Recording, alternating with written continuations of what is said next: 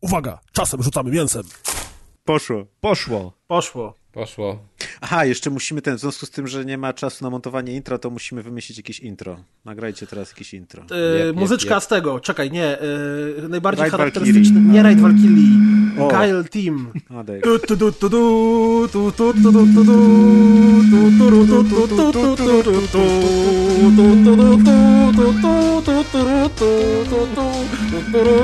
Weź, będę musiał to zmontować. Dobra, uznajmy, że to było intro. Adrian dobry, jest y, Adrian już statkiem przestań parowym. Parostatkiem pięknie. Adrian, przestań być dżinem. Adrian, już jesteś dżinem. Nie ma kontaktu z Adrianem. Dzisiaj, dzisiaj będzie nam przeszkadzał. E, to będzie krótki odcinek. E, Od urodzenia nie ma z nim najprawdopodobniej. Ty kontaktu. nie mów, że to będzie krótki odcinek, bo przeważnie jak mówiłeś, że będzie krótki odcinek, to trwał 5 godzin. To będzie bardzo długi odcinek. Właściwie to 70 słuchacze już wiedzą. Dzień dobry, ja się nazywam Piotr Kuldanek, czyli Kuldan. To jest rozgrywka, odcinek numer 183 z takim ładnym czołgiem na okładce. Znaczy nie na okładce, którą wy widzicie, tylko na okładce, którą my widzimy w rozpisce. Rozpiski. E, ze mną jest Maciek Czepliński, czyli Razer. Dobry wieczór. Maćku, co to za czołg jest? To jest, e, nie wiem, bo Tanks. nie mam tej linii w World of Tanks. Ten, o z tyłu jest niemiecka Eseta, a to jest jakiś brytyjski, jakiś tam, coś tam. Coś A czy tam, Bryta- Ciężki, czołg ciężki brytyjski. Ale w rozpisce jest dlatego, że w y, obrazku w nazwie jego było 183, bo to jest FV215B w nawiasie 183. A, nie wiem czemu, no, ale... Może Ale odcinek był obrazka był 183. 183. Nie, bo to na kilku różnych obrazkach było za każdym razem 183. Na pewno ktoś, kto się zna na wojskowości, nam powie w komentarzach. Na Ze mną jest pewno również spec. Kas. Jest też. Jestem, dzień dobry. Cześć Kas. Hej, E, hej. I jest też z nami Adrian Kornasz, czyli Adek. Dzień dobry. Parostatek. Co tam Parostatek. Parostatek ostatnio? Słucham? Parostatek. Parostatek. Co tam u ciebie, Adku, ostatnio? A wesoło. Wesoło. No to super. A powiedz mi, e, czy wybierasz się na Pixel Heaven? Nie, czemu? Się? Bo ja chciałem powiedzieć, Znaczy, czy jedziesz do Warszawy do Pixel Heaven? Nie no, Warszawa... Adam jest... w- Adam, Jezu, Adam. Ale serio jest myślisz, że ktoś od, od, odsłucha tego przed Pixelem? Mówmy na niego Adam. E, wiesz co, Adam skoro. Maciek musi zmontować to zanim pojedzie na Pixela, to ten odcinek pojawi się w piątek dosyć wcześnie. A patrząc po komentarzach e, na stronie, na grupie i tak dalej, to mam wrażenie, że są ludzie, którzy słuchają odcinku w momencie, w którym tylko się pojawia, rzucają natychmiast wszystko, co robią. Nieważne, czy tam, nie wiem, żonę, opiekują się to dzieckiem, to rzucają troszeczkę na podłogę. Książkę w dziecku. Wiesz, żonę za ścianę, cokolwiek, nieważne. Natychmiast zaczynają 300 słuchać. dolarów. Więc jest szansa, że jakaś część ludzi będzie słuchała tego odcinku, odcinka, odcinka jeszcze przed, a właściwie w trakcie trwania Pixel Heaven. Nie. Może na przykład wieczorem wróci do hotelu, bo nie pójdzie na aftera, Albo będzie zmęczony. pociągu, albo w pociągu. Albo zamiast Pixel nie, Może to puścimy na Pixel Heaven. na Pixel Heaven tam, wiesz, jak ten, jak y, John, jak on miał w tym filmie e, Cusack, że wyciągnie boomboxa i puści naszą rozgrywkę. Właśnie, no mówię, staniemy tam na, na, na, na głównej Albo na żywo nagramy. Będzie nieoficjalny panel. Na żywo nagramy specjalnie. Generalnie myślę, że jakbyśmy stanęli na głównej scenie, to efekt byłby bardzo podobny jak yy, nagłośnienia z, z, w To, to się 20, okaże. W każdym razie tak, będę na Pixelu. A ty Piotrze, będziesz na Pixelu? Ja też będę, a Maćku, a Nie. czy ty będziesz na Pikselu? O, też będę na Pixelu, ale się złożyło. Ja będę przelotem i będę bardzo krótko, y, ale chłopcy, chłopcy, Jezus Maria. Tam jest lotnisko? Chłopaki Moi będą chłopcy. dłużej. Jest lotnisko takie dla helikopterów. Ja zrobię czu, czu, czu, czu, czu, czu, O, to jak ci z PiSu. Chłopaki dla... A dla parostatku? E, dla parostatku to musiałbyś przypłynąć Wisłą jakoś, nie wiem. W każdym razie Adek będzie czekać w porcie. chłopaki będą dłużej i na pewno chętnie przyjmą Nie mów tak, bo e, ludzie będą na nas e, czekać w wtedy. jakiejkolwiek Dobrze, formie. przyjmiemy alkohol. A, to tak, to przyjmiemy. Za Kuldana będziemy przyjmować. Tak, za mnie, za mnie też możecie, O jeżeli matko, chcecie umrzemy, piwo, to możecie postawić im. Także jak będziecie E. nas widzieć, to śmiało podbijajcie, zbijajcie piątki, witajcie. Dobra, Wręczajcie piwo. Ale tylko jeżeli będzie ta. e, Corneliusy będą. Tak. Bo perełki to ja nie chcę. E, O, to- jak gardzi. Więc to tak, tak jak Adrek powiedział, y, Adryk. Jezu, Adam, Aderk, Adrek, Aderk, co Adam, się dzieje w ogóle? Tak jak Adek powiedział, e, będziemy, podchodźcie, gadajcie, gruby łysy Jak to to ja, brzmi? Będziemy podchodzić. e, chudszy łysy z brodą to Adrian, a Nie ten, jestem, co się kręci obok, będę. ani nie gruby, ani nie łysy, Ten z kamerką. to Maciek. Maciek. Więc y, zapraszamy do czegokolwiek. No i na Pixela też zapraszamy, bo można wpaść. Ja też jestem Pixel gruby. spoko. Przez zimę przytyłem 5 kilo. Nie wiem, jak to się stało. U, lipo. No Powodzi i- się. Przerąbane. No. Eee, newsy, szybciutkie, bo nie ma czasu dzisiaj. Pi- Pierwszy news, Pixel Heaven. Do widzenia. To już załatwione. E, pojawił się kolejny announcement trailer, e, właściwie Wow. powinien on się nazywać re-announcement trailer, Final Fantasy VII Remake. No i No, jak wam się fajny. podoba? Fajny. Gameplay pokazali, niby. No, niby. Albo UI rzucili na, na render. I kamerką stawili tak z tyłu. Nie no, generalnie jedna taka ważna rzecz, która y, wydaje mi się, że jest warta podkreślenia, to to, że ten system walki wydaje się w jakkolwiek, jak, w jakimśkolwiek, w jakimkolwiek stopniu turowy, no, a nie, że zupełnie akcja, akcja, akcja, co akurat moim zdaniem będzie, jest ok. Sama wizualizacja, no, wygląda bardzo dobrze, no, ale tak samo wyglądał ten trailer pierwszy. Też wyglądał bardzo dobrze, no.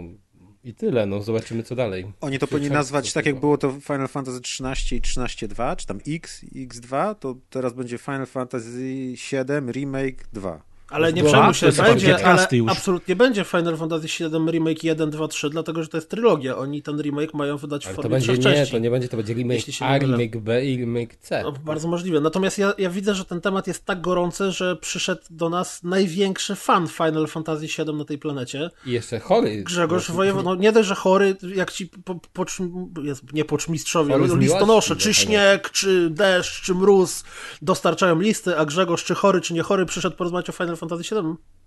Cześć wam. Cześć. Cześć. Akurat trafiłem. Czemu Fantasy. Wszedłem, bo jestem co prawda dosyć przeziębiony. Tak to jest, jak się wojaże robi i się jeździ na koncerty Wutangu do Manchesteru i się nad, nad morze chodzi, jak jest Na 10 przeciw. stopni. Ale... Ale- Manchester by the Sea? Manchester by the Sea, dokładnie. Tak naprawdę to w Liverpoolu byłem nad spotkałeś? morzem. Słucham? Czy Murzyna jakiegoś spotkałeś? Co to Jak myślisz? Powiem ci tak, na koncercie Wu-Tang Clan, jak myślisz? Czy spotkałem jakiegoś murzyna? No cienko było, więcej Arabów pewnie. W każdym razie, najwięcej to było Polaków. Najwięcej to było Polaków. możliwe. Bo siedzieli rząd przed nami, rząd za nami, siedzieli Polacy. Siedziałeś na koncercie? Najgorzej. Tak, bo, bo e, miejsca na płycie się wyprzedały w ciągu stary, dwóch dni. co ty myślisz? Nie, stary, miejsca Nie na płycie się wyprzedały w dwa dni, więc potem generalnie rzecz biorąc zostały też tylko można miejsca stać. siedzące. A ja wiem, bo wszyscy czarni będą siedzieć. Wow, wow.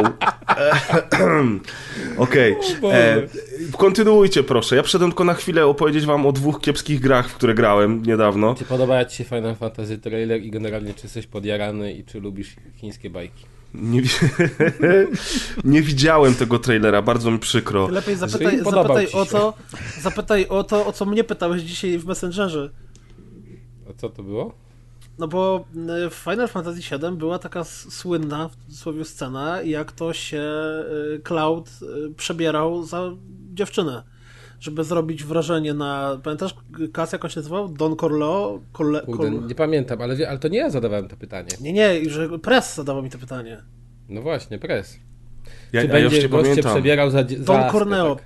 Nie, bo, bo w, w Wybacz, pierwszym ale- finalu była scena, gdzie e, Cloud musiał się przebierać za laskę, żeby zrobić e, wrażenie na Alfonsie, który miał bulder, który się nazywał Don Corneo.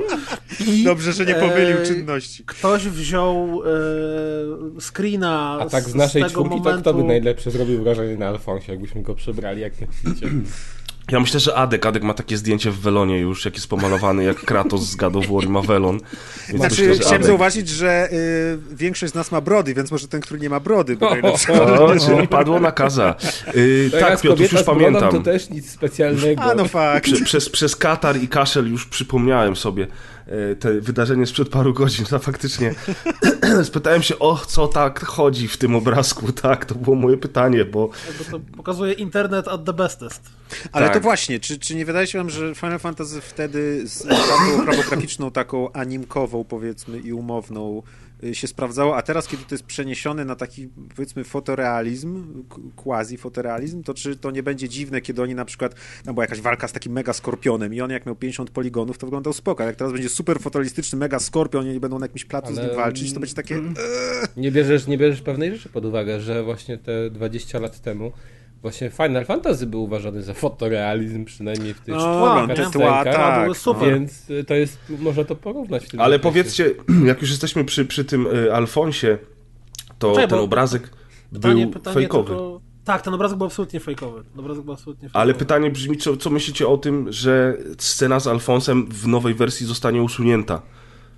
Że nie będzie tego w ogóle w nowej No, wersji. Pewnie nie, bo niepoprawne? No, politycznie. myślimy, no i tyle. No. A Ostatnio Jak pyta, czytałem... pytamy o rzeczy z Finala, to ja też mam pytanie odnośnie obrazka takiego, gdzie stoi ten główny bohater, a za nim są kolesie w, w strojach kąpielowych, To, takich to jest właśnie scena z tego burdelu. Gdzie To tam też jest te, scena z tego. To jest tak. właśnie z tego burdelu scena, znaczy z tego klubu, bo tam wszystkie panie były przebrane za pszczółki, to się jakoś Ale tam to nie są panie na tym. Ale wy No słyszycie, to co są wy mówicie, Maciek, nie? Oni mówią No o dobra, burdelu, no, gdzie ale- są same typy i panie przebrane za pszczółki i, i To jaramy są- się tym, to tak? są- Final Fantasy, no. To są Okej. e, tak zwani chłopcy, bo chłopcy No są ale to Chłopcy. powiedzmy, że nie ma znaczenia większego fabularnego ta scena i po prostu zostanie wycięta. No to jest dzisiaj taka chyba nowomoda. Ostatnio właśnie czytałem też wywiad z realizatorką, nie wiem, czy reżyserką, czy scenarzystką przyjaciół i było coś y, odnośnie odcinka, gdzie się pojawił Brad Pitt i tam właśnie też były jakieś żarciki niepoprawne dzisiaj.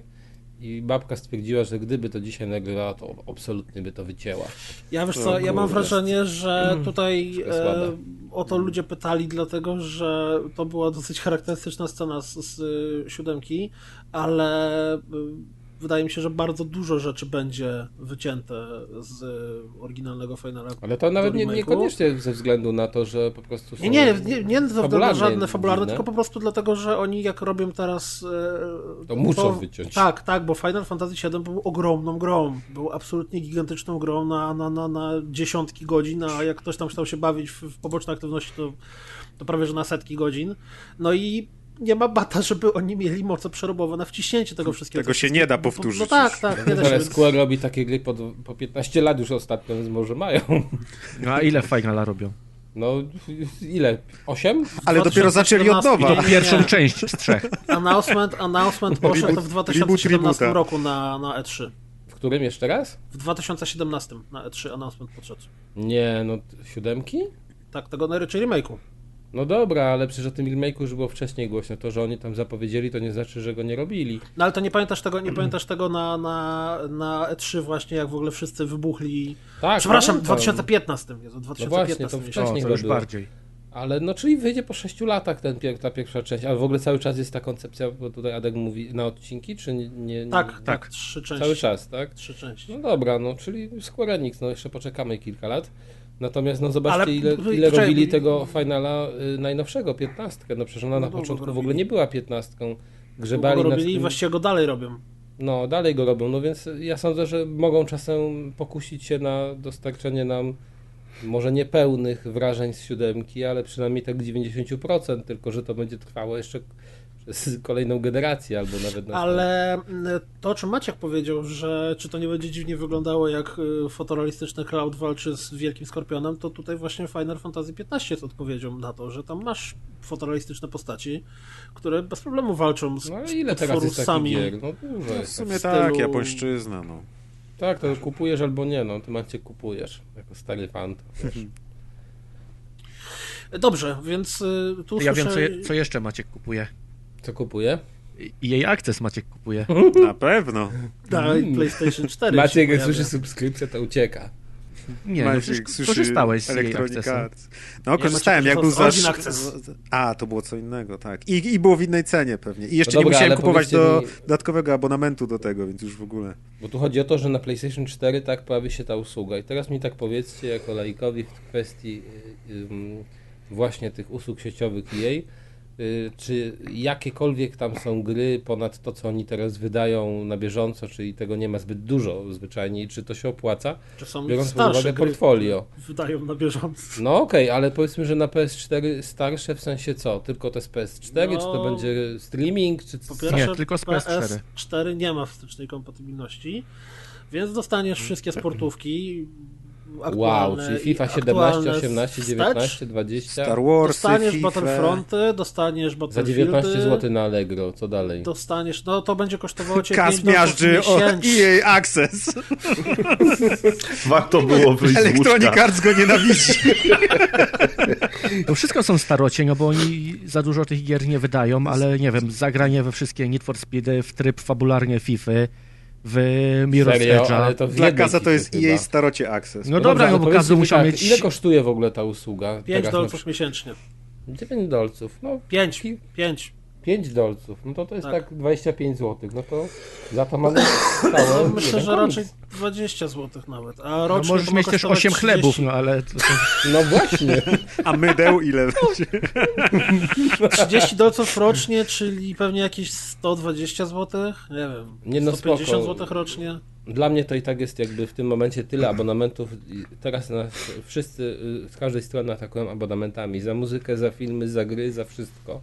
Za komiksy. Tak, ale wiesz, to z czas. abonament możesz sobie na miesiąc go tylko wykupić, No przejść tak, na przykład tak, to, co cię sens właśnie interesuje. na krótko- Przejść story w Battlefieldzie, nie? Przejść No. story w FIFA i Albo wiesz, pograć sobie grałeś. miesiąc w FIFA online albo w Battlefielda online, potem Dokładnie, sobie... to w takim układzie ma sens. Zresztą sam ostatnio mówiłeś, że w FIFA chciałeś.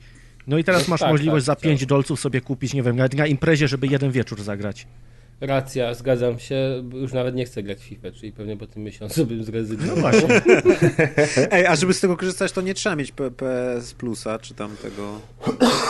Od Trzeba singlowych grać nie trzeba, ale jak chcesz grać online, to podejrzewam, No jak trzeba. online to tak, ale jak chcę tylko sobie tam Jeszcze jest ta zagrać rzecz, w że fabułę w FIFA, to nie musisz. pewnie nie. jeszcze jest te nie. dzie- 10 godzin grania w te, te, te niektóre gry. Tak. To też jest całkiem spoko, bo to jest No ale tam są oczywiście jakieś demo. promocje, nie promocje, coś. No i nie skończysz gry, bo to nie jest tak, że 10 godzin jesteś Spoko, oni też nie kończą tych gier, widzę Anthem na przykład. A, no tak, a dobre podejście, podoba mi się. Oni nie kończą, to i ja nie kończę. Dobrze. Nie jesteś taki chory. No teraz jestem, Ktoś wiesz... tu y, wyskoczył z kieszeni. Prezes jest na taki kieszeni teraz. kończył. Uwaga, Kiedy uwaga. wziąłem leki i jestem, wiesz, przez godzinę teraz na, na, O, na wysokich naspidowany. obrotach. Naspidowany! Dokładnie. Ja mam dla was jeszcze jeden temacik spoza rozpiski, ale też króciutko, y, bo to jest... y, Póki preza no- trzyma nówka faza sztuka. jeszcze. Tak, póki preza trzyma faza. Pojawił się finansowy raport Ubisoftu i z tego finansowego raportu wynika, że do końca roku fiskalnego, y, konkretniej w czwartym kwartale aktualnego roku zarobią. fiskalnego, czyli od stycznia 2020 do końca marca 2020, Zarobili. Pojawią, nie, nie, no w Znaczy, jak 2020, 20, czyli przyszły rok. wydadzą Zarobią. trzy nowe, niezapowiedziane jeszcze tytuły AAA. Assassin's Creed. Assassin's Creed, Assassin's Creed na pewno nie, The dlatego Crew że Steep. ja strzelam w, w Watch Dogsy 3. Ale oni, to nie mają być nowe marki, tylko ogólnie... Nie, niezapowiedziane tytuły. Tak. No Trzy już nowe, niezapowiedziane jakie. AAA. No to jakieś, no... No te same co były zawsze, no. Znaczy No nie pewnie wiadomo. Watch Dogsy trzecie, bo ja się spodziewałem Watch Dogsów tych, co się Assassin nie ma będą być działać. w Assassina w tym roku nie będzie. Ale No to może, 20, tak? Ale już jest- zapowiedziany niby, czy nie jest? Just Jeszcze nie jest Dance. zapowiedziane. Just Pytanie Dance. brzmi, czy na przykład Rayman. e, Nie, se, Raymana nie. sezon, sezon kolejny do Rainbow Sixa nie jest liczony jako Nie, osobna nie, gra? Chyba nie. było cztery nowe AAA titles, czyli... Okej, Nie, nie, okej, są- nowe, ale No, nie a, nowe a, IP. Rainbow Six nie jest AAA, Nie, nie, nie tylko nowe wiesz, IP, tylko Ja- nowe Co gry Rainbow Six nie jest AAA. A? Co nie jest A? Ja przeglądam, co, co wychodziło. Jest sześć razy A, A, A, A, A, A, A. Sześć razy. Beyond Good and Evil. A nie, to Eee, zapowiedziane. To jest zapowiedziane. Możliwe, że to- Beyond Good and Evil. Faktycznie. Nie, ale ja, sta ja stawiam na takie klasyki, właśnie Just Tak, Dance'a. kolejne części zapowiedzą. Rayman byłby spoko i byłby zaskoczeniem. Tak, Ale AAA? Rayman byłby No. super. Rayman jest w sektorze takim Ale AAA, no nie, to na pewno nie, Nie. będzie Rayman. Czemu? Dla mnie to jest właśnie AAA platforma. Za mało ludzi, to No, musi pracować tylko, 10 że to tysięcy osób, ludzi, a nie no właśnie 100. Jest na... Ja myślę, że, że jest szansa jednak na tego Splinter Cella wreszcie. Ale Splinter też, może znaczy, być. też go w ogóle nie zapowiedzieli. Znaczy, No. mnie ba mnie bardziej zastanawia co innego. Jak się patrzy na ich, e, na ich e, że tak powiem, system wydawniczy, to na przykład mieliśmy For Honor i potem miesiąc później pojawiły się Wildlands. Czyli to było, i to było też właśnie w Q4 fiskalnego roku, tam 2017? Grzechu? Tak, 17, nie? 17. 17 For Honor. 17. E, wtedy też tam chyba wskoczyły w ogóle, tylko to już nie pamiętam, czy to było też w tym zimowym okresie Rabicy na, na Switcha. E, Ubisoft lubi wydawać jakieś takie mniejsze gry na Switcha. A właśnie, a jest coś 3A. switchowe? Gabicy na przykład. Te, czemu nie są... No, no nie wiem, moim zdaniem Rabicy wpisują się trochę w To Jaka jest definicja 3A? 3A? Bo No, tak- gra z bardzo Chcesz wysokim poznać budżetem, definicję a No, ale co, co- to jest wyglądają na wysoki duży? budżet. Że, no nie wiem, nie, nie czytałem, ale nie wygląda mi to na grę o taką typową Nowy Far Cry nie jest Anthem ci wygląda? A co? Co? Anthem od EA. Wszystko AAA. A... Ja nie, nie widziałem To jest qua- quadruple A. Far Cry na 100% Ładny. teraz będzie pauzował, bo Far Cry oni No to na- po czwórce był, Aha, bo jest 19, rok później był. Primal i teraz potem były dwa lata przerwy i była piątka, po piątce był New Dawn i teraz będą znowu dwa lata przerwy. Trackmania. się- New Down. South Park, New Dawn. Starlink. Old O, Down. Ja bym Starlinka no, zobaczył, ale on się chyba zbyt dobrze nie sprzedał, dlatego że oni wycofują zabawki ze sklepów. Zabawki się nie sprzedały w ogóle, gra się sprzedała w miarę okej, bo Biedronce oni za 8 robią dychsek jakiegoś sporego, spory update do niego wydają razem z premierą na PC, Drivera swoją- jakby kurde wznowili. O, Co, co by wznowili? Drivera? Drivera bym Nat- Natomiast Starlink właśnie dobrze, że powiedziałeś, to jest bardzo ważne, że nawet gra, która przeszła powiedzmy bez echa- echa, myśmy ją akurat chwalili na odcinku, ale, ale powiedzmy, że bez echa przeszedł Starlink, a oni go nadal rozwijają do tego stopnia, że właśnie tak jak mówisz, e, wychodzi bardzo duże nowe rozszerzenie, które w dodatku jest darmowe. Free, tak, tak. E, No, Jeżeli jeszcze nie graliście, to zagrajcie w tę grę. Naprawdę, typu, bo ona jest że- świetna. Gdzie gra, która właściwie dla mnie kompletnie bez echa przeszła i to nawet dużo bardziej niż wszystkie inne gry, o których mówiliście, że przechodzą bez echa, a oni regularnie dalej tam coś do niej dorzucają. No ale mówisz, że Nawet były zabawki jakieś- wycofują. Nie, nie, Przepraszam. mówię o Step. Step, taka gra w Steep. 2016 roku. O stepowaniu na wstęp. Wygooglałem sobie, jakie Step gry robili. step. I wy, robili w 89 taką grę jak Fred na Amigę, Myślisz, Ale- że nowego Freda pichcą? ale dalej. Ona była opublikowana, czy wydana przez Ubisoft, jeszcze ze spacją, a developed by Incel Product. Oj, oj, oj. Fred Incel, no ale... Ale, ale. Już wiemy, o czym to była gra. To była gra o tym, takie Tamagotchi, tylko że zamiast Tamagotchi się dbało o Freda. A, to takie, takie. Oj, Masz na co dzień press. Tak, O, widzę, że jeszcze I Am Alive mogliby zrobić. Kurde, ja wciąż nie skończyłem I Am Alive. O, tak piękna gra, podobało. też piękna gra. Fajna. Zapomniana przez, przez, przez czasy i przez... Grajcie ta w taka survival? Tak, Świetna, świetna. Tak. Nuda. Zagraj sobie w Disaster Reform. Zagraj sobie w. Final Fantasy, to jest życie. człowieku. Słuchajcie, nie wiem, czy mówiliście, to tak już na koniec newsów szybko, yy, że mówiliście już o grze o Tron w tym odcinku, czy jeszcze nie? Tak. Ja, Jeszcze nie. Znaczy, wiesz co, A nie, mówiliśmy to przed odcinkiem, że Kas wszedł w grę o Tron niczym w dzik wieżyny, wieżyny i obejrzał dwa dni e, siedem sezonów Mniej dzisiaj ora więcej? wszystko. i Kas jest chętny do tego, żeby jak skończy się Spoiler. sezon, również wbić na spoilercast. no ja powiem wam, że tak jak chwaliłem, to po ten trzeci odcinek był dyskusyjny, ale czwarty i piąty odcinek to już jest duży zawód dla mnie, natomiast już nie będziemy znowu mówić, że prez zmienia zdanie, chociaż tak, zmienia, e, ale, ale rzeczywiście pogadamy o tym sobie na spoilerkaście w kolejnym odcinku, no bo za tydzień niecały będzie finałowy epizod i wtedy będziemy mogli spokojnie sobie całą tę fabułę skończy Gra o przeanalizować. Tron? Tak, koniec. koniec. A może Herosy Wow. nowe? Y, Sean. White Skateboarding. A może... Nowe. O, Prince of Persia to jest gigantyczna marka O, Ubi, której O, nie było. o, To było coś. to by było coś. Słuchajcie, to jak jesteśmy już przy Prince of Persia, to opowiem wam Battle of Giants Mutant Insects. O O, kurde. Prince of Persia to bym przyjął.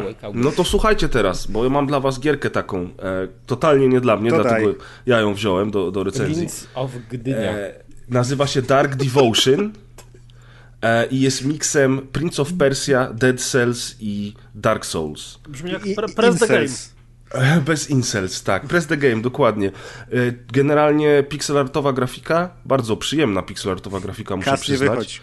E, Totalnie, totalnie z klimacikiem, no ale z drugiej strony to jest kolejna gra, taka sama, którą widzieliśmy już 20 razy Fajnie. w ciągu ostatnich dwóch czy trzech lat. Kolejna gra taka sama. Nie, no bo to jest to samo, znowu wiesz, to jest Dead Cells. Czy ty to grałeś jest... w... Ale to coś kosztuje, e, czy No oczywiście.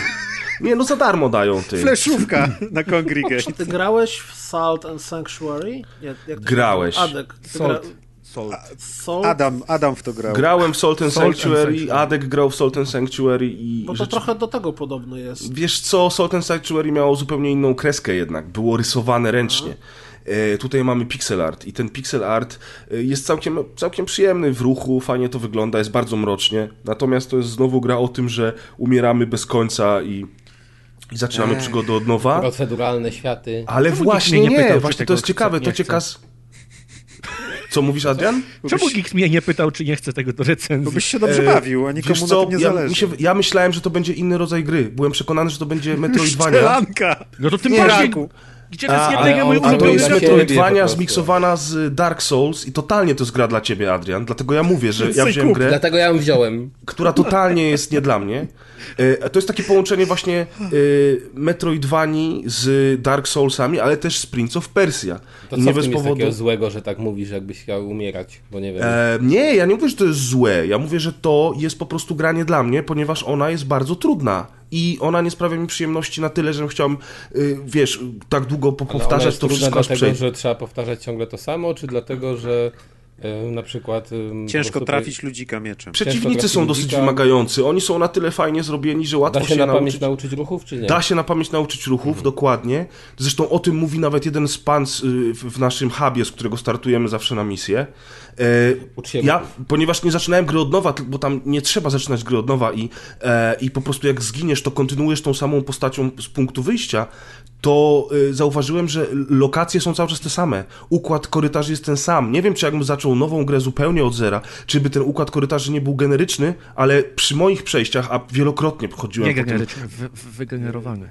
Wy, tak, Że, że ten układ jest ten sam. Możesz się nauczyć y, układu pomieszczeń na pamięć, możesz się nauczyć y, ruchów przeciwników na pamięć. Jednocześnie jest to, walka jest dosyć wymagająca, faktycznie bardzo szybko można zginąć. Są też pułapki różnego rodzaju, na, na które trzeba uważać, tak jak w Prince of Persia. E, I ogólnie to jest przyjemna gra. Ona tam ma mnóstwo rzeczy do odblokowania. Ta nasza postać może się rozwijać w taki sposób, że potem po śmierci już będziemy zaczynali z lepszymi statsami. Jest mnóstwo broni, które można sobie wykuć albo na przykład znaleźć i podnieść z przeciwnika, bo tam się w ogóle itemki podnosi e, z ziemi, można na siebie zakładać inny rodzaj pancerza, można mieć łuk, można mieć takie pazury, ala, nie wiem, z Diablo 2 była taka postać, która miała takie pazury, nie? E, więc tego tam sporo jest. I ta Metroidvania to od razu przyszło mi do głowy, że zarówno Kaz, jak i Adrian chętnie by w to zagrali. No, wygląda dlatego... to całkiem okej, ale no, dla mnie już widzę, jak fizyka skoku jest zrobiona, to dla mnie, no, nie wiem, mi się wydaje, że te wszystkie gry pixelartowe, duża część z nich ma bardzo podobną mechanikę, fizykę postaci, poruszania się postaci i tu jest podobnie. Mi to nie przypomina starych gier, właśnie tylko te nowsze, no i to jest mój zarzut, ale wygląda całkiem spoko. No więc Tak, spróbujcie, yy, graficznie. z- zobaczcie, czy wam się spodoba, a drugą grą, o której chciałem wam jeszcze powiedzieć... poczekaj, poczekaj, poczekaj. Dobra, ale powiedz tylko jedną rzecz, czy to, bo, bo to jest tak, y, czy tam jest, bo widzę tutaj system taki, ym, czy dobrze widzę, czy to jest RPG na przykład, że on zabija postacie i ładuje przez to levele? Tak, znaczy on, on, on ma coś takiego, ona, to jest ona w ogóle, Drzewko umiejętności. to i ona y, ładuje wiarę. E, I ta wiara wypada z tych przeciwników i masz określoną ilość wiary, którą możesz nieść przy sobie. Oczywiście jak od, trafisz na odpowiednią kapliczkę i to sobie możesz rozbudować ten ekwipunek, że tej wiary niesiesz więcej, tam z 50 na 75 i tak dalej. I wiara służy między innymi do tego, żeby przy kapliczkach ściągać z siebie na przykład e, negatywne efekty, e, które, które na ciebie wpływają, ale wiara służy też do otwierania kolejnych pomieszczeń, do których chcemy się przedostać. Czyli to nie jest tak, że ty levelujesz postać i masz kolejne, zdobywasz tam nowe, nie że umiejętności, tylko po prostu, że statystyki Nie, podbijesz. nie, nie, nie, nie, nie. Tutaj odblokowywujesz po prostu różne. Jest tak taki zestaw jakby rzeczy, które mo- możesz sobie przypisać do tej postaci, że ona będzie miała jakieś statystyki lekko poprawione, ale to raczej trzeba traktować jak skille, a takiego zwykłego expa nie ma. A co ty, Kuldan, chciałeś? Chciałem powiedzieć, odpowiedzieć na to pytanie, czemu on tego nie dostał do recenzji. Kto? Adek. No bo mówię ci, że ja myślałem, że to jest taka gra jak No i dziękuję, i się już nie, nie, nie, nie dowalaj, Kuldan, lecimy ja dalej. Chciałem odpowiedzieć na pytanie, bo to Bo jest pewnie ktoś mnie pytał. tylko na PC. A, już myślałem, że ktoś mnie pytał, powiedział, że nie chce. Ale Adek nie gra na PC. grać na No PC. To wychodzi na Switcha i na PS4, ale dopiero y, w tym roku. Natomiast Nie, no y, wy, wygląda to fajnie, gdyby to miało ten system RPG, a nie właśnie takie coś jak Press mówi, że co jakaś klątwa i teraz możesz ją sobie zdjąć, to, to chętnie bym to zagrał. Ja, ale ja mówię ci, mi się wydaje, że tobie to się spodoba mimo wszystko. Daj tej grze szansę. Znaczy na PC też nie gram, więc na pewno jej nie. Ja ale- zaczekam, aż będzie na jakiejś konsoli i wtedy Tylko, pomyślimy że na. Switchu będzie 80 zł, nie? No i to jest ten problem Switchowy. Niekoniecznie. Mówisz, Jeszcze dzisiaj niekoniecznie? porozmawiamy o tym. Dobrze. To ja teraz sobie pozwolę przejść płynnie do drugiej gry, gry o której wam opowiem. O I o ile Dark Devotion nie uważam, żeby było złą grą, e, uważam, że, że jest ciekawym miksem, o tyle Close to the Sun e, jest grą przygodową. The Sun, która jest też, tak jak Dark Devotion była zżynką z y, dwuwymiarowej Metroidvanii, to pewnie Close to the Sun jest zżynką z... Bioshocka. To znaczy jest O. z żynką klima- No fabularną i Już po klimatyczną. logo widać. Dlatego, Po że... wszystkim tam widać. Dlatego, że to oczywiście są inne gry. Bioshock był jednak y, grą y, akcji z elementami RPG, y, natomiast Close to the Sun to jest przygodówka, taka pierwszoosobowa przygodówka, w, w której po prostu chodzi się po pomieszczeniach i rozwiązuje zagadki, prowadzi się dialogi z osobami, które kontaktują się z nami przez radio zazwyczaj, e, no i czyta się różne znajdźki, które się znajduje na mapie. Całość dzieje się krótko przed końcem e, XIX wieku, to jest chyba 1897 rok. To kompletnie jest Bioshock, nawet jeżeli chodzi o... Stylistyka, tak, bardzo mocno. no, Ale nawet, nawet fabularnie tam jest taki klimat, właśnie chciałem wam powiedzieć, że Nikolaj Tesla e, pracuje dla ogromnej firmy, która dystrybuuje prąd e, na większości krajów świata. No i za te pieniądze firmowe wybudował ogromny statek, który nazywa się Helios. I na tym statku powstały laboratoria, zostali zatrudnieni specjaliści z całego świata w różnych dziedzinach i Nikolaj Tesla po prostu prowadzi tam różne eksperymenty naukowe, jednocześnie e, konkurując z Edisonem, który na przykład wysyła szpiegów na ten statek, żeby e, technologie wymyślone przez ekipę Tesli po prostu podkraść. E, I na, na sam dzień dobry, jak trafiamy na ten statek, bo zostajemy wezwani przez naszą siostrę, bo to gramy panią e, o imieniu Rose i Druga wzywa nas... gramy babą. Tak, gramy babą, ale nie ma śniegów przynajmniej. No i generalnie rzecz biorąc, y, Ada, nasza siostra, wzywa nas na ten statek, bo Ada jest jedną z pań naukowi, naukowców tam. I generalnie rzecz biorąc, przy, przybywamy, przybywamy na ten statek i y, oczywiście jest pusto, oczywiście jest kwarantanna, e, nie wiadomo co się wydarzyło, natomiast wszędzie leżą trupy. No i naszym celem jest y, do, dostać się do, do siostry. Y, tam, się, tam się pojawiają zabawy z czasem, e, dlatego że y, udało się otworzyć czas, jakąś, jakiś wymiar, czy nie chcę spoilować generalnie, ale od samego początku jest mowa o tym, że, że coś ktoś namieszał w, z maszyną czasu. Czyli E, równoległe światy, tak? I tak, tak, nie, nie mogę opowiedzieć o fabule, no bo fabuła, fabuła jest tak naprawdę... jeżeli jest, jeżeli jest zabawa z czasem, no to są dwa wyjścia i to jest jedno z nich. Tak, i generalnie rzecz biorąc, cała, całość przygody trwa 5 godzin, więc to nie jest długa gra, e, ale totalnie nie opłaca się w nią grać. To znaczy, ja się wymęczyłem przy tej, przy tej grze, dlatego że y, zagadki To są proste. fabułę.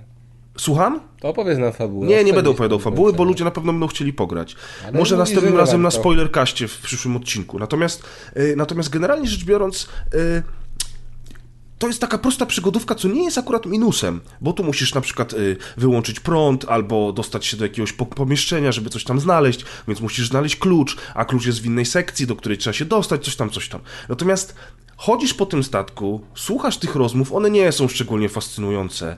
Y, widoki są bardzo ładne, gra jest zrobiona pieczołowicie, natomiast no, wali Bioshockiem na kilometr i to trochę jest zawód, bo, bo wolałbym, żeby jednak poszli troszeczkę w inny styl. Jakiś, mieli swój własny pomysł na ten statek Helios. A ten Helios to równie dobrze mogłoby być wnętrze Rapture. I byście Wiesz nawet co? się nie Ja zorientowali. mam takie wrażenie, oglądam ten gameplay i okej, może być Bioshock, ale a co jeżeli pomyśleli, że skoro We Happy Few nie jest tym, czym było na trailerach, to żeby zrobić takie We Happy Few. Takie wiesz, takie jak, jak wyglądało, jaką grą będzie. Czyli jakieś fabularnie, jakiś ciekawy klimat, właśnie te klimaty Bioshockowe. No tak, no oczywiście, no, to jest ich prawo. Natomiast y, mi się podoba, że to jest, ta- że to jest takie, to, że z jednej strony to jest prosta gra, w której y, chodzisz tak, na, bo to nie jest walking simulator, to jest przygodówka, ale ona jest na tyle prosta, że tak naprawdę bliżej jej do walking simulatora niż do takich przygodówek ze starych czasów. Pamiętacie tam Atlantyda, czy, czy tam jakieś takie były gry kiedyś, co się co były te filmiki e, kręcone z żywymi aktorami i w latach 90. e, te przygodówki były bardzo popularne. Fantasmagoria, czego on tam się nazywało? I takie tego typu, dokładnie. No i tutaj jakby, tutaj jakby y, czuć tego ducha przygodówek, ale niestety z drugiej strony są na przykład sekwencje skradankowe i sekwencje, podczas których się ucieka, które są tak fatalnie dodane do całości, że to skradanie to jeszcze jak cię mogę, ale sekwencje ucieczki, kiedy po raz piętnasty moja postać nie reaguje na, bo tam się pojawiają takie ikonki, że możesz przeskoczyć na przykład ławkę albo płotek e, i, i naprawdę 15 razy biegłem i, i nie, postać nie reagowała na ten, na ten moment, że ja wciskam X i ona musi przeskoczyć, więc łapał mnie ten ktoś, kto mnie gonił, no to myślałem, że wyjdę z siebie i stanę obok. Więc ona od strony technicznej próbuje... Próbuje być trochę różnorodna, ale tak naprawdę to większość czasu spędzamy na chodzeniu i rozwiązywaniu tych prostych zagadek, co się trochę dłuży. I tak też ta sceneria jest na tyle, ta sceneria jest na tyle jednolita, że, że, że, że ma, ma się wrażenie takiej monotonii.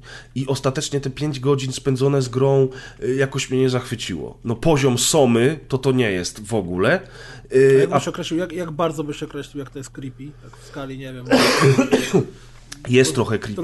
Ile atków? Ile Są atków? takie momenty, są takie momenty, że ja się potrafiłem przestraszyć, bo są takie, takie scare jumpy, które się pojawiają e, i czasami są takie momenty, że ty się spodziewasz, że coś się stanie, ale nic się nie dzieje i, i ty i tak mimo wszystko jesteś zestresowany. Też tam im dalej w las, tym, tym mniej straszne to jest, chociażby przez to, że, że, że na przykład modele, ale też modele postaci są średnio zrobione, wiesz?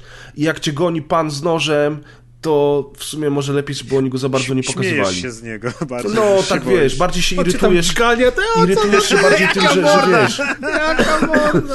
że twoja postać nie reaguje na przyciski, które wciskasz, niż, niż tym, że on cię goni tak naprawdę. Ale są takie momenty, że rzeczywiście, zwłaszcza na początku, można się przestraszyć. Więc to nie jest tak, że, to jest, że, że tam nie ma e, horroru, bo tu- jak Kuldan mi o tej grze powiedział, to on powiedział, że to jest horror.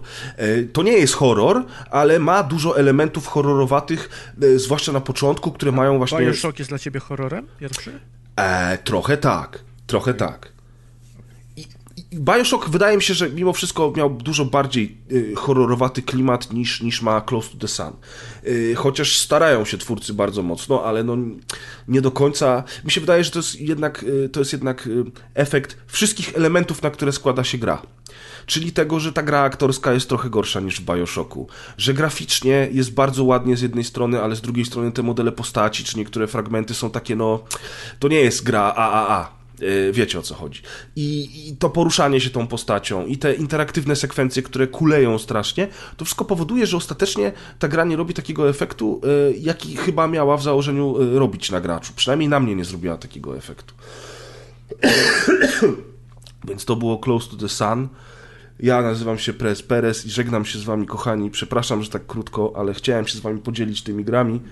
Ja bym prosił słuchaczy, żeby docenili poświęcenie Grzegorza, bo być może umrze za chwilę.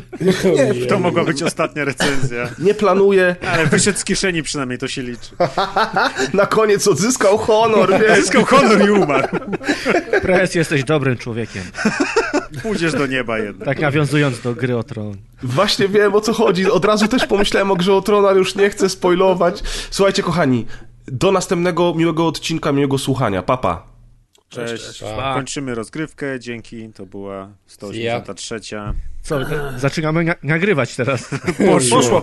Poszło. Ej, ale Pres poszedł na kanał do kumpli obok. Ej, poszedł grać w Rainbow Sixa. Możemy jeszcze Ale dodać, że kanał się nazywa Pan Pres. Proszę, on tam po prostu ma, wiesz, Wszyscy ma, siedzą ma w panu etat, musi prezie. tam siedzieć, nie? Dobrze, o już też zniknął z kanału pan Prez. Poszedł im powiedzieć, że mogę wyjść z prezą nick. natychmiast. No zobacz sobie. Dobra, dalej. E, Kas, oto twoja chwila prawdy. Pan redaktor Dalej. naczelny coś teraz E, dobra, okej, mamy y, taką konsolkę jak Switch, która jest strasznie popularna na świecie. W Polsce oczywiście prawie nikt jej nie ma, chociaż są wyjątki. Mm, I sam poszedł news, że w Japonii wyjątków. jest więcej Switchów niż PS4. Dlatego dzisiaj mamy cztery gry na I Switcha. więcej Switchów niż ludzi. No i właśnie y, powiem wam szczerze, Też tak pewnie. Y, trochę żartem to powiedziałem, bo biorąc pod uwagę to, ile miałem znajomych, którzy mieli Wii czy Wii U, to w ogóle Wii U to Jednego? chyba jednego. Natomiast Switcha to co drugi ma Switcha i to jest piękne. Y, Jest taka gierka, która ostatnio wyszła na Switcha, która jest mm, e, jak to, ekskluzywem na tę platformę. Nazywa się Max Termination Force. Z tego co autor mówi, e, w, klub, w najbliższym czasie nie pojawi się na innej platformie, dlatego że robi coś już nowego. To jest gość, który zrobił Gunman Clive, chyba tak to się nazywało na 3DS-a, czyli taką platformówkę 2D. Tutaj mamy do czynienia z naprawdę, no, moim zdaniem, świetną grą, y, która przywodzi na myśl lata y, spędzone w y, salonach gier, czy lata spędzone przed Pegasusem i Kontrą. Y, wiele osób porównuje tę grę, czyli ten Max Termination Force do y, kontry połączonej z Shadow of the Colossus. Y, Oczywiście to wszystko jest na wyrost, te porównania zawsze są z tyłka. Porównanie do Shadow of the Colossus jest tylko w tym, że cała gra opiera się na, walce, na walkach z bossami. Tych bossów Ja jest- zgadnę, z mechami. Z mechami znakomicie zgadłeś, no po prostu elokwencja plus Pan pięć. codziennik się zna na grach. Ba. Ale y, generalnie mamy 14, 14 tych bossów, 14 tych bossów i em, każdy z nich oczywiście jest do przejścia w, nie wiem, 4-5 minut, może niektórzy w 2 minuty. Także tę grę można szybko zaliczyć, ale cała zabawa polega na tym, żeby odkryć ich słabości, żeby poznać mechanikę y, ich ruchów, żeby znaleźć y, sposób na nich żeby odpowiednią broń dopasować i tak dalej. Czyli jest tutaj dużo kombinowania i oczywiście zanim pierwszy raz przejdziecie tę grę, to minie pewnie jakieś 6 do 8 godzin, może nawet do 10. E, Co ważne, w takich grach, gdzie giniesz wiele razy, bo to jest gra, w której giniesz wiele razy, e, ta śmierć e, nie ma żadnych konsekwencji, to nie jest żaden tam Souls, żadne Soulsy, gdzie coś ci odbierają. Tutaj nawet śmierć y, często daje, d- pomaga, czyli to na przykład, że walczymy z bossem po 10 razy, oznacza, że zdobywamy więcej monetek, bo rozwaliśmy jego zbroję. No i możemy dokupować nowe elementy, y, na przykład jak nowe serduszka, czyli to nam wydłuża Aha, pasek jak, życia. jak giniemy, to walczymy od początku, tak? Tak, walczymy od początku, ale Bo nie mamy mówię, jakieś życia, czy to na jednym życiu trzeba gościa pokonać? Nie, no właśnie masz serduszka i każde ser, na przykład są niektóre ciosy, które y, zdejmują ci całe serduszko, są takie, które pół. No i możesz sobie dokupować nowe te serduszka, ich tam można kupić całkiem sporo, więc tę postać twoją rozszerzasz, jeżeli chodzi o pasek zdrowia, tak z 300% albo 400 nawet. Plus możesz kupować nowe bronie. Także każda śmierć jakby zawsze coś daje, daje ci po prostu pieniążki, za które coś kupujesz. E, To jest gra 2D, mm, która naprawdę bardzo mocno przypomina kontrę, e, przede wszystkim e, w takim odbiorze tej gry. Masz chociażby bronie, oczywiście są bronie bardzo nawet zbliżone do kontry, niekiedy 1 do 1. E, Jak wiadomo, najskuteczniejszy w kontrze był spread shot, tutaj też spread shot jest naj, najbardziej efektywny. E, Każda walka z bossami jest podzielona na kilka segmentów. To nie jest tak, że ten boss jest jednowymiarowy. On potrafi się kompletnie przemienić. Na przykład jest taki jeden fajny boss, którego trzeba, za, któremu trzeba zaatakować głowę, czyli musisz po prostu wejść po ramieniu, rozwalić jego pancerz, wejść po ramieniu na głowę, rozwalić Właśnie jakby jego z hełm i mu dziabnąć tam y, z takiego młota y, w ten jakby korpus, y, znaczy, przepraszam, nie w korpus, w mózg. Później, żeby go dalej rozwalić, to musisz przejść między krocze i mu w krocze znowu walnąć. I wtedy on się tam na przykład rozpo, rozpoławia i nagle się okazuje, że masz do czynienia z dwoma bossami, bo oni się zamienili po prostu, tutaj ten gość się rozczłonkował i teraz mamy dwóch bossów. Ten Później właśnie nagle się okazuje, że mamy mu głowa i zmienił się w aligatora wielkiego. Ale też tak jest właśnie, że oni mają różne w tym sensie fazy, że to trochę wygląda jak Power Rangers, że czy, czy Transformersy, że nagle jest przemiana, nie? że coś tam niszczy żubosa i nagle on się zmienia, jest jakimś tam wielkim wężem, później na przykład jest jakiś, jakimś psem. Albo masz na przykład jeden taki pojedynek, gdzie jest jakby trzech bossów i kiedy ich wszystkich rozwalisz, to oni się łączą w jednego takiego megazorda. Ja- Kurde, Atamana. Ale wiesz co, ja, ja oglądam gameplay z tego też cały czas, jak opowiadasz i o tyle to, co mówisz i to, jak to, jak się w to gra, wygląda super fan, to mi się przepotwornie nie podoba ten art style. Wiesz Właśnie ja miałem mówię- mówić, że Kurde. gust graficzny Kazaty jest dla mnie wielka niewiadoma, Ej, bo ale to Ale wygląda ja nie powiedziałem nic o grafice do tej Coś, pory. coś jest w tej grafice, bo ona w pewien sposób imituje właśnie taką pikselową grafikę, tą swoją Wiesz, może co taką mi- lekko wiesz, co mi ona pastelową przypomina? paletą i gładkimi teksturami. Ale zobacz tła na przykład. No, Y, to Ale są one, rysowane jak z jakichś Mariów. Ale tła są dosyć. Znaczy, dosyć dużo detali jest w niektórych tłach plansz. Wiecie, jak to Natomiast wygląda? Na Vita kiedyś wyszła taka polska gra logiczna A-Team bodajże ona się nazywała, gdzie się niczym takimi żołnierzykami, którzy mieli swoje właśnie to chciałem powiedzieć. To wygląda jak Army Men. To wygląda trochę to jak było, no, no. Army Meny, te taka stara Army seria. Men z PlayStation. Że trochę te postacie i wyglądają jak takie żołnierzyki z plastiku. Jak takie plasti plastikowe elementy. wszystko to jest takie plastikowe. Tak, to No. jest taki, taki plastik właśnie. Ja nie mówię, że to jest świetna grafika, mi ona nie przeszkadza, aczkolwiek wiem, że no dla wielu no nie można jej określić mianem, nie wiem, świetnej, bardzo dobrej.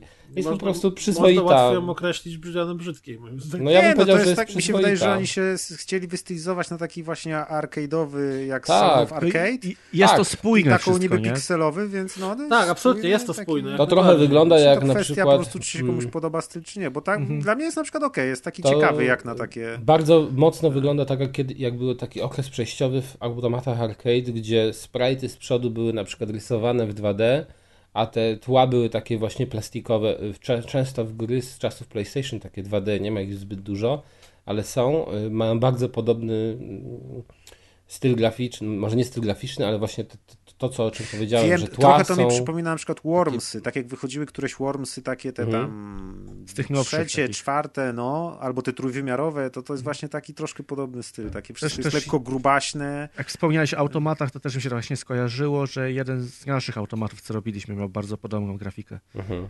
Masz złe skojarzenia może dlatego. Nie, nie, nie, to nie jest złe. No, nie, nie podoba mi się ten styl, ale jestem zaskoczony, że Kazowi, że Kaz oglądając trailer tej gry, tej gry Chciałbym uznał, uznał Nie, że, że chce w to zagrać. Jak oglądasz trailer tej gry, nie wiem czy akurat w trailerze to było, ale posłuchaj sobie muzyki. Ta muzyka jest po prostu świetna.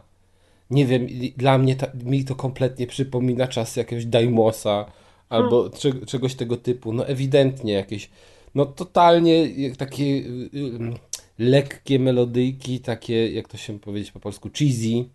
Ta tanie takie melodyjki, no, no ewidentnie, no nie wiem, właśnie takie kreskówki z lat dzieciństwa.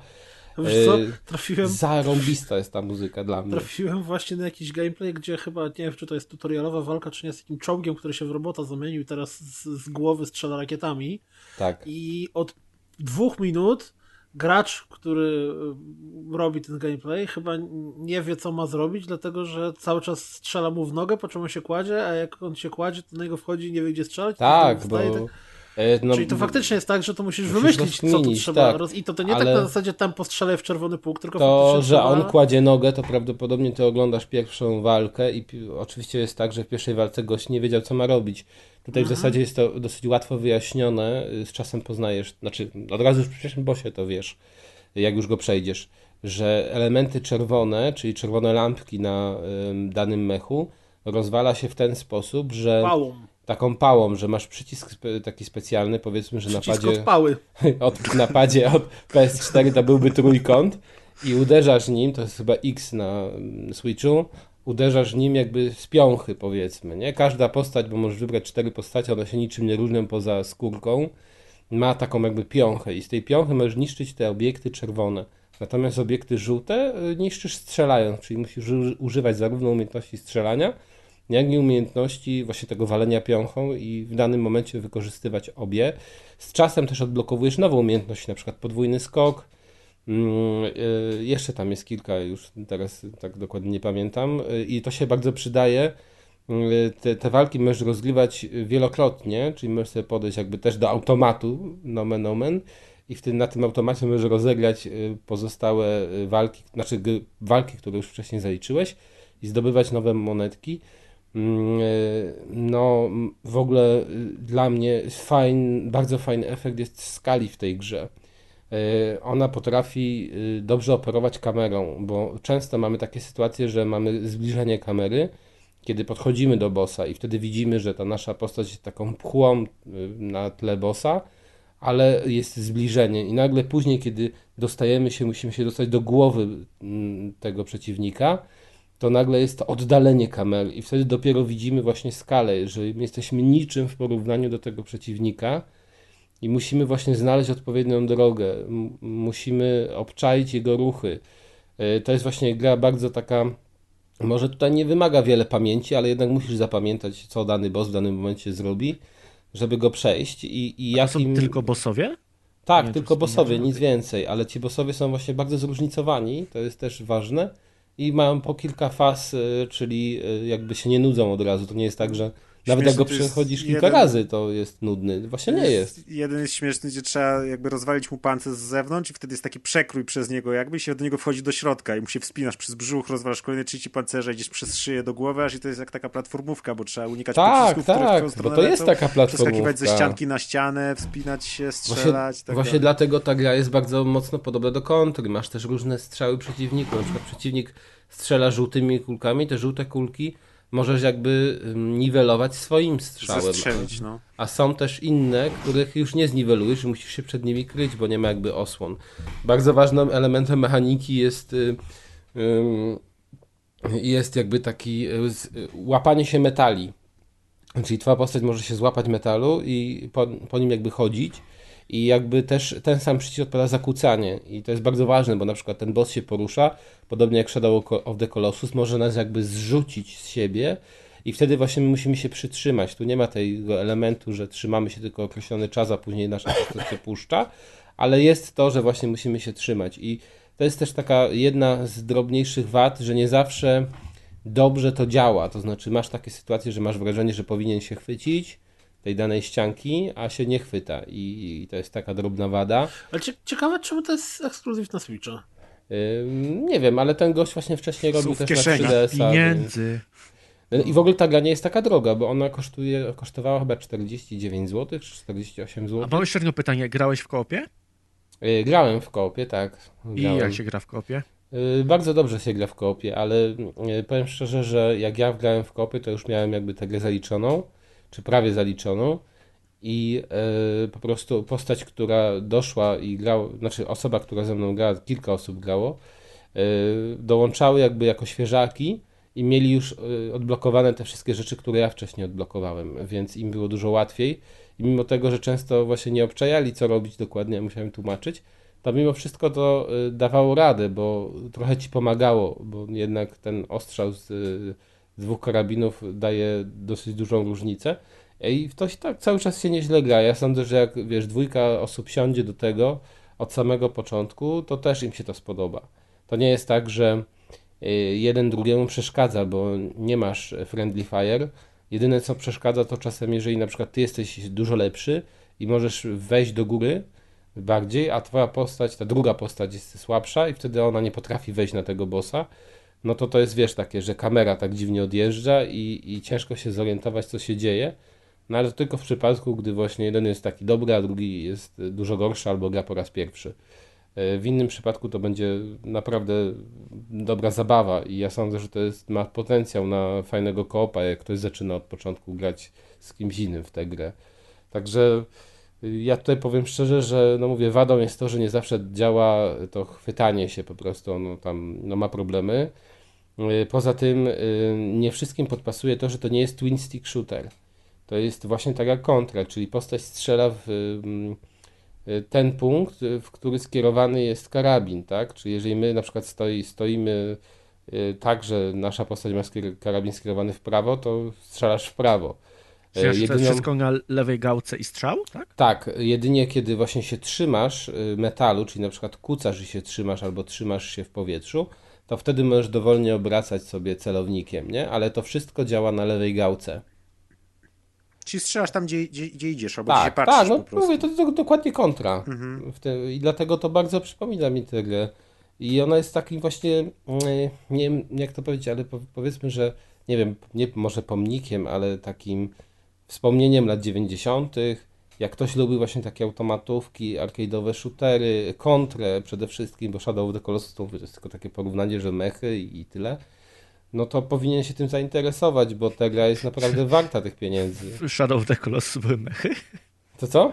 Nie, ale były, byli duży Tak, bossowie, okej, tak, śmieję się, rozumiem. Ale mówię wam, naprawdę y, sprawdźcie sobie, jeżeli nie widzieliście, bo wiem, że ta gra na pewno przeszła bez echa, sprawdźcie sobie chociażby gameplaye, bo ja właśnie zacząłem gameplay, muzykę usłyszałem, widziałem jak to wygląda i od razu miałem właśnie takie skojarzenie arcade'ówka. Wiem, że ta grafika jest plastikowa, ale Ale wiesz co, teraz tak jak, jak nie przeszkadza. oglądam to, jak cały czas mówisz, to już się tak opatrzyłem z tym, że, No. że jest spoko. Spoko. No już nie, nie przeszkadza O. mi to. To Jak są takie... Jakaś gra. A, jeszcze jedna tylko ostatnia rzecz, że jeżeli nawet spadniesz, bo tu masz nawet takiego fajnego bossa, że jakby on jest jak na World Trade Center, y, rozwieszony między dwoma budynkami Tak. i on idzie w górę i jakby ty możesz zlecieć w przepaść. I tu jest tak, że jakby nie kończysz gry, tylko jak zlatujesz, to po prostu to jedno serduszko unika, a ty na chmurce tutaj z góry wracasz, gdzie możesz dalej go na, nawalać. Tak, no i w ogóle, no, no, no świetny tytuł, naprawdę świetny tytuł. Takie dla mnie bardzo miłe zaskoczenie, bo o nim kompletnie nie czytałem, nie wiedziałem, aż zobaczyłem co nowego wyszło w danym dniu na Switcha i obejrzałem trailer, właśnie chyba nawet na samym Switchu obejrzałem go i mi się bardzo spodobało. Jezus, właśnie z jakiegoś bossa zostało jajko, z jajka wykluła się głowa i nogi kurczaka i ten kurczak strzela kulami Tak, tak, to jest chyba ostatni boss. Ale właśnie dzieje? ja, jeszcze taka jedna wada dla ludzi, którzy mają też, y, nie mają Epilepsję. dwóch padów, że ciężko się w to gra na jednym kontrolerze, dlatego, że bardzo często korzystamy z opcji właśnie chwytania się, a ona jest pod y, R1 powiedzmy i R2, y, czyli y, R1 i L1, sorry.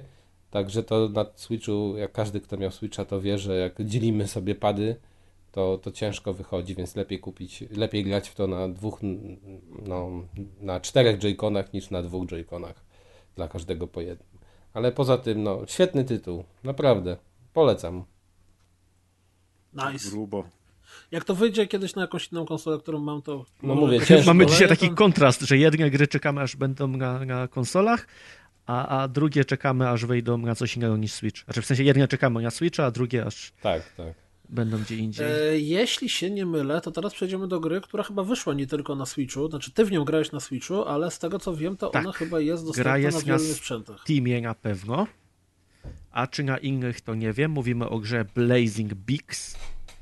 Nie wiem jak to przetłumaczyć, ale mniejsza z tym. I jest to gra z tego samego z tego samego gatunku, co mówił Press. To znaczy z gatunku gier niepotrzebnych.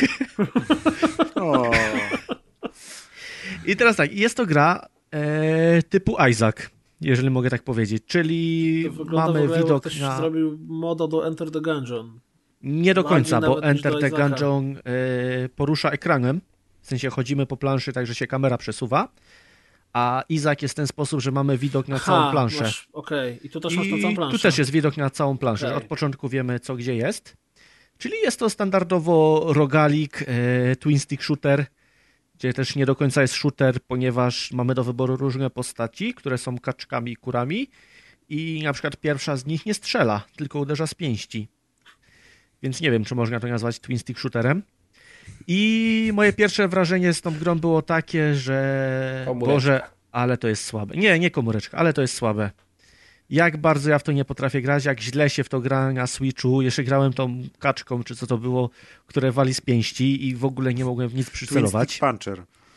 To też jest tak e, niby z pięści, ale to ma dość daleki zasięg, więc działa jak pistolet na krótki zasięg. Kaczka ma pięści, które są Znaczy, na daleki ka- zasięg w Na ogóle. obrazku jest kaczka z karabinem, znaczy z jakimś takim laserowym pistoletem, ale z tyłu jest chyba dziobak, Siedzi na kaczce? który ma... Nie, obok niej stoi dziobak, dziobak który właśnie wygląda jakby miał przywalić z pięści, ale nie wiem, czy to... Na pewno nie ma czapli. To jestem No nie, zawiedziony. to by była za łatwa gra. Więc niestety musimy grać tym, co jest. Ja odblokowałem bardzo szybko pingwina i to było jedyne, co udało mi się odblokować. O, Nemesis Preza. No nie pomyślałem o Że tym. skóra też? No są, wszy, wszystkie te, e, ci, ci, ci, te postacie są Mają dzioby. kurze. Dziobak Fighter. Nie, dzioba, Jakoś- dzioby mają, no bo big to jest dziób. No okej, dzioby, no dobra. Czyli napierdalające dzioby. A zaraz się okaże, że nie wiem, że dziobak to nie ma dzioba, tylko ma nos przypominający dziób i, i tyle będzie z no tego właśnie, wszystkiego. z Więc gry. ja bym nie chciał się zapędzać. To są jakieś takie ptasie personifikacje, które walczą z innymi zwierzętami, bo na przykład pierwszym bossem jest wielka żaba, której oczy za ten, zachowują się jak Hypnotoad z Fut- Futuramy. I to dokładnie ta sama animacja jest. Więc widać, z czego czerpali inspirację. Ale tak, to były pierwsze wrażenia. Pierwsze wrażenia były takie, że no nie do końca mi się to podoba i Że jest nie to będzie słabe i, wrażeń. i już nie będzie drugich wrażeń, ale przez pewne perturbacje z pociągiem musiałem w coś grać w, w, w pociągu i akurat tak się stało, że to była ostatnia gra, w którą jeszcze nie grałem na Switchu. No to z recenzenckiego obowiązku odpaliłem znowu i pograłem troszkę dłużej. I się okazało nie takie złe. Bo jak już wgryzłem się w mechanikę, jak już zrozumiałem, że strzelanie a la Twin Stick na, na Switchu bez wspomagania jest dziwne, to zaczęło się w to grać przyjemnie. Odkryłem mechanikę. Co to znaczy strzelanie bez, Bez wspomagania wspomagania. jest dziwne? Mam wrażenie, że gałki na Switchu zachowują się inaczej niż gałki na padzie na przykład od PS4. Mniej potrafię wyczuć to, w którą stronę patrzę i mniej dokładnie strzelam. Aha, I za chwilę będę omawiał. Słucham, o, za chwilę będę wspominał o innej grze, gdzie przy celowaniu jest to zrobione tak, że mam wrażenie, że łatwiej trafić przeciwnika. Że jakoś Jakby mi tam do, celownik dociąga tak? celownik i, i co, jest jakiś magiczny sposób, że hitboxy są większe, albo na przykład nie jest pełne 360 stopni, tylko jakoś inaczej to jest zrobione. Ale tutaj tego nie ma. Tutaj tego nie ma. Tutaj czuję, że w tą stronę, w którą wychylę gałkę, w tą strzelam, a przez to, że tą gałką nie potrafię tak precyzyjnie operować, to strzelam dookoła. Do tego dopiero po jakimś czasie odkryłem, że przedmioty, które zbieramy w trakcie gry, są przeszkadzajkami. Bo to jest cały. to jest cały gimmick tej gry, że w czasie przechodzenia zbieramy przedmioty, które nam przeszkadzają, i dochodząc do sklepu, możemy je wymienić na przedmioty, które w jakiś sposób nas wspomogą. E, fajny pomysł. Jest spoko, ale tylko z opisu.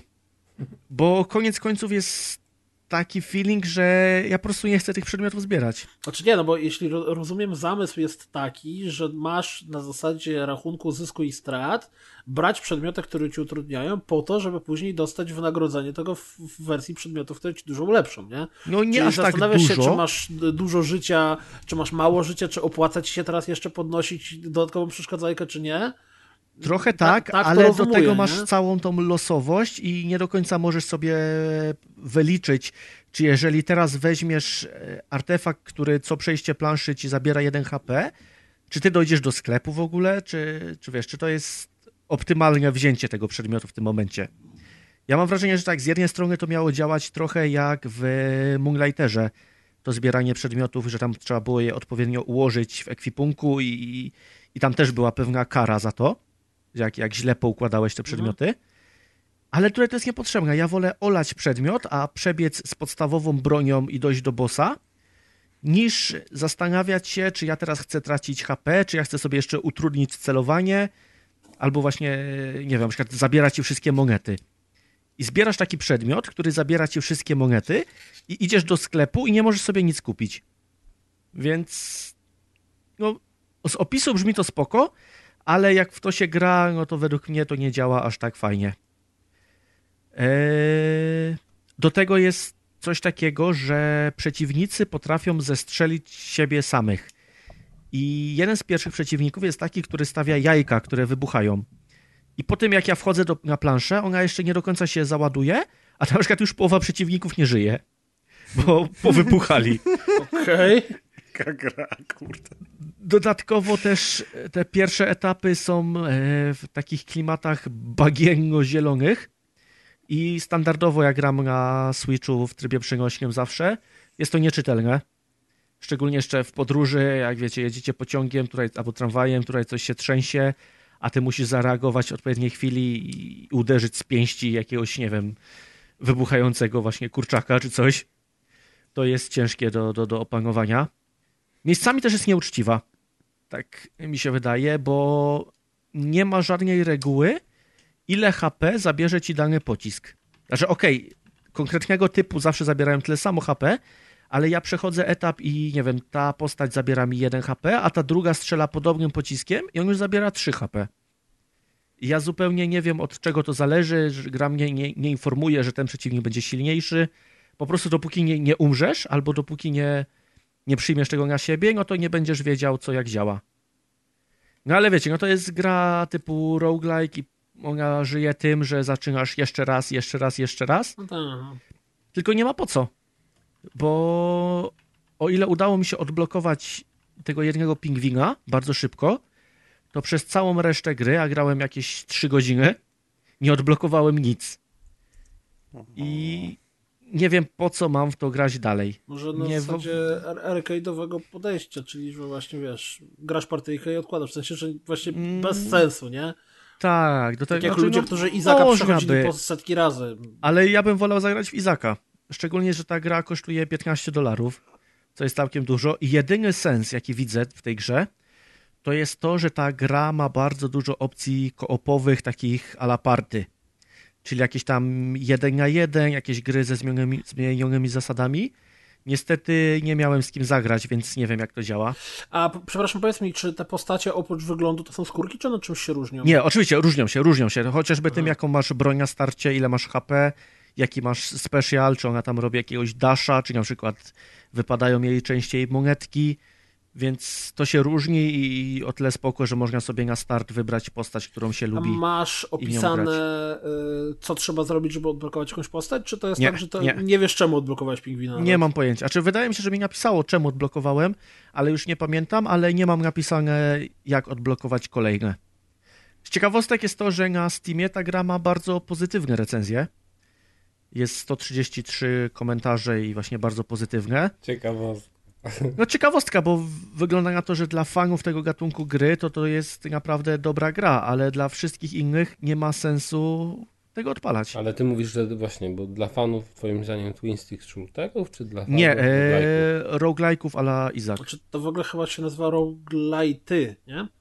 Ja nie wiem, czy to jest na przykład Rogue Elite, tak się, tak jest, tak twórcy określają.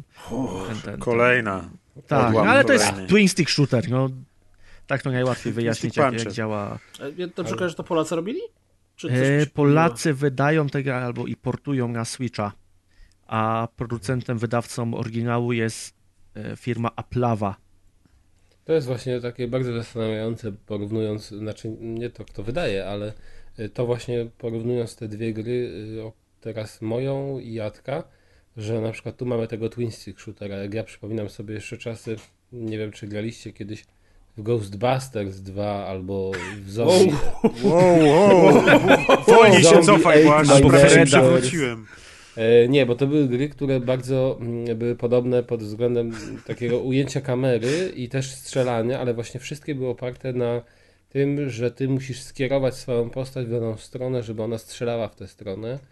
Czyli jakby kompletnie, niby podobne, a tak naprawdę właśnie bez tej drugiej gałki zupełnie inaczej się strzelało. Tak, i o takiej grze też I- jeszcze będę dzisiaj opowiadał. Jestem ciekaw, czy co jest lepsze tak naprawdę, bo powiem szczerze, że na przykład dla mnie często twin stick shootery wyglądają w ten sposób, że ja nie potrafię tych dwóch rzeczy naraz powiązać, że mi to po prostu przeszkadza, że ja w daną, że muszę tutaj kierować tą postacią, biegać dookoła, a z drugiej strony machać drugą gałką i, i skupiać się na tym strzelaniu.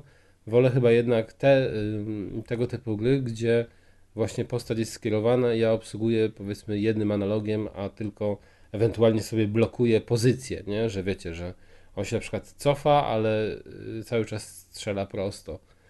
Y, To chyba, chyba jednak jestem z tych, którzy wolą te one stick shootery niż te podwójne, no ale No to jest pewnie kwestia gustu, ale jak teraz o tym wspomniałeś, to ja zacząłem się zastanawiać, czy na pewno jest twin stick shoot- shooter, ale wydaje mi się, że tak.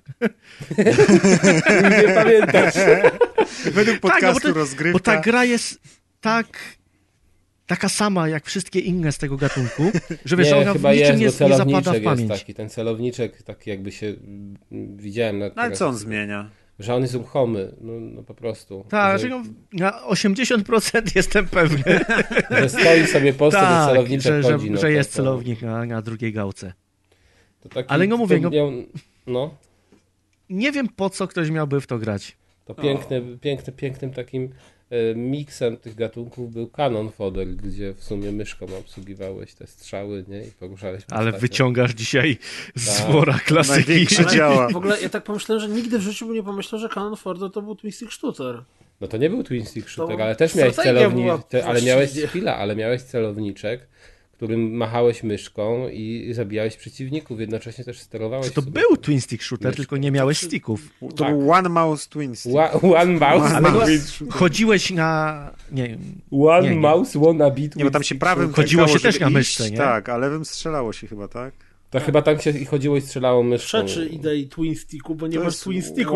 one- mouse No to nie, ale masz celowniczek, Shooter. który bardzo przypomina test Twin Stick Shootera, tylko że poruszasz postacią... O, RTS Znaczy, cicho ste- bądź. sterowanie było inne, takie RTS-owe, ale zamysł był Twin Stick. Jakby teraz powstał, to był Twin Stick shooter. No bo chodzi Tak, o to, że tak. możesz iść w jednym kierunku, a strzelać w drugim. Mindfuck, mind blown po prostu. Kaza gry, one stick shootery po prostu wyszczerzają oczy ze zdziwienia. To się tak da? Strzelać gdzie indziej niż idę? Ten ludzik z tego, z Metal Sluga, nie? On się tak po głowie teraz drapie. What the fuck? Okej, to ja bym tylko chciał podsumować. Jeżeli jesteście... Poczekaj, ale ludzik z Metal Sluga też może iść w jedną stronę, a strzelać w drugą. Tak? No nie, Do góry może strzelać. ale tam chyba musisz coś przycisnąć, żeby on do góry strzelał. To jest oszustwo. strzałka do góry musisz wcisnąć, bo na guziku masz skok, a Najgorzej na było z tym czołgiem Aha, takim, tak, który tak, tą tak, armatę do musiał obrócić. strzałka, no, no, no. Żeby strzelać. A. To na przykład, ale pamiętam, że była taka w Metal Slugu, nie, nie pamiętam w którym, taka scena, też jedna z pierwszych, jeden z pierwszych bossów właśnie, czołg, że trzeba było biec w prawo, on za tobą jechał i żeby w niego strzelić, to musiałeś po prostu się odwrócić. odwrócić się i biec w jego No. stronę. Hmm. I tak. to, to też było Były zabawne. No Świetny design. to, Ale ale teraz tak, to wyobraźcie sobie na Ale to była gra robiona pod automaty, to chodziło o to, żebyś napierdzielał monetkami. Żeby jak szybko szalony, umarł, nie? dokładnie. No tak. Nie, no ale wiesz, ale to było to takie... widać. Tak dobrze, że był przycisk strzału w ogóle. Ale Nie to no, ale Metal, Metal Slug to była klasyczna gra, to była klasyczna gra, gdzie jak grałeś za pierwszym razem, to ginąłeś na mniej więcej 3 minuty po tym, jak zaczynałeś grać, a jak wydałeś na nią e, z, z milion e, Wartość żetonów, automatu. wartość automatu, to, to dochodziłeś do ostatniego nie wiem, bossa na nie, jednym wiem, życiu, nie wiem, nie? czy moi drodzy wiecie, bo tak mówicie jakby jednostajnie, znaczy jednostronnie, ale przecież automaty miały często opcję ustawiania poziomu trudności. Tak, tak. Więc tak. to bardzo zależało od automaciarza. To Czy się tam- bawił Mayman, ten wie. Automaciarz. Automaciarz. A, a Autobot czy Czy tam, wiesz, zeżar dobrą grochówkę za kotarką, Prof- czy nie? No, Teraz będzie trochę wiedzy. Profesjonalna nazwa to jest operator. Operator jak w tym, jak tacy w, w, w tych siłach specjalnych. Tak, dokładnie tak, ale operator automatu Można go to jest ta odblokować. Osoba, co ustawia. Automaciarz lepiej brzmiał. Podsumować, oczywiście w tej grze jest masa, masa y, niespodzianek, jakichś tam znajdziek, kluczy do otwierania ukrytych leveli, ale to nie ma żadnego znaczenia, bo Ta gra nie No jest powinna chujowa. bo to jest co taka sama gra. jak inne. Jeżeli Biedny bardzo brakuje wam e, Rogue Elita, to Jeżeli bardzo brakuje wam Rogue Elita, nie? Bo ktoś się kiedyś obudził i ale bym pograł w Rogue Czegoś Elita. brak w moim życiu, panie ten dok- doktorze, nie? Na kozetce. To może to Rogue Elite, tak. E, Nie, to jest Elita Roga. Nie, no się ale to jest roguelite, wiecie, tylko, tylko z Rogue jest E na końcu. Dobrze bez S w każdym razie. Dokładnie tak. To w, w każdym razie, jeżeli brakuje wam Wow. gry tego typu i już bardzo się zgodziliście Izakiem, bardzo, bardzo, I nie ma innych gier na rynku. I nie, no to możecie zagrać. Możecie zagrać Świat na przykład na. Steamie, gdzie ta gra kosztuje 40 I zł, macie a za, tylko peceta. za 40 Macie, zostało zł, wam 10 sekund życia. nie, bo na Switchu ja grałem, za 40 zł, no to jest spoko gra. Ale wciąż żałuję, że nie dostać do recenzji No, Dark na Devotion, Switchu, nie? a na Switchu ile kosztuje? 15 dolców. Okej, to więcej. To to już nie jest dobra cena. No to lepiej kupić Ile tego mydeł, ile mydeł Max. Termination, lepiej kupić Max Termination Force i jeszcze wam zostanie Ile na EA? Access na PS4. Tak, i na chleb. Jeszcze zostanie na kolejną grę, o której dzisiaj będę mówił. Matko boska, ale król przecen w Biedrze byłeś? O, podcast idzie, idę do Biedronki. Trzeba Ale zanim przejdziemy do kolejnej gry, ja bym chciał jeszcze wspomnieć bardzo nowy news, który właśnie ktoś wrzucił nas na grupę, a ja pochwalę Dawid e, Romaldowski, że wyszedł nowy materiał od NoClipa o Telltale. The Human Stories Behind the Games. Wow. I myślę, że warto obejrzeć. Przerywamy podcast. Będziemy się human touchować. Mnie rozwaliła koncepcja tego, że wiesz, że na przykład Adek pokazuje, że rachunek y, kupna za gry, a Maciek leci do Biedronki, że tyle bułek za to kupił, tyle ogórków. Dobrze, skoro już rozmawialiśmy Dobrze, a ja już o... tylko, ja tylko się pożegnam już. Bo Ty powinieneś No posłuchać nie, tego, moim zdaniem. Dokładnie, no. No, jak Bo będzie ty krótko, to... pewnie nie masz zielonego pojęcia, co to jest. Ale go zmieszałeś teraz. Jak będzie krótko, Już that's taki said. To ja idę do domu. Dobra, dawaj, przyjmuję na klatę. Strzelam, strzelam, że ty pewnie nie masz zielonego pojęcia, co to jest, Założę się, że też nie, no. e, a powinieneś, moim zdaniem. O, Bowiem będziemy teraz z Maćkiem mówili o grze, która Kobietach. się nazywa A Plague You Tale. Innocence. Nie wiem, jak się w Ale wymawia trochę. Plague You. Plague. Plaga. Plague. Pla- A Plague Plague. Tale. A, Plague. Czy to jest Tale historia tego kolesia z Gwiezdnych Wojen? Tak, Plagiusa. Ale to jest jego wiek y, taki dziecięcy, dlatego jest Innocence. Ej, serio, ale ty myślisz, że mnie zainteresuje gra, która się nazywa Plaga? Bo to brzmi tak jakiś, nie wiem... Słuchaj, y, przenosimy się do roku Komreczki. 1348. Czekaj, grałeś w Max Termination Force. A wyjeżdżasz nam z plagą? To brzmi tak cheesy właśnie, to przez takie lata Kas, 90, a nie Plaga. Przenosimy się do roku 1348 do Francji na, y, że tak powiem, przededniu wybuchu Jak ktoś wojny jest stuletniej. słaby w daty, to to jest średniowiecze, Ja czyli rycerze. Czyli A nie jest Final Fantasy. Nie, to nie jest fajna. Takie późne średniowiecze, no. E, Po pierwsze, wojna stuletnia gdzieś tam y, się zaczyna powoli. Po drugie, epidemia dżumy, czarnej śmierci Europę dotyka coraz bardziej. No i wcielamy się w postać e, młodej dziewczyny, nastolatki. Nie wiem, czy ona ma lat 12, czy ma lat 16. 15, 15. To jest powiedziane 15? tak. Na oko, widzisz, ale to to ja bardzo nie- duże nie znaczenie wbrew tego. pozorom, bo prawo mówi Jezus Maria. Kas, Która nazywa się. Maćku jak? A misja? Amisja de la Run Amisja. bodajże, która pochodzi z rodziny e, hrabiego de Run. Jest No i zarażona dżumą. szlachcianka. szlachcianka. No i g- gra e, zaczyna się od. Ludzie bezdomni The Game. Dżuma the game. Gra zaczyna się od delikatnego wprowadzania nas w, w mechaniki w, w formie tutoriala, jak się możecie domyśleć. I, e, No czekaj, wiesz, to ja nie odpaliłem wiemy, sobie screenów i, i cały czas zastanawiam się, co to może być A to czekaj, to ja ci pokażę. Ja ci poka- mam tu bardzo Poczekaj, fajny bo może link. nie mogę ci wyślę i tu, będzie, tu jest cała piękna galeria screenów. Dobra, Taka to piękna jak ta gra. zastanawiam się, co to za gatunek. A więc jest to zgadnąć. skradanka. W Dużym uproszczeniu, jeśli Jako chodzi o same w sobie mechaniki gameplayowe, to jest to skradanka i najwięcej czasu faktycznie spędzamy skradając się czy przekradając się do przeciwnikami, ale ponieważ w grze wcielamy się w postać tej właśnie 15-letniej dziewczyny, a naszymi przeciwnikami, których stoją nam na drodze, są między innymi żołnierze inkwizycji, no to ta biedna 15-latka nie może niczym w każdej skradance główny bohater zajść kogoś od tyłu, skręcić mu karku, ani nic w tym stylu. I większość przeszkód musimy pokonywać używając naszego sprytu, a nie eliminowaniu wrogów jeden po drugim. Trzecia Oczywiście- gra, gramy babą. Tak, trzecia gra, gdzie gram babą. A tu jest więcej bab w To jeszcze grze. młodą babą. E, Co więcej, jeszcze... Jest Jon Snow, widzę na tym, nawet na grafikach się pojawia. Jon Snow jest... Chyba nie Tak, ma, jest, jest? taki z blizną. Taki To jest blizną w. Tata nasz. który- Żaden Jon Snow, Tata Nie jest Jon twój. Snow, to Tata jest Snow. hrabia Dalarun. Na A młody się kolana. nazywa Hugo. W Tak. każdym razie po, po króciutkim wprowadzeniu tutorialu bardzo szybko, jak to się ładnie mówi, śliwka, śliwka wpada w szambo i dziewczyna razem ze swoim kilkuletnim, chyba sześcio? Pięcio. Letnim? Pięcio? Pięcioletnim, właśnie coś z wiekiem, nie ten. E, Razem ze swoim pięcioletnim braciszkiem e, musi, e, mówiąc wprost i po polsku, spierdalać. No i e, na początku e, po prostu musimy spróbować e, co zrobić? Ukryć Przeżyć. się, od, przeżyć, tak. Na początku musimy przeżyć, później ta gra fabularnie nas prowadzi na bardzo konkretne ścieżki, bowiem to, co jest bardzo, bardzo, bardzo, bardzo, bardzo istotne, to to, że to jest bardzo interesująca i fajnie przedstawiona historia. No wygląda bardzo fajnie I faktycznie. No, historia w tej grze absolutnie na maksa ciągnie nas do przodu i chcemy dowiedzieć się, co tam się będzie działo, czemu tak się dzieje, czemu ta, ta plaga szczurów, która tam się pojawia, czemu te szczury są jakieś takie strasznie pojebane i Kosmosu. rzucają się. Że i są z zasady pojebane, ale to są wyjątkowo. są wyjątkowo pojebane, ro- rozrywają ludzi na strzępy i, i kolejna rzecz, Ale z na kosmosu? Czy tam... Nie, nie, nie, nie, ta nie, gra nie. jest super realna, znaczy taka może- jakby zgodna z realiami z historią. Czy ten... Super szczury były kiedyś. No jak była czarna w śmierć, to na pewno. One... Znaczy, y, chyba to nie jest tak, że ona jest super zgodna z realiami, bo chyba nie było y, takiej inkwizycji, jaka No jest nie, no, to nie, może, no, no tak, troszkę tam naciągnęli, okej. Tam Te szczury mi, też aż takie nie były. Tak z ciekawości, bo jak widzę screeny, to czy to w pewnym momencie mówiłaś, że jest typ, tryb, znaczy tryb, że jest możliwość ucieczki, czy konieczność ucieczki, czy to nie, nie zmienia się w taki horror trochę? Trochę?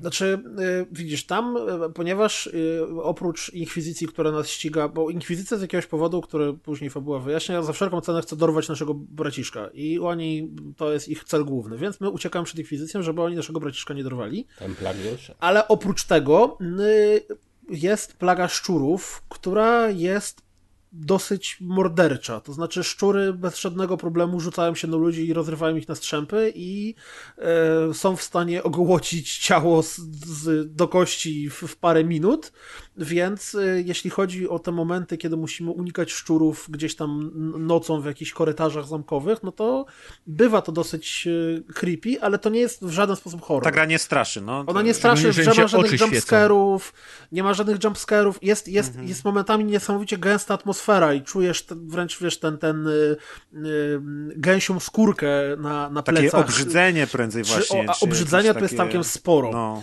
bo ta gra jest bardzo ładna i przez to, że jest bardzo ładna, to bardzo mocno, jeżeli coś ma być obrzydliwego w tej grze, to jest wyjątkowo mocno obrzydliwe. Jeżeli mamy zobaczyć y, ten, y, zwłoki, które zostały spalone żywcem na stosie, no to zobaczymy, że to faktycznie ktoś jest spalony żywcem i to nie jest żaden ładny no Właśnie ta, ta brutalność jest taka naturalistyczna. Ona nie jest przerysowana, nie jest komiksowa, tylko jest właśnie taka, tak jak są tu jakieś rozczłonkowane ciała, czy coś, tego tam jest mnóstwo Y, jakieś cała śmierć, czy zabijanie, czy jakaś śmierć, której jesteśmy świadkami, czy zabijanie, którego tam czasami sami musimy dokonać, jest tak fajnie, dojrzale pokazane, że ta śmierć jest jakby ciężka i trudna, to tam nic tak, nie przychodzi no... łatwo, tylko przez to też, że y, gramy tymi dziećmi, to one też doświadczają tej śmierci w jeszcze straszniejszy sposób, więc to jest wszystko takie dołujące i takie właśnie na, naturalistyczne, bym powiedział. Tak, i, i to jeszcze dodatkowo przez to właśnie, że cały czas tam towarzyszy, znaczy cały czas, przez większość czasu gry towarzyszy nam ten, ten pięcioletni chłopiec, to regularnie siostra chcąc go jakoś tam otoczyć opieką, nie, nie patrz na to, odwróć wzrok, proszę cię, przytul się do mm. mnie, nie, nie, nie, nie zwracaj uwagi na to, co tam się dzieje. Plus on też często gęsto komentuje, jest taka scena, którą macie, którą już chyba miałeś, ze świnką, tak. która jest po prostu tak, jak, jak, ktoś będzie grał, to, to, to zrozumie, ale jest, jest taki motyw, który po prostu ty już wiesz, do kiedy, w, w połowie mm -hmm. sceny Co wiesz, gdzie on działo, prowadzi, a ten już dzieciak... ci się ściska w żołądku, on nie? On znalazł że... przyjaciela świnkę, nie? a patrząc, słuchając o tym, o czym jest gra, to się możecie dowiedzieć, co się stanie ze świnką. Właśnie jakby tutaj y, fabuła fabułą jest ciekawa, ale to, co mnie bardzo zaskoczyło w tej grze i jakby ja już po tych zwiastunach chciałem w nią zagrać też tak tak bardzo, że już potem nie oglądałem dalszych tych materiałów, tylko po prostu czekałem na premierę, a w sumie im dalej do, w grze jestem, już jestem równo w połowie, to jeszcze bardziej mi się podoba niż się spodziewałem, to narracja, jaka tutaj jest prowadzona, bo y, fabuła fabułą, jest jakiś tam ciąg wydarzeń i chcemy się dowiedzieć, dlaczego nas ścigają i co się dzieje z tymi szczurami, ale też narracja jest prowadzona tak, że y, ani na chwilę jakby ta gra nie zostawia nas tak jakby, że się nudzimy. Bo ona jest co prawda korytarzowa, liniowa i, i, i nie ma tam szpyrania, chodzenia za bardzo, bo tam jak tylko gdzieś odejdziemy od tej ścieżki, to zaraz będzie jakaś tam niewidoczna ściana, czy widoczna raczej naturalna przeszkoda, ale Y, w tej grze jest mnóstwo mm, tekstów, mnóstwo dialogów. Mhm. Jest mnóstwo dialogów między postaciami, bo to są różne postacie. Jest ten nasz brat, y, są jakichś innych, potem poznajemy kompanów, którzy nam towarzyszą. Y, I jest mnóstwo narracji, opowiadania takiego, tego, co widzimy, co się dzieje dookoła. Te postacie to wszystko komentują, rozmawiają ze sobą, mówią do siebie, że o Boże, to jest straszne, co tu się dzieje. I voice acting jest genialnie zrobiony. Rewelacyjny i ten akcent francuski jeszcze, nie? Tak, tak, tak, bo mo można chyba nawet y, w tym grać z wersją francuską na przykład językową, co w sumie spróbuję, zobaczę jak bardziej. to jest, ale no, ale te dialogi też są właśnie i są świetnie zagrane i są napisane realistycznie mhm. i brzmią autentycznie. To jest niesamowite, ja się spodziewałem jak w, w każdym przypadku, kiedy w grze jest dziecko, że to będzie tragedia bo no, słabo zagra albo będzie napisane beznadziejnie i będzie się to fatalnie oglądać, a tutaj po prostu ten chłopak jest napisany i zagrany tak świetnie, że on autentycznie reaguje totalnie naturalnie na to, co widzi. Widać, że on jest taki niewinny. On też jest jakby, był przetrzymywany przez większość swojego dzieciństwa w domu, nie wychodził nigdzie, więc jak on wyrusza w świat, w tą przygodę, gdzie trzeba uciekać, to jakby pierwszy raz doświadcza mnóstwa rzeczy i widać, że on gdzieś biegnie, jest zafascynowany wszystkim, coś chce oglądać, coś się pyta i jest właśnie taki niewinny, że jak widzi jakieś zwierzątko, to tam się pyta, czy mu się tam nic nie stało, czy coś, ale jest to tak zagrane, że autentycznie y, to, co ta gra miała dostarczyć, czyli to, że jesteśmy starszą siostrą, która się opiekuje tym młodszym chłopcem i chce jakby zadbać, żeby mu się nic nie stało, to autentycznie to w tej grze się dzieje. Ja w ogóle nie mam, martwiłem się, że może będzie tak, że będę miał dosyć tego dzieciaka, bo on co chwilę będzie piszczał, czego będzie ciągać i tak, a zupełnie tego nie mam i to wszystko właśnie się łączy w to takie super realistyczne doświadczenie z tą grą, gdzie mnie jakby tak, nic bo... nie irytuje. E, nic nie jest sztuczne, wszystko się zgadza, wszystko jest na miejscu, wygląd, zachowania postaci i tak dalej, to jest wszystko Jak mówisz o sztuczności, te szczury cię nie wybijają z rytmu? Poczekaj, poczekaj sekundkę, e, bo, bo jeszcze to, o czym Maciek mówi, że, że wszyscy wiemy, że w grach nie ma nic gorszego niż miskie eskortowe, które zazwyczaj są wybijające, źle zrobione, irytujące i jak twój towarzysz jest jeszcze śmiertelny, to cię to bardziej wkurza niż, e, niż cokolwiek tobie innego daje. Tutaj w tej grze przez to, że przez większość czasu towarzyszy nam pięciolatek, to my go po prostu fizycznie prowadzimy za rękę. I nie ma ryzyka, że nie wiem, on gdzieś sam pójdzie, wręcz gra nam na, na samym początku mówi, nie zostawiaj go za długo samemu, bo się przestraszy i jeszcze zacznie zwracać na siebie uwagę. A ponieważ to jest skradanka, to nie chcemy, żeby ktoś zwracał na siebie uwagę, więc większość czasu po prostu fizycznie prowadzimy go za rękę, więc to też pasuje do tego całego klimatu.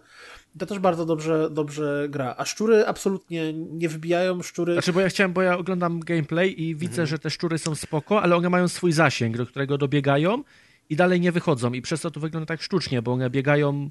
Bo one nie, się no boją no to, słońca. To, to światła. Światła, znaczy, światła. światła. I one mhm. unikają światła. I, te, I duża część, bo, bo ta gra to jest tak naprawdę gameplayowo stricte, to jest zestaw y, skradonkowo y, logicznych zagadek. Mhm. Czyli nie wiem, dajmy na to, wchodzisz do pomieszczenia, gdzie cała podłoga, gdzie, gdzie przy drzwiach masz zapaloną lampę, ale cała podłoga jest usiana tymi szczurami. Jak tylko wyjdziesz poza zakres światła, to szczury cię od razu zjadają. Więc musisz wymyślić, jak je nie wiem, czy to przepędzić, czy na przykład zapalić światło, czy zrobić coś, żeby one ciebie nie atakowały, żeby przejść na drugi koniec pomieszczenia. I te, te wszystkie, nazwijmy to, fragmenty skradankowe też tak naprawdę to są takie po prostu zamknięte e, mini zagadki logiczne, czyli musisz wymyślić, że dobra, to tego gościa muszę tędy obejść, potem muszę tam odwrócić jego uwagę rzucając kamieniem w jakieś hełmy, a na przykład tego mogę załatwić w ten sposób, że rozbiję mu kamieniem lampę i wtedy jak on nie będzie miał przy sobie lampy, to szczury, które siedzą obok się na niego rzucą mm. i go zagryzą i kiedy będą go zagryzały, to wtedy ja będę miał czas, żeby przejść obok, dlatego, że nie zwrócą na mnie uwagę, bo już żrą mm, e, e, zwłoki tego gościa. Mm. I to, co to jest super, to, to y, mi przejście i zajęło jakieś 11 godzin i przez nawet moment się nie nudziłem, bo gra cały czas powolutku, systematycznie dokłada nam kolejne mechaniki. Na początku tak naprawdę jedyne co możemy robić, to możemy e, strzelać z procy, bo chyba na początku jest tylko zwykły kamień. Zwykły nie? kamień w procy, tak. Tak, zwykły, zwykły kamień i rzucenie dzbankiem, który odwraca uwagę. Mhm. Czyli możemy właśnie, nie wiem, a to strzelić procą w jakieś tam y, dzbanki, a to w jakieś tam skrzynie ze zbrojami, a to nie wiem, w garnek podwieszone. No i to wiadomo, że wtedy strażnik, y, co to było? Idę sobie zobaczyć, co to za odgłos. My tymczasem sobie za jego plecami przechodzimy. I z każdym kolejnym etapem dostajemy coraz to kolejne narzędzia, które służą nam z interakcją w grze, przez co pod koniec mamy już na tyle dużo tych, tych wariacji rozwiązywania zagadek, w cudzysłowie, które nam się pojawiają, że to też nie jest liniowe. I, mhm. i tak naprawdę jest kilka, kilka metod na to, co w danej sytuacji można Często zrobić. Często jest coś takiego, że mamy planszę ala arenę, przez którą się musimy przedostać, na przykład plac miejski, możemy pójść prawą stroną albo lewą i tam z każdej strony trochę inaczej tam to trzeba załatwić. Albo właśnie to, że możemy albo użyć przedmiotu, który szczury przyciągnie e, w jakieś miejsce, albo przedmiotu, który szczury przegoni, albo przedmiotu, który właśnie coś tam włączy, albo patyka, który się pali, ale nam się tylko spali za chwilę i musimy coś nim odpalić, bo inaczej on nam zgaśnie, bo dalej, tak dalej, tak dalej. Więc jest tych różnych przedmiotów do używania jest całkiem sporo. Z tym też jest związane to, że, że przedmioty sobie robimy, więc cały czas podnosimy jakieś tam pierdoły i to też, mimo że mogłoby brzmieć jak e, bez sensu jakieś zbieranie, zbieranie tam surowców, tu tych surowców używamy również do ulepszania swojego sprzętu, czyli że na przykład nasza pani jest w stanie szybciej e, strzelić z tej procy swojej, albo na przykład może nosić przy sobie więcej nabojów, albo może nosić przy sobie więcej surowców, więc też mamy przez większość czasu ochotę chomikować te wszystkie rzeczy i nie robić sobie na zasadzie, o to kurde, jestem królem życia, mam wszystkich nabojów na maksa, w ogóle nic mi nie straszne, to mogę w ogóle używać najpotężniejszych nabojów, jakie tylko istnieją, dzięki którym nic mi nie grozi. Nie, nie. Jak, jak użyjesz, bo później dostajemy takie coś, co jest czymś na zasadzie takiego yy, guzika bezpieczeństwa, że nawet w ekstremalnym zagrożeniu, jeżeli użyjesz tego przedmiotu, to wtedy yy, jesteś w stanie albo przeżyć atak człowieka, tak. albo szczurów. Albo szczurów. E, tylko, że zrobienie tego przedmiotu no, zjada bardzo dużo drogie. surowców. No. I w momencie, w którym byś chciał używać takich przedmiotów, to nagle w ogóle nie starczyłoby tobie surowców na ulepszanie tego swojego sprzętu. A skąd wiesz, może to ulepszanie swojego sprzętu przyda się do czegoś innego później. Hmm. Więc ta gra absolutnie w każdym elemencie trzyma ciebie tak, że wchodzisz w ten świat, interesujesz się dokąd to się potoczy, A jeszcze dbać ten, o tych bohaterów. Ten crafting jest zawsze, crafting jest pejoratywnym słowem, ale to jest taki idealny crafting, jaki powinien być w singlowych grach, że tam te, te, te rzeczy sobie zdobywasz, to przychodzi naturalnie, jest jakiś tam balans, że nigdy tego nie masz za dużo, ale po kolei sobie każdy tam odblokowujesz jakieś, jakieś tam rzeczy i zbierasz przedmioty właśnie. Jest to jest dobry crafting, niezły. Tak. I gra e, tam, bo Maciek powiedział, że ona jest super realistyczna, tam jak widać po zachowaniu tych szczurów, że one są takie trochę znaczy ona jest jakby realistyczna, no, poza tymi szczurami, no ale w swoich tam, w architekturze, w lokacjach. W tym absolutnie 100%. To jest faktycznie Francja tamtego Mi się to mega kojarzyło z czeskim tym Kingdom Come Deliverance, bo oni też byli tak, tacy realistyczni. I to jest coś bardzo podobnego, jakby to zobaczycie tą samą architekturę, takie widoczki, to jest wszystko takie właśnie nie wiedźminowate, tylko takie realistyczne. Zresztą y, deweloper, czyli Asobo, mają siedzibę w Bordeaux we Francji, więc widziałem tam na materiałach, jak oni się chwali, że jak oni chcieli sobie zobaczyć coś, jakieś referencje, to po prostu wychodzili z biura na przejście na Stare Miasto i tam wszystko mieli. Dobre. I to, co jest też super, to to, że ta gra od początku do końca, bo, bo nawet jeżeli później tam się dzieją jakieś, jakieś trochę bardziej zahaczające o mm, może paranaturalne to jest za dużo powiedziane, ale takie no... no zmyślone no, troszkę, no. Takie troszkę zmyślone rzeczy. Czy tam... Tak, to tak czy siak od A do Z ta gra stanowi absolutnie y, spójną całość. Tam nic, co się pojawia, nie wydaje się dodane na siłę, albo wymyślone jakoś bez potrzeby, albo jakoś w ogóle, kurde, dorzucone tak, tak odczepy. Tam, tam wszystkie elementy, które się pojawiają, czy to właśnie w poziomie leveli, czy w zachowaniu przeciwników, czy w samych sobie przeciwnikach, czy w postaciach, które spotykamy, to wszystko tam, kurde, współgra. Nawet jeżeli na samym początku gry trafiamy do, do zwykłej wioski, i tam ludzie z jakiegoś powodu chcą się na nas rzucić i nas, nas zabić i my tego nie rozumiemy, to tak naprawdę to gra tobie to tłumaczy, czemu tak jest. Mm -hmm, I, i, I tam wszystkie Nie ma takiego deus ex machina, nie? Nawet, tak, tak, nawet tak, zauważyłem, że y, te właśnie takie często mechaniki, znaczy mechaniki, powiedzmy te zagadki takie y, typu a teraz rzuć gdzieś tam w coś tam, żeby strażnik odszedł, to często w grach widać, że to jest mega sztucznie zrobione, że jest na przykład specjalnie korytarz zrobiony dla strażnika i specjalne miejsce, gdzie tam mu rzucasz to, nie?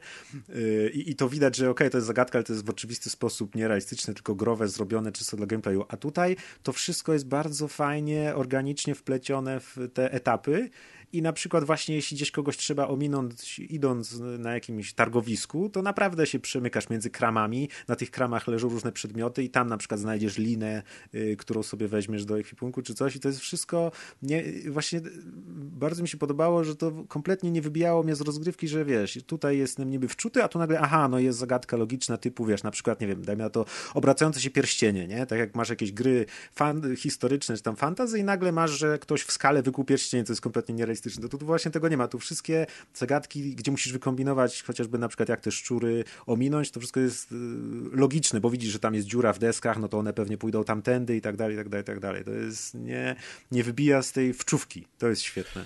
I to, co też jest strasznie fajne, to to, że gra w idealny sposób balansuje pomiędzy takimi stricte gameplayowymi momentami, gdzie po prostu masz, masz tutaj czy to właśnie przejście przez targ, czy jakiś tam plac, po którym chodzą żołnierze, czy jakąś ukrywanie się w lesie, e, a momentami e, tymi bardziej narracyjnymi, czyli właśnie gdzie bohaterowie trochę mają moment rozluźnienia, rozmawiają ze sobą, czy w ogóle są całe rozdziały, które polegają tylko i wyłącznie na właśnie wchodzeniu w interakcję między bohaterami, na, na jakoś tam poznawaniu tego świata, zwiedzaniu, na, na, na, na, zwiedzaniu i tak dalej. I to, I to też super wszystko jedno z drugim się, się, się przenika, także w ogóle nie masz e, znudzenia ani jednym, ani drugim elementem.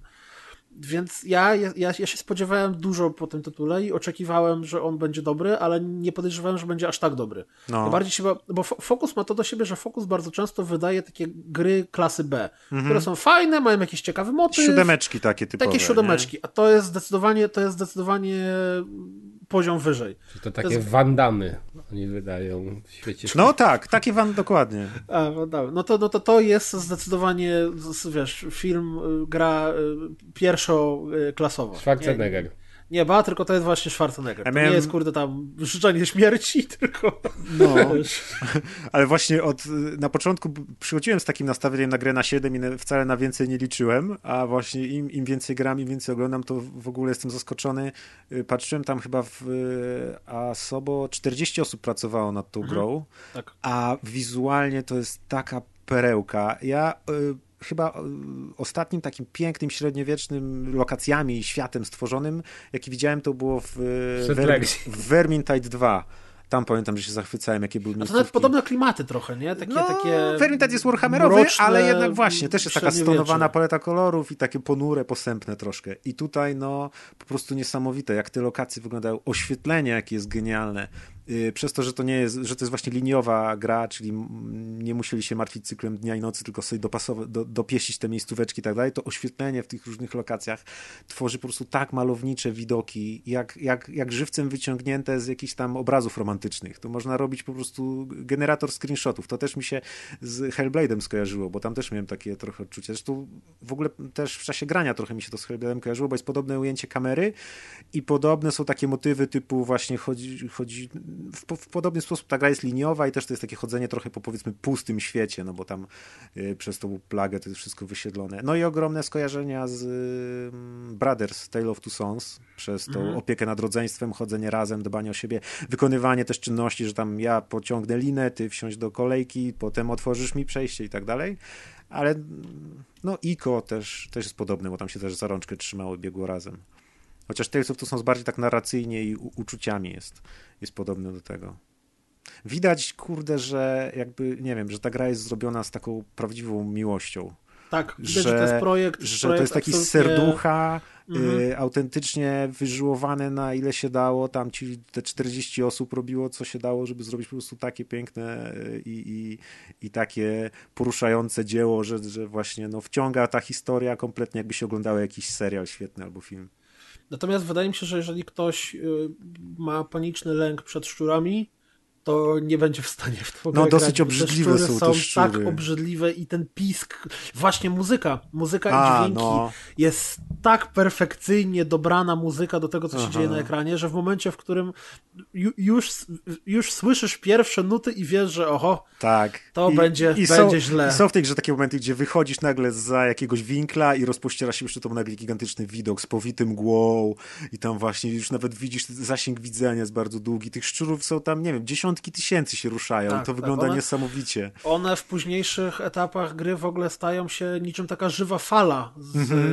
z jakichś, kurde, nie wiem, World War Z albo czegoś w tym stylu, gdzie, gdzie I- po prostu się przelewają przez ekran. I, I z jednej strony można sobie wytłumaczyć, że okej, czyli to jest taka prosta mechanika roju i ja tutaj jak mam pochodnie, to jestem bezpieczny, mogę przechodzić i, i człowiek się oswaja z tą mechaniką, dlatego to nie jest straszne, ale wciąż to jest obrzydliwe, bo na przykład ta gra ma y, interfejs, można sobie dostosować, nie wiem jak na konsolach, pewnie też. Y, też na, PC można sobie powyłączać tak, tak, opcje tak. albo wszystko i ona nawet jak się gra z interfejsem włączonym, to on się włącza tylko w tam w potrzebnych momentach, Mhm. a zazwyczaj ona jest po prostu nic nie mamy, nie? Żadnych ikonek, żadnego nic, więc jak idziemy przez to na przykład pole usiane trupami, gdzie te postacie mają inną animację, bo tak chodzą powoli, brodzą między tymi ciałami. Tak, bo- bo Wszędzie są te szczury, nie? tak, i ten, to wow, naprawdę, no, rewelacja. I w ogóle ten mechanizm roju, o którym ty mówisz, to jak te szczury się wiją między sobą, jak się Tak, zaplatają, skaczą, tak tworzą obrzydliwe. takie góry jak w World War Z zombiaki, nie? To one też tak, Tak, jak się tak, na ciało, tak, tak, tak. w ogóle właśnie jak, jak się, jak zbijemy temu biednemu strażnikowi tą latarnię, żebyś te szczury jego zaatakowały, to autentycznie jest człowiekowi przykro.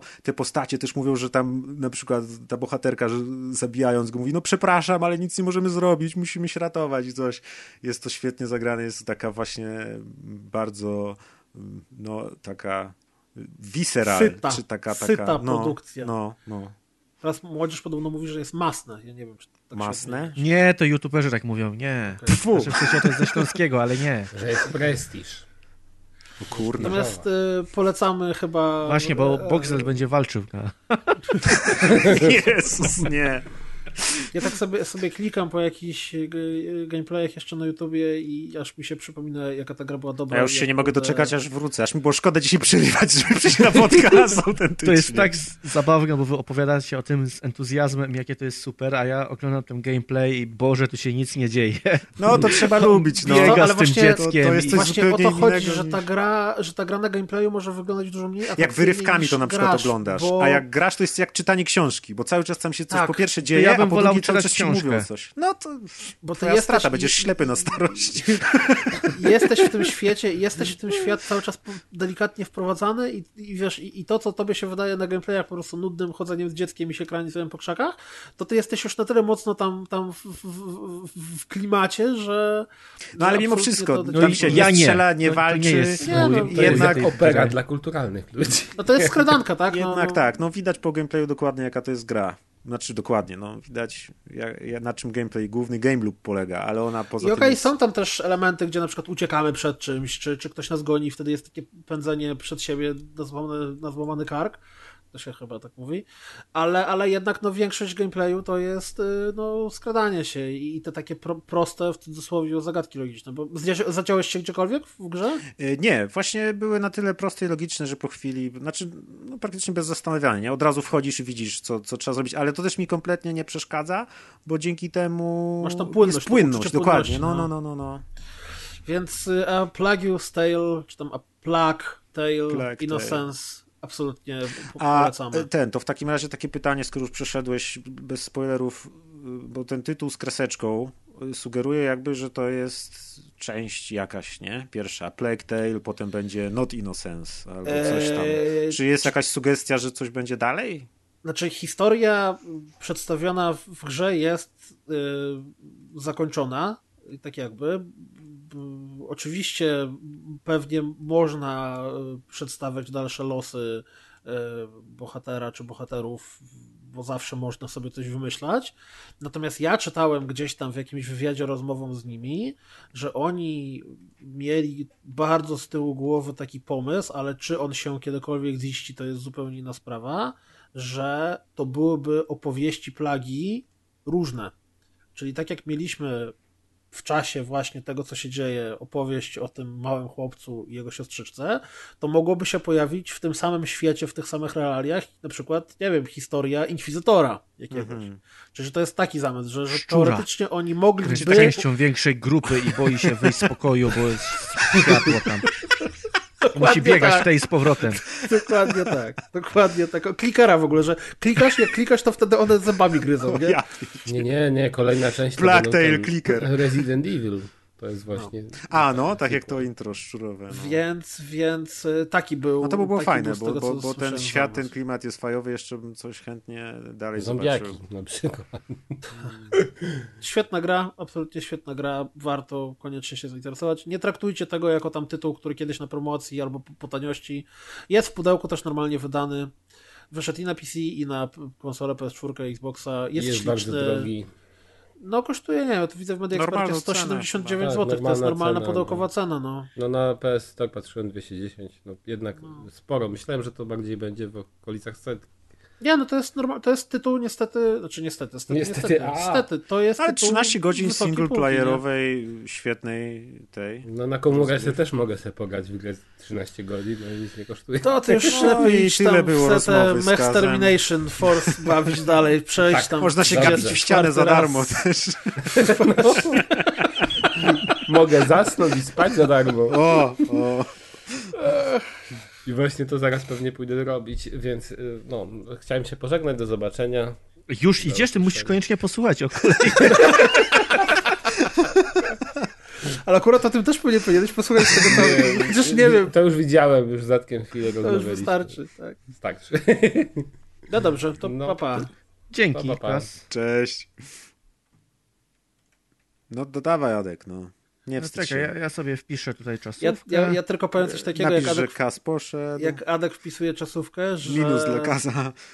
E, Adek powiedział dzisiaj mi, e, odnośnie tej gry, o której teraz będzie mówił, że to jest chyba pierwszy raz w życiu, kiedy nie wiem, czy zamierza, czy już to zrobił, kupić soundtrack z gry. Tak, ale o Wow. tym za chwilkę. Ja od razu na wstępie chciałem powiedzieć, że ja tą grą, czyli Akane, Akane, nie wiem jak się czyta i pewnie się nie dowiemy, to jest imię głównej bohaterki, a nie ma voice actingu, że ta gra mi się super mega podoba i ja się boję, że ja słowami nie przedstawię tego, jak fajna ona jest, bo mechanika, jak za chwilę usłyszycie, jest bardzo prosta, ale musicie uwierzyć na słowo, że zajebiście warto w to zagrać. Wow. Czekaj, zanim, zanim, na co to wyszło? Ty grałeś na Switchu. Ale Ja grałem wyszło... na Switchu, ta gra na pewno wyszła na Steama i to na Steama wyszła już w zeszłym roku i ma bardzo pozytywne recenzje, bardzo dużo ich ma. Na Steamie kosztuje 18 zł, na Switchu Okej. 5 dolarów, Można odżałować. więc, więc jak wam zostało z tego... e, Max Termination. Dokładnie. Albo, nie wiem, dostaliście na chipsy, cokolwiek, to warto Zamiast wydać... chleba warto kupić. Zamiast chleba to nie. Chleb jest Hola, hola. Chleb Ale zawsze zamiast wygrywa, takiego nie? lepszego kraftowego piwa możecie wziąć tę grę, bo jest tak dobra. Yy, Jest to arenowy shooter z widokiem z góry w pixel arcie w klimacie Neo, Mega, Tokio, Chyba Dobrze, Cyberpunk. Gaz poszedł jednak. Cyberpunkowy Hongkong, coś tam. E, Tokio, Tokio, Tokio. cyberpunkowy. I twórcy nazywają, że to jest arena arcade slasher, slasher. I bardzo ładnie gameplay opisuje zdanie, jakie wymawia główna bohaterka na początku każdego etapu. Czyli na początku mówi, że dzisiejszej nocy tutaj umrę, ale zabiorę jak najwięcej was, skurwysynie, ze mną. Hmm. Ponieważ jest to gra, której nie da się skończyć. Tak Prawdopodobnie. mówi Kuldan jak na siłkę idzie. Albo je obiad. Why not both? I prawdopodobnie nie da się jej skończyć, ale być może się da, ponieważ ja aż tak daleko nie zaszedłem. Jest to arenowa walka, to znaczy cały czas przybiegają nowi przeciwnicy i my mając do dyspozycji katanę i pistolet, musimy ich pozabijać. Co ciekawe, zarówno my, jak i przeciwnicy, oprócz bossów oczywiście, giną od jednego ciosu. Dodatkowo jest to, tak jak wspomniałem, one-stick shooter, to znaczy, że uderzamy w tym kierunku, w którym biegniemy. Więc jeżeli chcemy zabić przeciwnika, no to musimy biec w jego stronę i ciachnąć go naszą kataną. To jest takie Zastrzelić. Hotline Miami, tylko zamiast budynków jest jeden wielki plac. Tak, Hotline Miami jest super skojarzeniem i też troszkę przez muzykę, ale o tym za chwilę. E, mamy jeszcze dwie inne mechaniki. Mamy blokowanie i tym blokowaniem również możemy odbijać pociski przeciwników, Wow, które to faktycznie. zabijają e, przeciwników, więc można fajnie kombinować. Oraz mamy cios specjalny, który się ładuje w trakcie zabijania i polega on na tym, że możemy sobie wybrać, dobiec do dowolnego pola na, na planszy i nasza postać wróci do początku i zabije wszystkich, którzy stali w linii naszego ataku. Co, ja tu na zwiastunie jeszcze widzę, że w którymś momencie ona odpala jakąś taką super turbo ultra umiejętność specjalną, która E, polega na tym, że zabija wszystkie postacie na ekranie. działa to dokładnie tak samo, tylko trzeba załadować trzy paski i maszować przycisk A. I wtedy zabijemy wszystkich, których widać. E, Do tego są jeszcze tak jakby umiejętności, które zależne są od tego, co mamy ubrania, na przykład dash albo chwilowe szybkie bieganie. I to, to skąd mamy, znaczy te nasze umiejętności zależą od tego, co mamy ubrane, a to, co mamy ubrane, zależy od tego, jak dużo wyzwań zrobiliśmy w grze. Ponieważ giniemy bardzo szybko, to ta gra jest albo na 10 sekund, albo na maksymalnie 10 minut. I po śmierci zaczynamy od nowa. Gra ma tylko jedną planszę i zaczynamy zupełnie od zera. Więc cały czas powtarzamy dokładnie te same sekwencje. Oczywiście przeciwnicy przybiegają z losowych miejsc, więc nie da się nauczyć tego, skąd wychodzą. Eee, ten, eee, Jezu, mm, eee, Quake eee, arenowy. E, Devil Daggers. Właśnie Devil chciałem, Daggers. też mi się skojarzyło to, bo tak. byłem ciekawy, czy, czy to nie jest wkurzające, bo w Hotline Miami to jednak był jakiś progres i w końcu gdzieś szedłeś dalej. Sobie myślę, czy to jest wkurzające, że po prostu jesteś na jednej planszy i giniesz i grasz od nowa. Potem myślałem, hej, przecież grałem kilka godzin w Devil Daggers, więc Tak, a tu nie jest wkurzające, bo mamy te zadania. I te zadania polegają przykład na tym, żeby uzbierać kombo 50 zabitych przeciwników i z tym kombem dojść do bossa. Albo zestrzelić w trakcie jednej gry 50 przeciwników. I to są takie rzeczy, które sprawiają, że ty grasz w inny sposób niż poprzednio i cały czas dostajesz za to coś nowego. Co więcej, feeling strzelania jest taki, jakby się grało w ekranizację Johna Wicka. To jest o tyle ciekawe, że. Bo, bo jest ten one shot, one kill. Wie, akurat e, leciał A, no w telewizji tak. John Wick II. Zresztą Oglądaliśmy z zatkiem przez tak, internet. Rozmawialiśmy o tym w trakcie oglądania. Prawie stream. Nie, to, nie mówmy o tym. Nie, to prywatne sprawy. Ale tak, ta gra spokojnie mogła być Johnem Wickiem, tylko że mamy jeszcze katanę dodatkowo. I no, coś, lepiej. od czego zaczęła się moja miłość do tej gry, jak Piotrek podesłał mi trailer, no uznałem, a całkiem spoko muzyka. I jak się okazało w trakcie grania, muzyka jest genialna. E, muzykę zrobił człowiek imieniem Cybas, czyli jak to jest w jednym kawałku. Kumpel na Seby? Na bicie Cebas. Jak ktoś wie, z czego to jest i będzie na pikselu, to ma piwo ode mnie. Bez googlania oczywiście.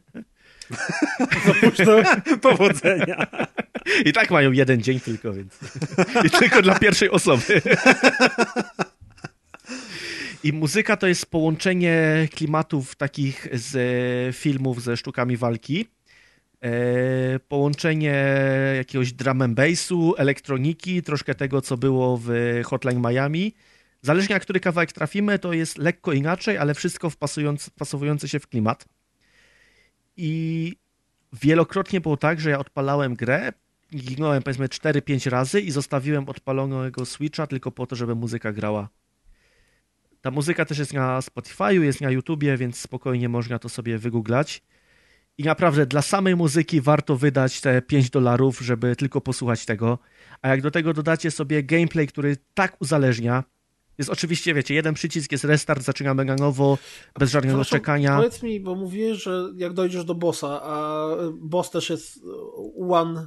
Y, Nie, bo bossowie są e, silniejszy, a czy właściwie to jest minus, bo to jest, z tego co widziałem, jest tylko jeden boss, który co 100 przeciwników się uaktywnia i on walczy w bardzo podobny sposób za każdym razem, go trzeba kilka razy uderzyć, a oprócz tego są tacy sub-bossowie, którzy albo jest na przykład tank, którego trzeba więcej razy uderzyć, ale on i tak zabija cię jednym ciosem, albo jest taki samuraj, który y, tak jakby namierza ciebie i leci w, w linii prostej w twoim kierunku.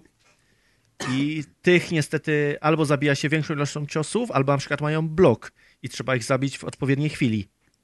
Albo tak jak ludzie, którzy do ciebie strzelają, możesz zdążyć podbiec do nich, ale zazwyczaj nie zdążysz i musisz odbić te pociski, które strzelają w ciebie. Co więcej, e, widać, że designerzy przy tej grze się dość ładnie postarali i było dużo testów. Albo są geniuszami i od razu to wyczaili.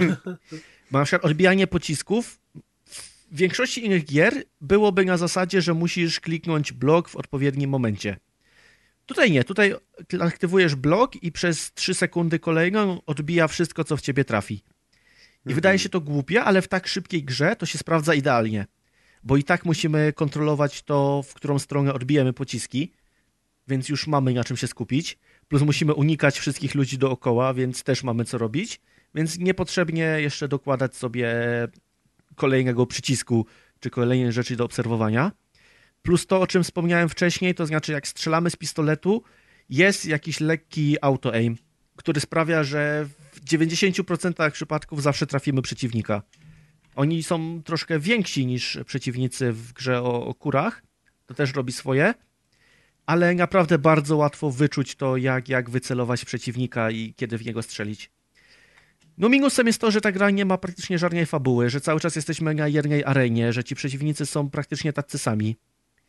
Widać, że próbowano coś zrobić z fabułą, bo tam jest cały wstępniak i tutorial, ale nie wiem, czy zabrakło czasu, czy chęci. Ja bym bardzo chętnie zobaczył jakiś tryb fabularny na 4-5 godzin.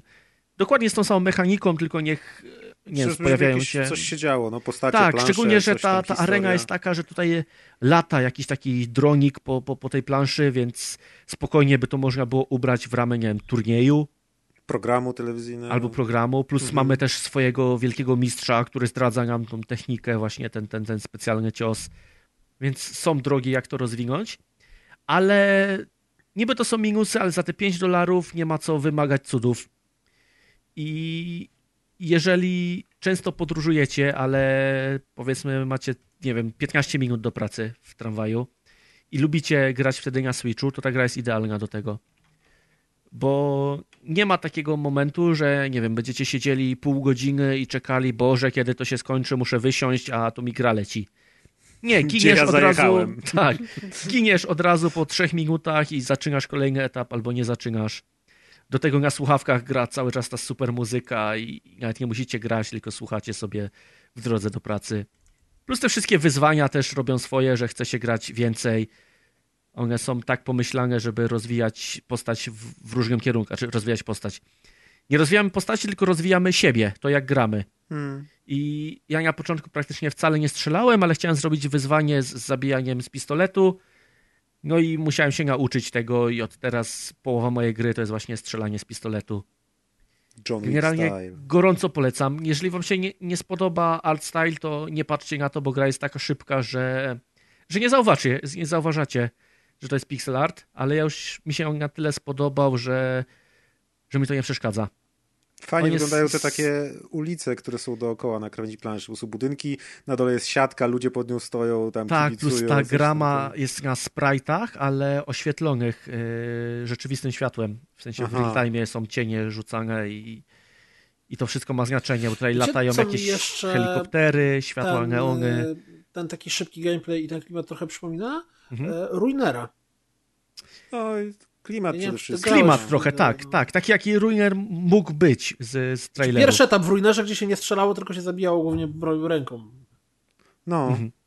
No tutaj gra jeszcze na podsumowaniu e, oczywiście rzuca nam, jaki mamy rekord zabójstw, więc cały czas chcemy go pobić. Rzuca nam, jakie mieliśmy combo, jak tam, jaką mieliśmy celność z naszej katany, więc cały czas jest co robić, mimo że, że, że wydaje się mało, to jednak fajnie jest pobijać kolejne rekordy. Ja aktualnie Jaki mam jest chyba, twój rekord? chyba 250 przeciwników i to trwało jakieś 8 minut. o Jezus, ci musiały palce boleć. Tak, tak, tak, to bolą palce i, i to jest 8 minut pełnego skupienia. O, to też ma wprawę. 8 minut, wow. Więc to nie jest gra taka, że wiecie, że sobie z kimś rozmawiacie w tle i, i gracie. Nie, tu musicie się skupić na tym, co, co dzieje się na ekranie. Daj to mnie mówić. I naprawdę z, z opisu to nie wydaje się aż tak ciekawe. Ale jak tylko w to się zagra, Czy ten gameplay pokazuje, że to jest super.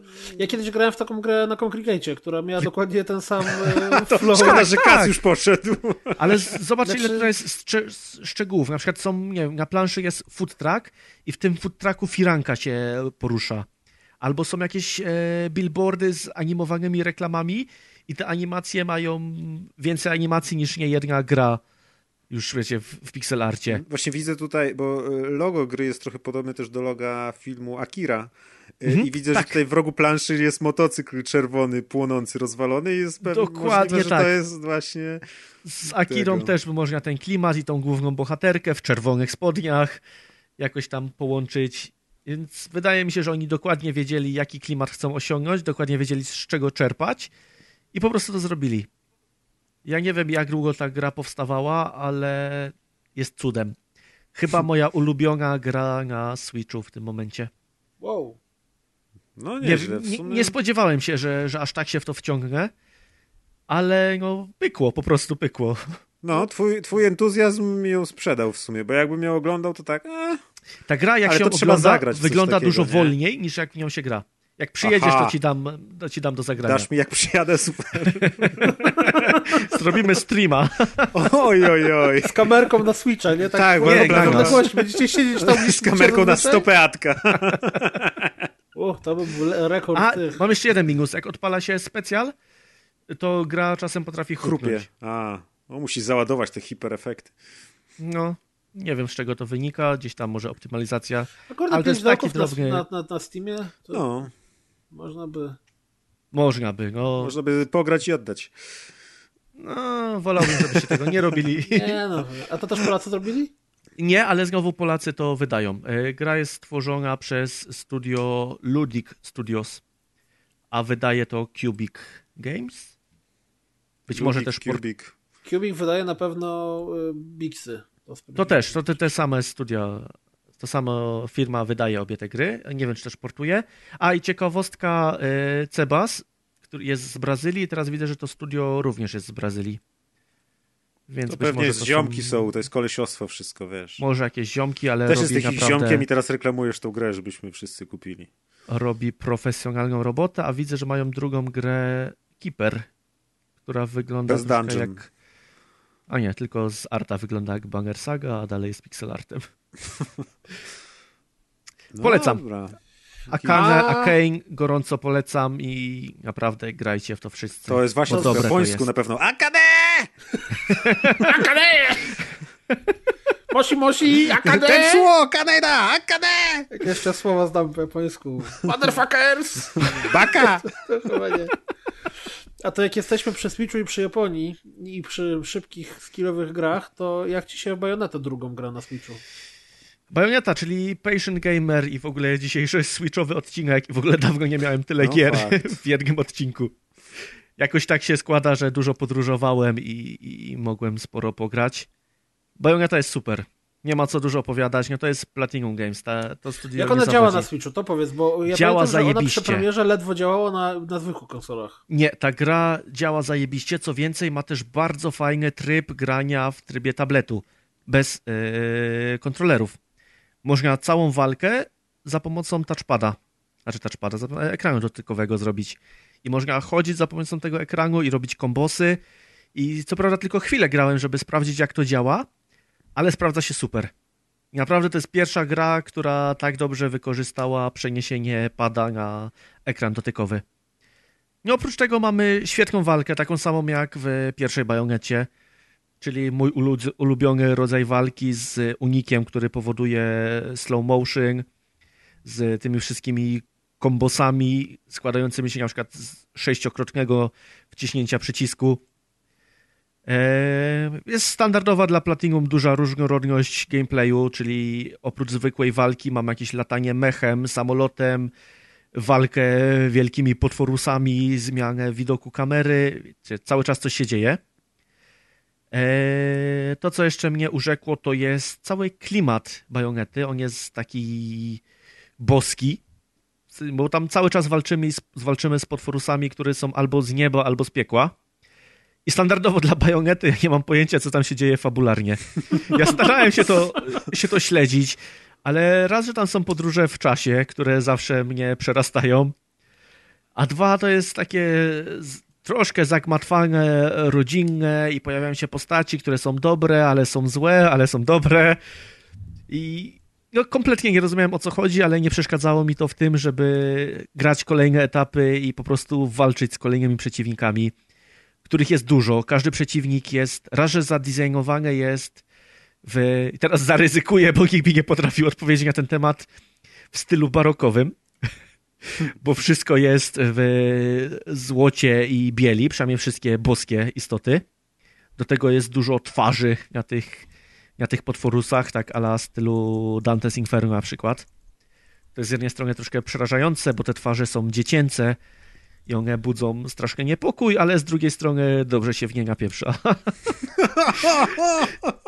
Dla każdego typu przeciwnika są tak zwane tortury.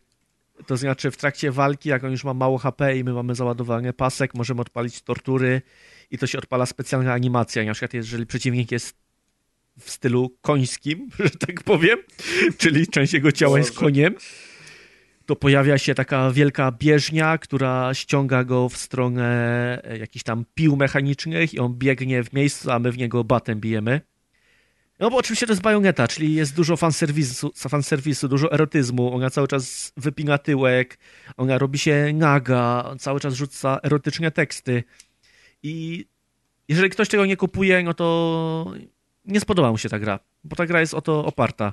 Spotkałem się z głosami na przykład naszego kolegi redakcyjnego Preza, czy też naszego streamowego kolegi, którego nie można wymawiać imienia. Ten, który nie będzie nazwany. Tak, że oni czują się źle grając to. Czują się jakby to były wymysły jakiegoś tam nastolatka. I ciężko się z tym nie zgodzić, ale jeżeli ktoś kupuje ten klimat, taką Japonię, no to nie ma powodu, żeby w Bajonetę nie zagrać. Chyba, że nie ma Switcha, no to, to jest jakiś tam powód. Ale oprócz tego, no, to jest idealna gra, idealna Bajoneta, idealna, idealny slasher. po, po, po Devil May Cry'u jakoś naszło mnie, żeby wrócić do tego gatunku i to był bardzo dobry kierunek, bo Bayonetta jest najlepszym przedstawicielem slasherów. Duży minus to jest cena tej gry, ale no to już wiadomo, że na Switchu gry są drogie i jak ja chciałem grę sobie kupić, to ona tam 200 zł kosztowała. Na szczęście udało mi się pobrać ją z torrentów. Nie no, pożyczyłem od Tomka, którego I pozdrawiam torenty, serdecznie. torenty na, na, na Switchu to był w ogóle, jakby udało ci się pobrać z torrentów gry na Switchu, to chyba byłbyś master był hacker w ogóle. klient na Switchu 3000. już, nie? Tak, Gotowy. tak, tak, ten mikrotorręczak tam się... Nie no, pożyczyłem od Tomka, którego serdecznie pozdrawiam i... No nie wiem, co jeszcze powiedzieć o tej grze. Jest naprawdę dobrą grą. Jeżeli zastanawialiście się, czy, czy warto zagrać w dwójkę, a graliście w jedynkę, to warto. Jeżeli lubicie slashery, no to warto. Jeżeli szukacie dobrze zoptymalizowanej gry pod, pod Switcha, to też warto. Y, Chrupała jedynie w momencie, jak Bayonetta ma taką umiejętność, że zmienia się w panterę i wtedy szybciej biega. No jak jasne. bardzo- Jak bardzo szybko się przemieszcza, no to wtedy troszkę chrupie. Ale oprócz tego wszystko jest płynnie i, i dobrze się gra i dobrze się da wyczuć timing. Faktycznie kontroluje się tą postać i można grać na pałę, a można grać tak, że rozumie się, co się robi i robi się uniki w odpowiednim momencie i wtedy to jest cudowne. I tyle z mojej strony. Polecam. Git. To jest potrzebna gra, w przeciwieństwie do kurczaków. Biedne te Ale zobacz, tak, kurczaki. tak mówisz o tych kurczakach, a w gruncie rzeczy to samo można było powiedzieć o Akane. Czym się, tym, czym się Akane różni od kurczaków, jeśli chodzi o sens istnienia tej gry? Gra do grania, taka i o. No ale nie było takiej Daj mi drugą Akane. grę tego typu. Znaczy- Z tak dobrym gameplayem. Kurczaki nie są złą grą, ale nie dodają nic od siebie. Mają ten swój motyw z, z tymi No przedmiotami, dodają z przedmiotami na, na odwrót. który średnio działa, ale oprócz tego w gameplayu to jest standardowy twin stick shooter. No ale Akane gr- też były takie gry, gdzie małeś jeden one shot, one No kill. to rzuć mi. Yy, No chociażby to w, to w Congregate grałem. Dokładnie taką, gdzie miałeś zamkniętą arenę, biegałeś samurajem i chlastałeś przeciwników mieczem i yy, miałeś ładować się specjalną umiejętność, która polegała na tym, że leciałeś slashem yy, od miejsca, w którym jesteś do miejsca, w które kliknąłeś, zabijając wszystkich po drodze. No tak, Jedyne- no to powiedzmy, że to jest jak port tej gry na, na Switcha. Dodaj mi drugą teraz. Nie no, myślę, że Daj mi teraz 17. Nie no, jest mało takich gier i ta gra naprawdę sprawia radość w tym wszystkim. Być może przez to, że bardziej mi podpasowało muzycznie i gatunkowo. no Dlatego nie, tak. nie mówię, że kurczaki są złą grą, Kaczki. bo no, Dzioby. jeden pies. Dziobaki. Dziobaki, bo ona w swoim gatunku Dziobate. jest zrobiona poprawnie, ale dla mnie to jest za mało. A Akane w swoim gatunku jest zrobiona ultra poprawnie i do tego ma ten swój klimat, ma swoją muzykę, że chce się w to grać. Znaczy ja tak z, te, z twoich opowieści, jeżeli miałbym sięgnąć po którą linii, to sięgnąłem po, po Akane, ale dlatego, że Akane brzmi jak coś, w co możesz wejść bez yy, jakiegoś Masła. dużego zaangażowania. Po prostu odpalasz grę i grasz. dziobaki też tylko- możesz. Też Tylko dziobaki od ciebie planszę. tylko widzisz, od odblokowujesz postaci, to tam jakieś przedmioty. Tak, no, zapomnisz jak działa żaba i już wtedy musisz znowu się Już męczyć. dupa, nie? Już, już nie ma żaby. A tu w A nie, w Akane... Masz tam sześć postaci bodajże i doskonale pamiętasz, plus one sygnalizują, co będą robić, więc od razu wiadomo, ja- jak to zadziała. No a Bayonetta to już w ogóle jest inna liga, no bo to jest AAA. Jeżeli, bo ostatnio bodajże Grzesiu rzucił na nasz fanpage takie pytanie, e, od jakiego studia, jeżeli by- mielibyście grać w gry tylko jednego studia, jakie by to było studio, to u mnie to jest Platinum. O mnie Ubisoft. Ja nie wiem. Maciek w Torrenta. O Maczka War, Electronic Wargaming. Arts. Wargaming. Electronic, albo... Nie, już tak dawno w czołgi nie grałem. Grałeś w czołgi? Nie. Do The Division muszę wrócić, bo teraz już chyba wyjdzie ten patch, co wprowadza ośmioosobowy mega raid. Ale wiesz, że nie ma matchmakingu i musisz ze znajomymi grać? Jak nie ma? Nie ma? Nie ma. A to lipa, bo matchmaking akurat w The Division świetnie działał i bardzo szybko wyszukiwał osoby i tak sprawnie, a tu no to lipa trochę. Skąd ja znajdę 7 osób chętnych do grania w The Division? Uwaga, uwaga, y, przystojny mężczyzna szuka. Siedmiu kobiet. Sześciu, bo ja też chciałem pograć. grają w Spadaj, znajdź sobie swoje. Jeżeli w, dziobaki chcą 16 zagrać, kobiet. W dziobaki. W dziobaki do Atka, w The Division do mnie. E, dobrze, to teraz kulturka. Nie wiem, Ale czy dawno panowie- nie było kultury na rozgrywce. No. ostatnio była. Tak? Była, Tak, ale tylko taka była nie, nie zanotowana. przypadkiem. Taka po cichu była. Taka Adek, Adek ją Po wjebał w cichu się newsy. nie liczy kultura. Ja ją dałem w newsy, więc ktoś ją wyjebał z rozpiski. Cudownie. To pres na pewno. Przyszedł zrobić porządek. W każdym razie kulturka. Y, Jak dobrze wiecie, od dłuższego czasu ja cierpię na brak y, kina sensacyjnego. To jest chyba najlepsze określenie. Brakuje mi zarówno w serialach, w filmach, w czymkolwiek y, tego, co lat kilka temu było super na porządku dziennym i było super popularne, dlatego z taką wielką ochotą rzuciłem się na przykład na e, tego, nie Toma Clancy'ego, tylko Jacka Ryana na Amazonie. Czy, czy na wszelkiej maści, nawet starsze filmy, które zabijają swoim poziomem, jakie tam, kurde, Olimp w ogniu, czy inny Oj, oj, oj. Waszyngton w ogniu, czy cokolwiek. Po prostu naprawdę brakuje mi takiego e, ciekawszego kina sensacyjnego i okazało się, że udało mi się trafić na e, w pewnym sensie e, właśnie Substytut. taki e, polityczny, o sensacyjny thriller w formie komiksu. A mówię konkretnie o komiksie, który nazywa się Ghost Money.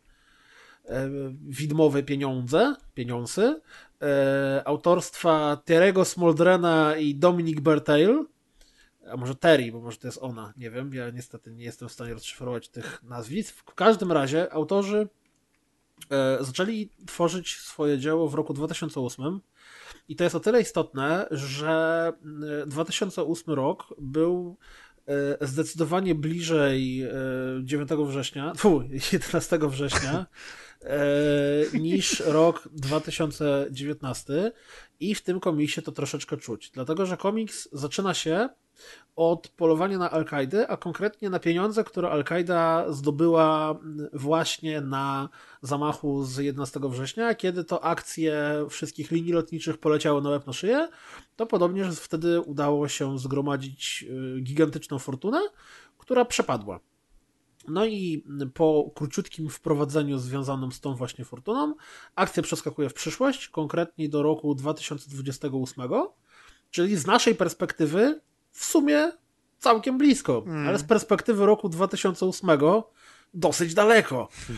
I to trochę czuć, dlatego że yy, na przykład na porządku dziennym w tym, w tym świecie są loty przez stratosferę. Na zasadzie wsiadamy sobie do samolotu i za kurde godzinę jesteśmy w Dubaju, dlatego że lecieliśmy. Jest no tego coraz bliżej, ale jednak nie jest 11 to lat. jeszcze. No, no właśnie, No, właśnie, a właśnie. przecież wrzucili dzisiaj informację o lataniu na Księżyc. Na księżyc, bazę będziemy na księżycu budować, tak. Ostatnio Y- oglądaliśmy na żywo przecież lot w kosmos. No. O, Nawet ciekawe, co tam teraz na. YouTubie. Latają w Kontynuuj, kosmos. kontynuuj. No i y, y, te ten komiks był tworzony od 2008 roku do bodajże 2015. Wydawał się w tomach, y, a Nonstop Comics wydało w Polsce go jako jeden, jeden tak zwany hardcover w twardej oprawie, jak sama nazwa wskazuje, ogromny, bo ma ponad 300 stron formatu A4, więc jest to całkiem konkretna y, dawka komiksu i wsiąkłem w to natychmiastowo.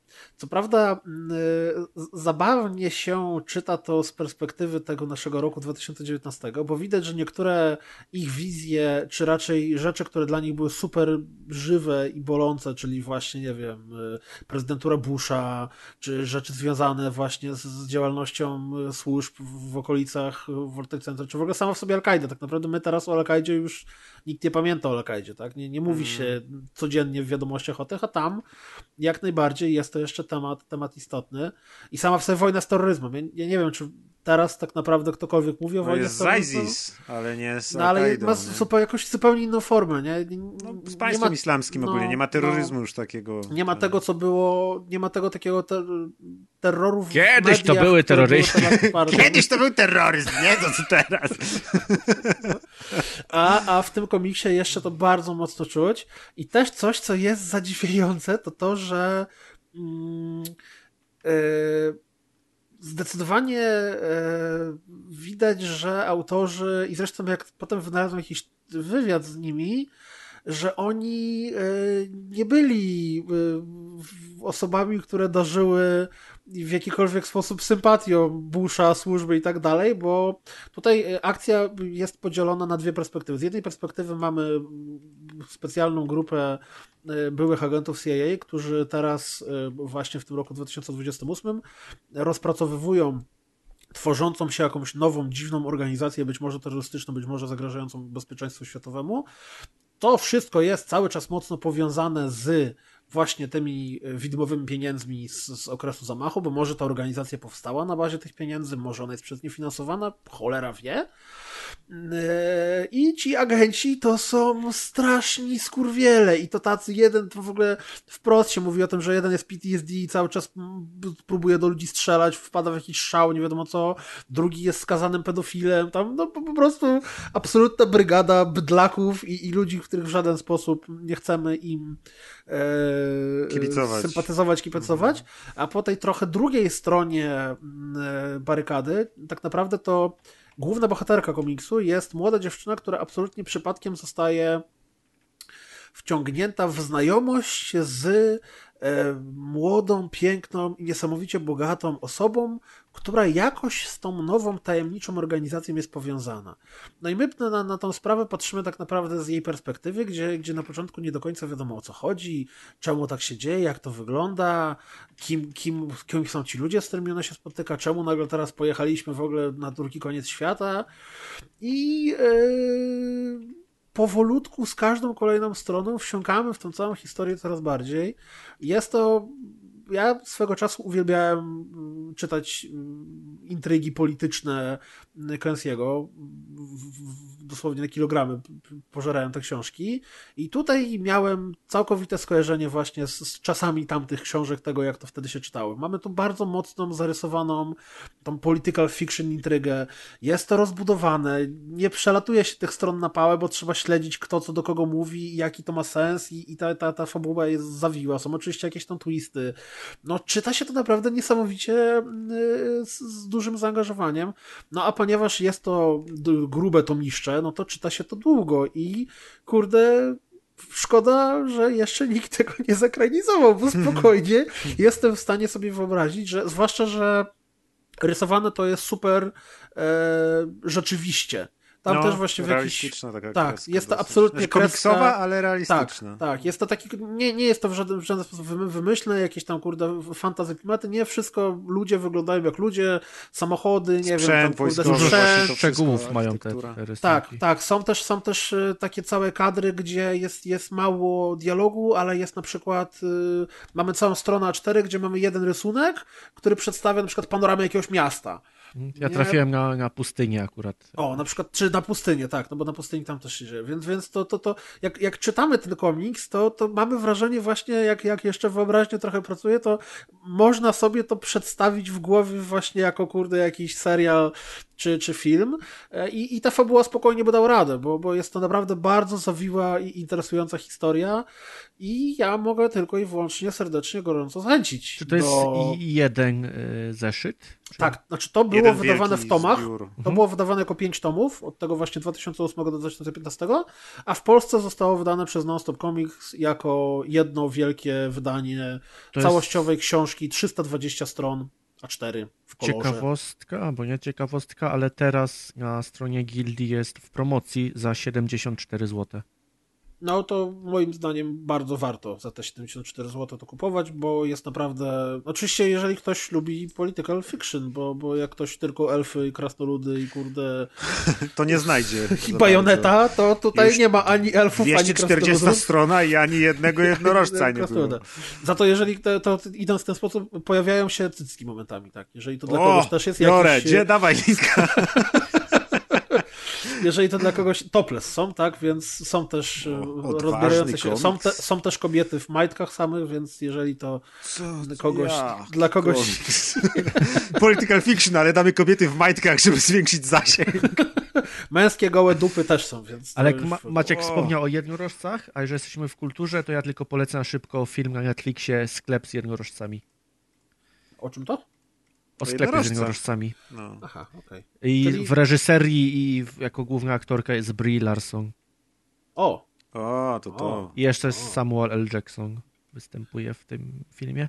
E, Bardzo taki przyjemny, że tak to nazwę, do oglądania film. Em, Rodzinny trochę. O marzeniach, o dążeniu do spełnienia siebie i robieniu w życiu tego, czego się chce samemu, a nie tego, czego oczekuje społeczeństwo. Lepszy niż Diabeł i Kowal? O! A wiesz, że ostatnio patrzyłem na Netflixie i mi podsunął Diabła i Kowala? Coś to musi Oglądałeś? Być. Nie, z tobą oglądałem, najlepsze sceny. Diabeł i Kowal polecamy. No. Czyli A- polecacie Diabło i Kowal, polecacie Sklep z jednorożcami, a ja polecam Ghost Money. E, autorów teraz nie będę czytał, bo to już zbyt A skomplikowane. to a propos filmów i y, naszej dzisiaj y, tej gry y, Plague Tale Innocence, to y, jest bardzo fajny film o czarnej śmierci, który się nazywa Czarna Śmierć, Black Death z 2010 roku, gdzie gra y, Sean Bean między innymi, czyli Boromir. I tak, to jest kolejny film, w którym Sean Bean umiera na koniec, więc żaden spoiler, ale jest bardzo fajny, bo jest taki y, właśnie, y, on wygląda na takie B-klasowe kino, trochę prawie, że straight to DVD, y, ale jest naprawdę fajny, y, taki lekko kameralny, dosyć całkiem realistyczny, taki trochę horrorowaty, trochę dramatyczny. Więc to całkiem fajne. A jeszcze miałem też zapomniałem a propos ciekawostek y, z Wikipedii o czarnej śmierci. y, Cytuję. Szacuje się, że zaraza spowodowała śmierć 30 do 60% ludności ówczesnej Europy. W wymiarze ogólnoświatowym populacja została zredukowana z 450 milionów do 350 około i potrzebowała aż 150 lat, żeby wrócić do stanu liczebnego sprzed pandemii. Więc kurna, nieźle się pochorowali. Ja bym kiedyś. prosił, żebyś powtórzył liczbę dla wszystkich antyszczepionkowców. 30 do 60% ludności ówczesnej Europy. 450 Wyobraźcie sobie, że w waszym 350. mieście nie ma prawie połowy, połowy ludzi. ludzi. To jak Endgame. No, Jeszcze no, coś no. mogę polecić z Netflixa. E, Serial Afterlife. W reżyserii i chyba scenariuszu też, a na pewno jako główny aktor Rick Gervais, A, czyli stand-uper i też scenarzysta chyba The Office Tak, no, ja właśnie oglądam The Office, jest wspaniałe, polecam. Jest to serial o tym, jak facetowi umiera żona i on chce się zabić, ale zostawia mu ona nagranie, jak ma żyć. W takim stylu to nagranie jest, że bądź miły dla ludzi, nie zabij się, karm naszego psa i tak dalej. I to jest krótki, sześcioodcinkowy Ktoś serial. zabija mu psa i wtedy on bierze broń. Tak, tak, tak, tak. Nie, jest e, bardzo smutny, ale też zabawny miejscami. I polecam. To jest standardowy. Jak oglądaliście z jakiś stand-up e, Rika, no to też Ten tego styl. Hmm. samego możecie się spodziewać po, po serialu. Ja co prawda w drugą stronę najpierw obejrzałem serial, a później obejrzałem stand-up, ale jest dokładnie to samo uczucie. w sumie skojarzyło mi się a propos antyszczepionkowców, że w Days Gone to nie są zombiaki, tylko ludzie, którzy zarazie jakieś ulegli, nie? To Tak, po polsku świry. oni nie powinni się nazywać świry jak freakersy, tylko powinni ich nazwać po prostu antyszczepionkowcy. To była fajna grania. Dobre. Uważaj, horda antyszczepionkowców! Dobre. O nie, to płaskoziemcy. Oni by się łączyli w Megazorda wtedy. Ale płaskiego i wypełzali.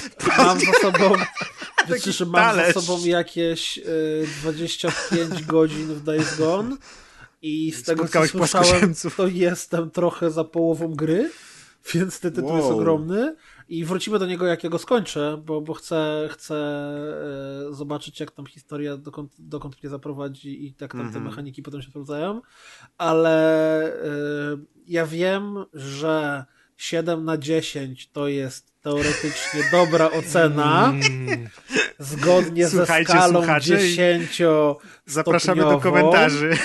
Ale jeżeli patrzymy na średnią ocen jako takich, to ta gra zasługuje na lepsze oceny w porównaniu z innymi open worldami. Tak naprawdę jedyne, co tam faktycznie kuleje i okej, może to jest, może na przykład w drugiej połowie gry w ogóle to leci na łeb na szyję, to są problemy techniczne, które ona ma.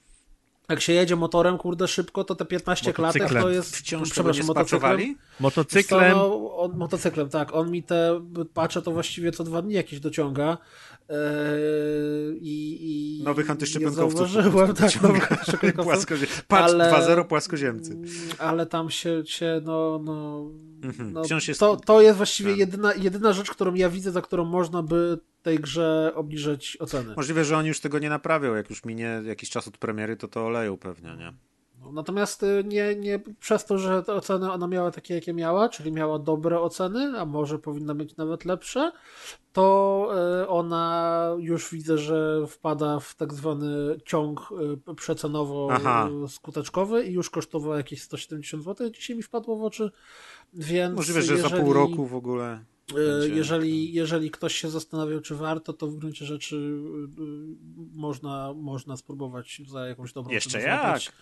A jak ktoś open world lubi, to uff, to już w ogóle. A na przykład Adkowi może, żeby ta gra się podobała. Gdyby nie yy, mnie się podoba, ja już jestem zachęcony do tej gry, tylko potrzebuję czasu. Tak, ale tak. No to jest, już... no, kurde, 40-50 godzin, to jest, to trochę rozwala. Miłosz mnie zachęcił, którego również pozdrawiam i ja bym chętnie zagrał, nie Czesław. Ja też, bym, też, bym, też bym bardzo chętnie zagrał, ale jak ja mam jeszcze The Last of Us do ogrania, albo jakieś tam... A, ale wiesz jak jest The Last of Us. Enslaved. No. Graliśmy. Albo coś. Ty nie grałeś w Enslaved nigdy? Grałem w demo chyba kiedyś. Ja chcę, ono nie wyszło chcę, na PC? Chcę pograć. Wyszło. Po jakimś Czemu czasie. nie grałeś? No nie wiem czemu nie grałem, a czemu jeszcze nie grałem w To The Moon, nie skończyłem Layersów. Nie, nie grałeś w skończyłem... TTM-a? Jak przyjedziesz, to gramy. Siadasz 7, tu na 4 godziny i grasz. The Evil Within chciałem zagrać no, trochę, no tak, kurde. Masz rację, no. masz rację. A w ogóle mnie dzisiaj dobili wiadomością, że na koniec maja wychodzi dodatek standalone do Spellforce, który był tak świetną grą. Ten tak Spellforce był czasu. super, czemu ja w nią nie grałem? Nie wiem, to jest ogromny nie RPG, miałem który ma czasu. jakieś 80 godzin, więc... nie A, wiem, to jest to, co ja też grałem trochę, o, to, To było, super. I teraz dodatek standalone wychodzi i kurde, ja tu mam rozpisaną listę premier co do godziny wyliczone, kiedy w co będę grał, a ci mi to wciskają, kurde, RPG dużego. Więc... I mówią, przyszedł mail, panie Kuldanie, nie będzie pan spał jednak w najbliższym czy dwóch miesiącach, bo mamy Spellforce dla Z pana. pięciu godzin na trzy teraz. Słyszeliśmy, że ma pan 7 godzin na spanie, albo 5, więc będzie pan miał 3 teraz tylko. Dobrze, no to co? Na Pixel Heaven kupujcie chłopakom alkohol, za mną możecie przybijać piąteczki, robić zdjęcia i pogadać, a teraz pozdrowionka jedziemy. Okej, to ja zaczynam. Jedziemy. Pierwsze są, była rozmowa o, o Crunchu, była o Fausynku, za co dziękujemy. Yy, Jacobs? Nescafe. Pozdrawiam całą ekipę rozgrywki, PS Cooldown w podcaście ZVZ, odcinek 132, 47, 10.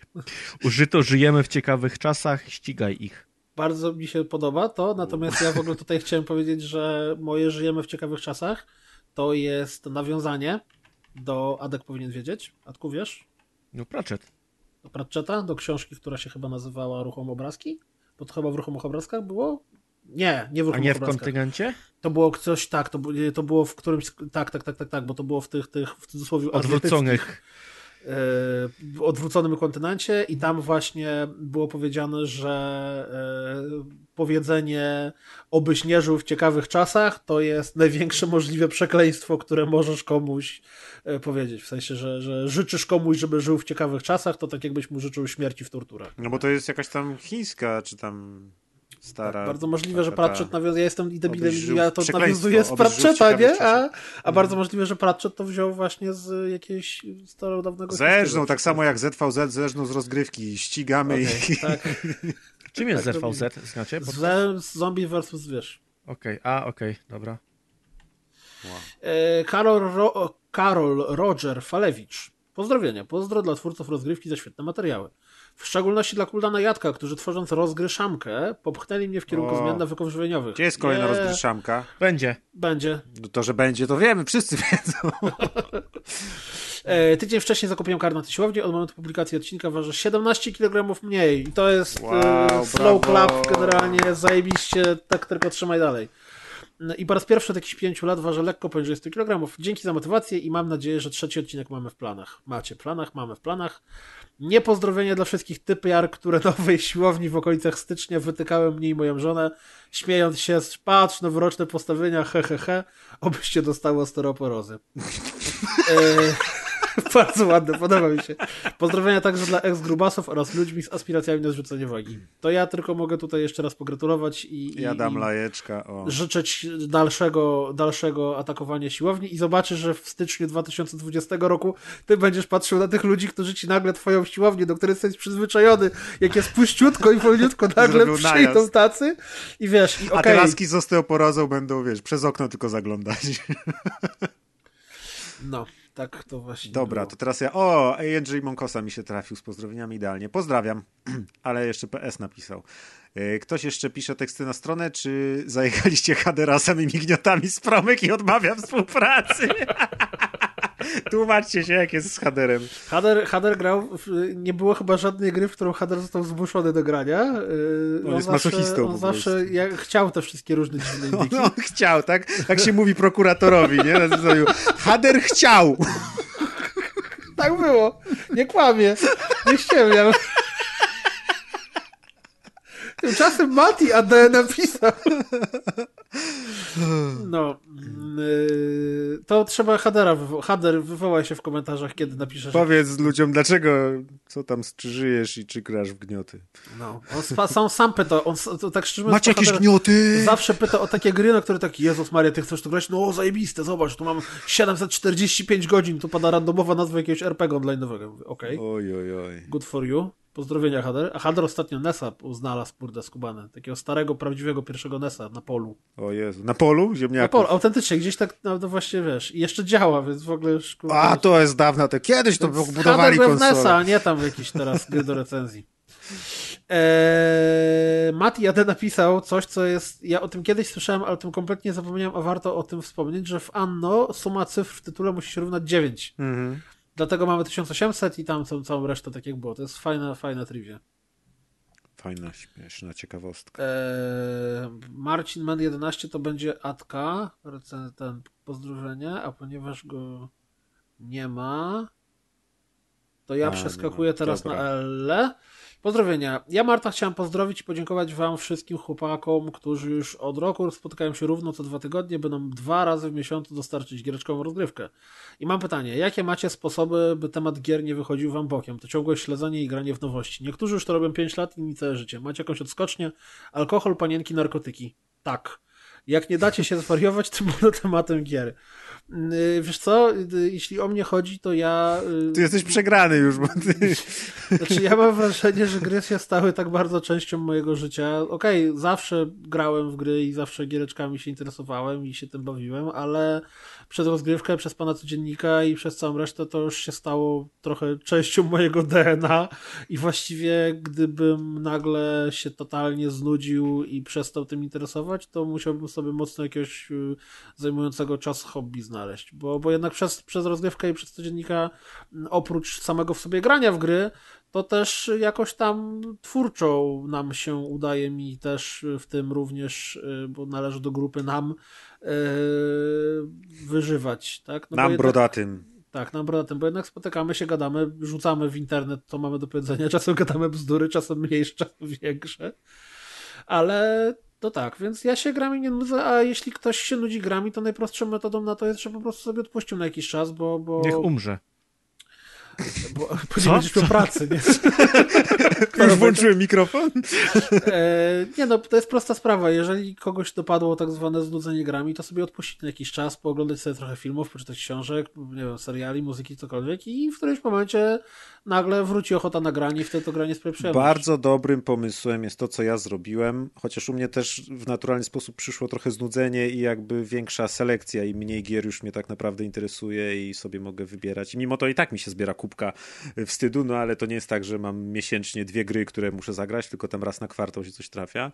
E, Ale tu, żeby właśnie nie wychodziło bokiem granie i to ciągłe śledzenie i granie w nowości, to właśnie z tego polecam zrezygnować, nawet na próbę. Ja na przykład, mimo że grupę rozgrywki kocham całym serduszkiem i tam wspaniałe mam wspomnienia i tak dalej, to jednak było właśnie tego tak dużo i tyle było tego przesytu i śledzenia, że odkąd z niej wyszedłem i teraz jestem tam na, na dwóch czy trzech grupach, na których się prawie nic nie dzieje, jest jeden post na trzy dni, to, to to bardzo dużo daje. I zniknął całkowicie ten przesyt i teraz jak tylko sobie tam czytam, praktycznie tylko czytam codziennik i na Facebooku właśnie są te grupy, gdzie się niewiele dzieje, to jest naprawdę lepiej dla mnie. I zniknęło mi właśnie to całe takie znudzenie i teraz tylko sobie wynajduję jakieś tam niektóre gierki, w nie gram, a poza tym no nie wiem, no w takim razie właśnie też znaleźć jakieś tam inne rzeczy, inne hobby, żeby sobie trochę zająć głowę, ale nic się nie stanie, jak się człowiek trochę yy, właśnie odetnie od tego strumienia informacji codziennego, że na Twitterze masz co 5 minut jakąś informację o grach i wszędzie gry i otwierasz lodówkę i są gry i już masz dosyć tych gier.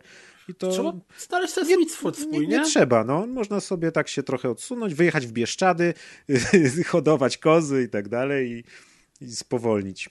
I wtedy jest życie poza takim strumieniem świadomości growej. Nie traktować tego jako obowiązek że no. muszę tak, coś tak, zagrać. Tak, to jest najgorsze. Albo że coś jest nowego. Nie? nie? trzeba nic wgrać. No, ja, ja muszę, mam Enslave przed sobą. Nie wiem, w ogóle są, ta gra ma są takie fajne, fajne dwie zupełnie niewykluczające się, mimo że będące po absolutnie przeciwnych stronach barykady podejście do grania i obie są równie zajebiste. To znaczy, jeżeli gra się w coś na premierę, to wtedy można przeżywać tą wspólną nie wiem... Premierę hype'ową, znaczy, pierwszą falę taką. No. Tą pierwszą falę tego bycia tymi, tymi ludźmi, którzy grają w graną grę i nagle po prostu wszędzie się o niej mówi, są dyskusje i przeżywania i memy i śmieszki i tak dalej i to jest super, mhm. ale z drugiej strony dokładnie tak samo super jest granie w coś, nie wiem, dwa lata po premierze, kiedy właściwie wszystko już zostało powiedziane e, i ty na spokojnie możesz sobie wydłubać jakieś interesujące wątki, albo trafić na jakieś postmortem, albo jak może, rozmawiasz o tej grze, to możesz otwarcie napierdzielać spoilerami i nic się na ciebie nie...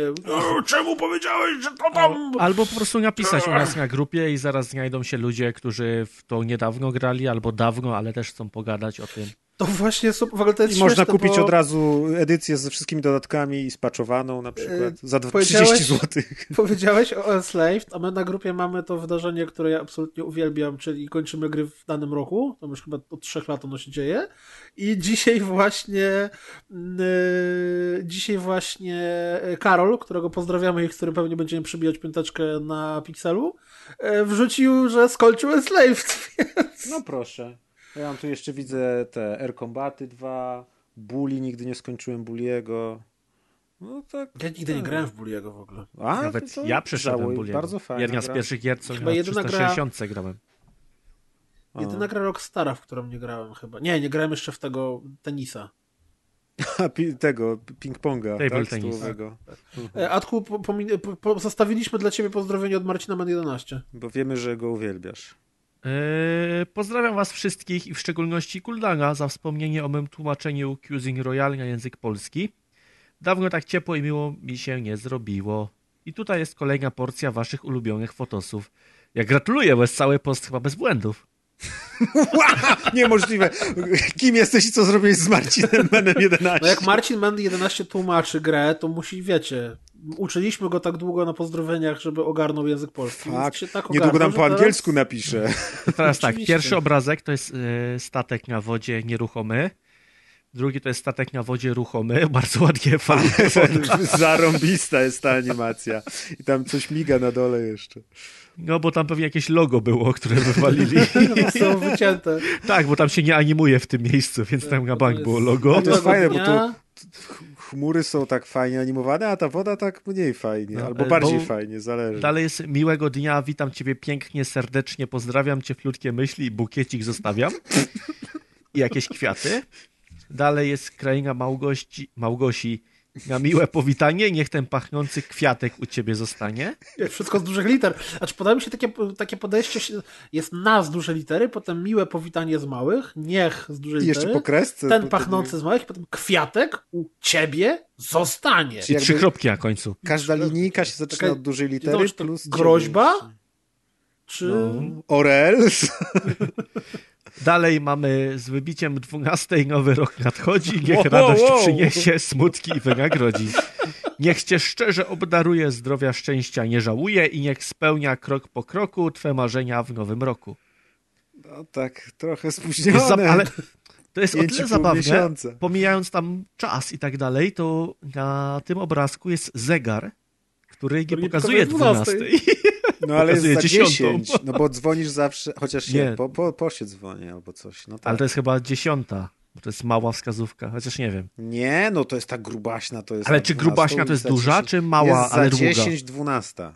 Chyba tak, też, też obstałem, że jest 10-12. Okej. Tylko, że Dalej. dla, dla tutaj ty, to zauważyłeś zegar, na przykład mi się z Sylwestrem bardziej kojarzą, nie wiem, szampan, fajerwerki, a nie bombki, szyszki. Ale szyszki sportowcy nie piją. A, No to fajerwerki. Serdecznie nie witam palą i pozdrawiam. Kwiaty na wodzie. Róże.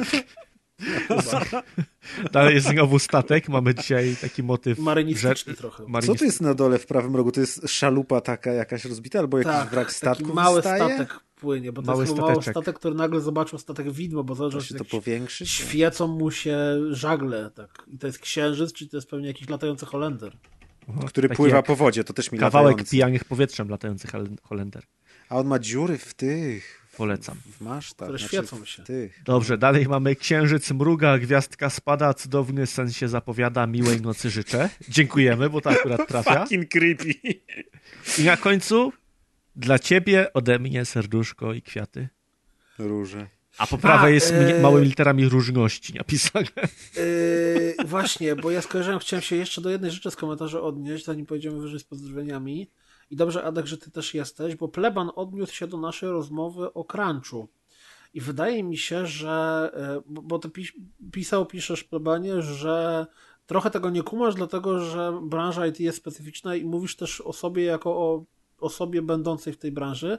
I teraz moje pytanie brzmi, czy ty mówisz o branży IT szeroko rozumianej, czy mówisz stricte o giereczkach? Bo jak ja słucham, mam w gronie znajomych osoby, które pracują w giereczkach i pracują w IT, nie wiem, robiąc programy do banku, czy, czy robiąc, kurde, jakieś oprogramowanie publiczne, czy robiąc tysiące innych rzeczy, gdzie pracuje się w branży IT, e, to, że różnica pomiędzy robieniem w giereczkach, a robieniem w IT jest gigantyczna. Jeśli chodzi właśnie o crunch, o, o e, Przede wszystkim jak... jest taka, że to, co napisał Pleban w IT, jeżeli ci się nie podoba praca, to ją zmieniasz. I to większość moich znajomych, wiadomo, dowód anegdotyczny, więc się nie liczy, odpadam z gry, ale większość moich znajomych pracujących w IT, nie w giereczkowie, ma dokładnie takie podejście. Nie podoba mi się w danej firmie, jest coś nie tak, to ją zmieniam. Ale w game devie większość moich znajomych nie podchodzi w ten sposób. Nie podoba mi się jest- praca, siedzę dalej. Bardziej jest na zasadzie, że tak, że cierpię i robię to, co, co robiłem cały czas. Plus Ale wiadomo, chcę że, projekt do końca doprowadzić. że jest różnica pomiędzy indykami, którzy faktycznie robią sporo rzeczy z pasji, albo jak nie dostarczą produktu, to nie będzie wypłaty, bo nie wypuszczą gry i nie będzie sprzedaży. A w AAA-ach tam akurat nie mam aż tylu znajomych, ale z tego co czytam też jest na tyle takie poczucie obowiązku, że ci ludzie nie chcą odchodzić, chcą robić te gry. Plus troszkę żeruje się na ludziach, którzy okej, to ty odchodź, a my teraz na twoje miejsce mamy trzech pasjonatów. Bo robisz przy giereczkach, może Każdy to by od chciał dziecka, robić grałeś w gry od Wiedźmina, dziecka, tak. nie? No. I idziesz do innej firmy i tam masz dokładnie to samo. Znowu. Więc wydaje mi się, że, że chyba nie do końca można porównywać IT sensu stricte programistykę, nie wiem, kurde, która jest, ma milion różnych zastosowań. Bizdev tak zwany, nie pomylić Tak. z Bizdevem. Muszę podkręcić głośność, bo coś... A, a giereczki, że jednak i strzelam pleban, że ty pracujesz właśnie w IT, a nie przy giereczkach. Pleban Adek 1-0. Plus też jeszcze się odniosę do tego, nie podoba ci się to zmień pracę, to nie jest na tyle prosty problem do rozwiązania. To jest jednak dużo bardziej skomplikowane. To jest tak jakby podejść na przykład do... Teraz będzie bardzo hardkorowy przykład na przykład ofiar przemocy domowej i powiedzieć, nie podoba ci się, to się rozwiedź z nim. No jesteśmy już na tyle dorośli i żyjemy już w takich Że czasach, tak że działa. wiemy, że to tak nie działa. I tyle. Mm. No, ładnie, trafne. Tu nie ma pozdrowień, ale Łazap87 napisał mistrzowski montaż wstępu do podcastu, dzięki któremu od razu, gdy zaczyna się słuchać rozgrywki, ma się banana na twarzy. Wielkie dzięki za tą pozytywną dawkę energii. Yy, Wazap, dostałeś lajeczka tu ode mnie, ale w tym odcinku wydaje mi się, że czekacie drobny zawód, jeśli chodzi o montaż, bo teraz naszym priorytetem była prędkość, a nie jakość, więc tak. Tutaj naszym priorytetem było to, żeby, żeby. Żeby, tak jak Marta pisze, co dwa tygodnie dostarczać wam y, kolejną porcję rozgrywkowych do Tak. G-Passów. Aż to już rok trzymamy regularność? Nawet chyba czy- dłużej, wiesz, czy wydaje mi dłużej? się w ogóle. Jest, Strzelę, że chyba dłużej. masakra. Mimo, mimo chęci podkopywania regularności, którą niektórzy tutaj nieobecni No aktualnie czy, na czy nagraniu piątek, wykazują. czy sobota, co za różnica tam. Tak, Maciek specjalnie zmontuj później, żeby cooldown się zesrał, że nie będzie w piątek odcinka.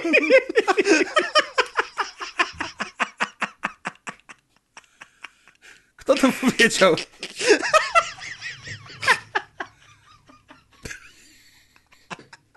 To był prawo cytatu właściwie.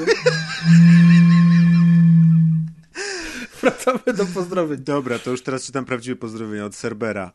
Pozdrawiam najlepszy team od PUBG, Insurgency i Wildlandsów, czyli Pluszowego, Ranaxa i Hadera, dzięki O, którym... już widzicie, Hader grał w Wildlandsie i w Dzięki którym Insurgency. każda porażka smakuje jak zwycięstwo. PS, GKN Zab, y, żadzi.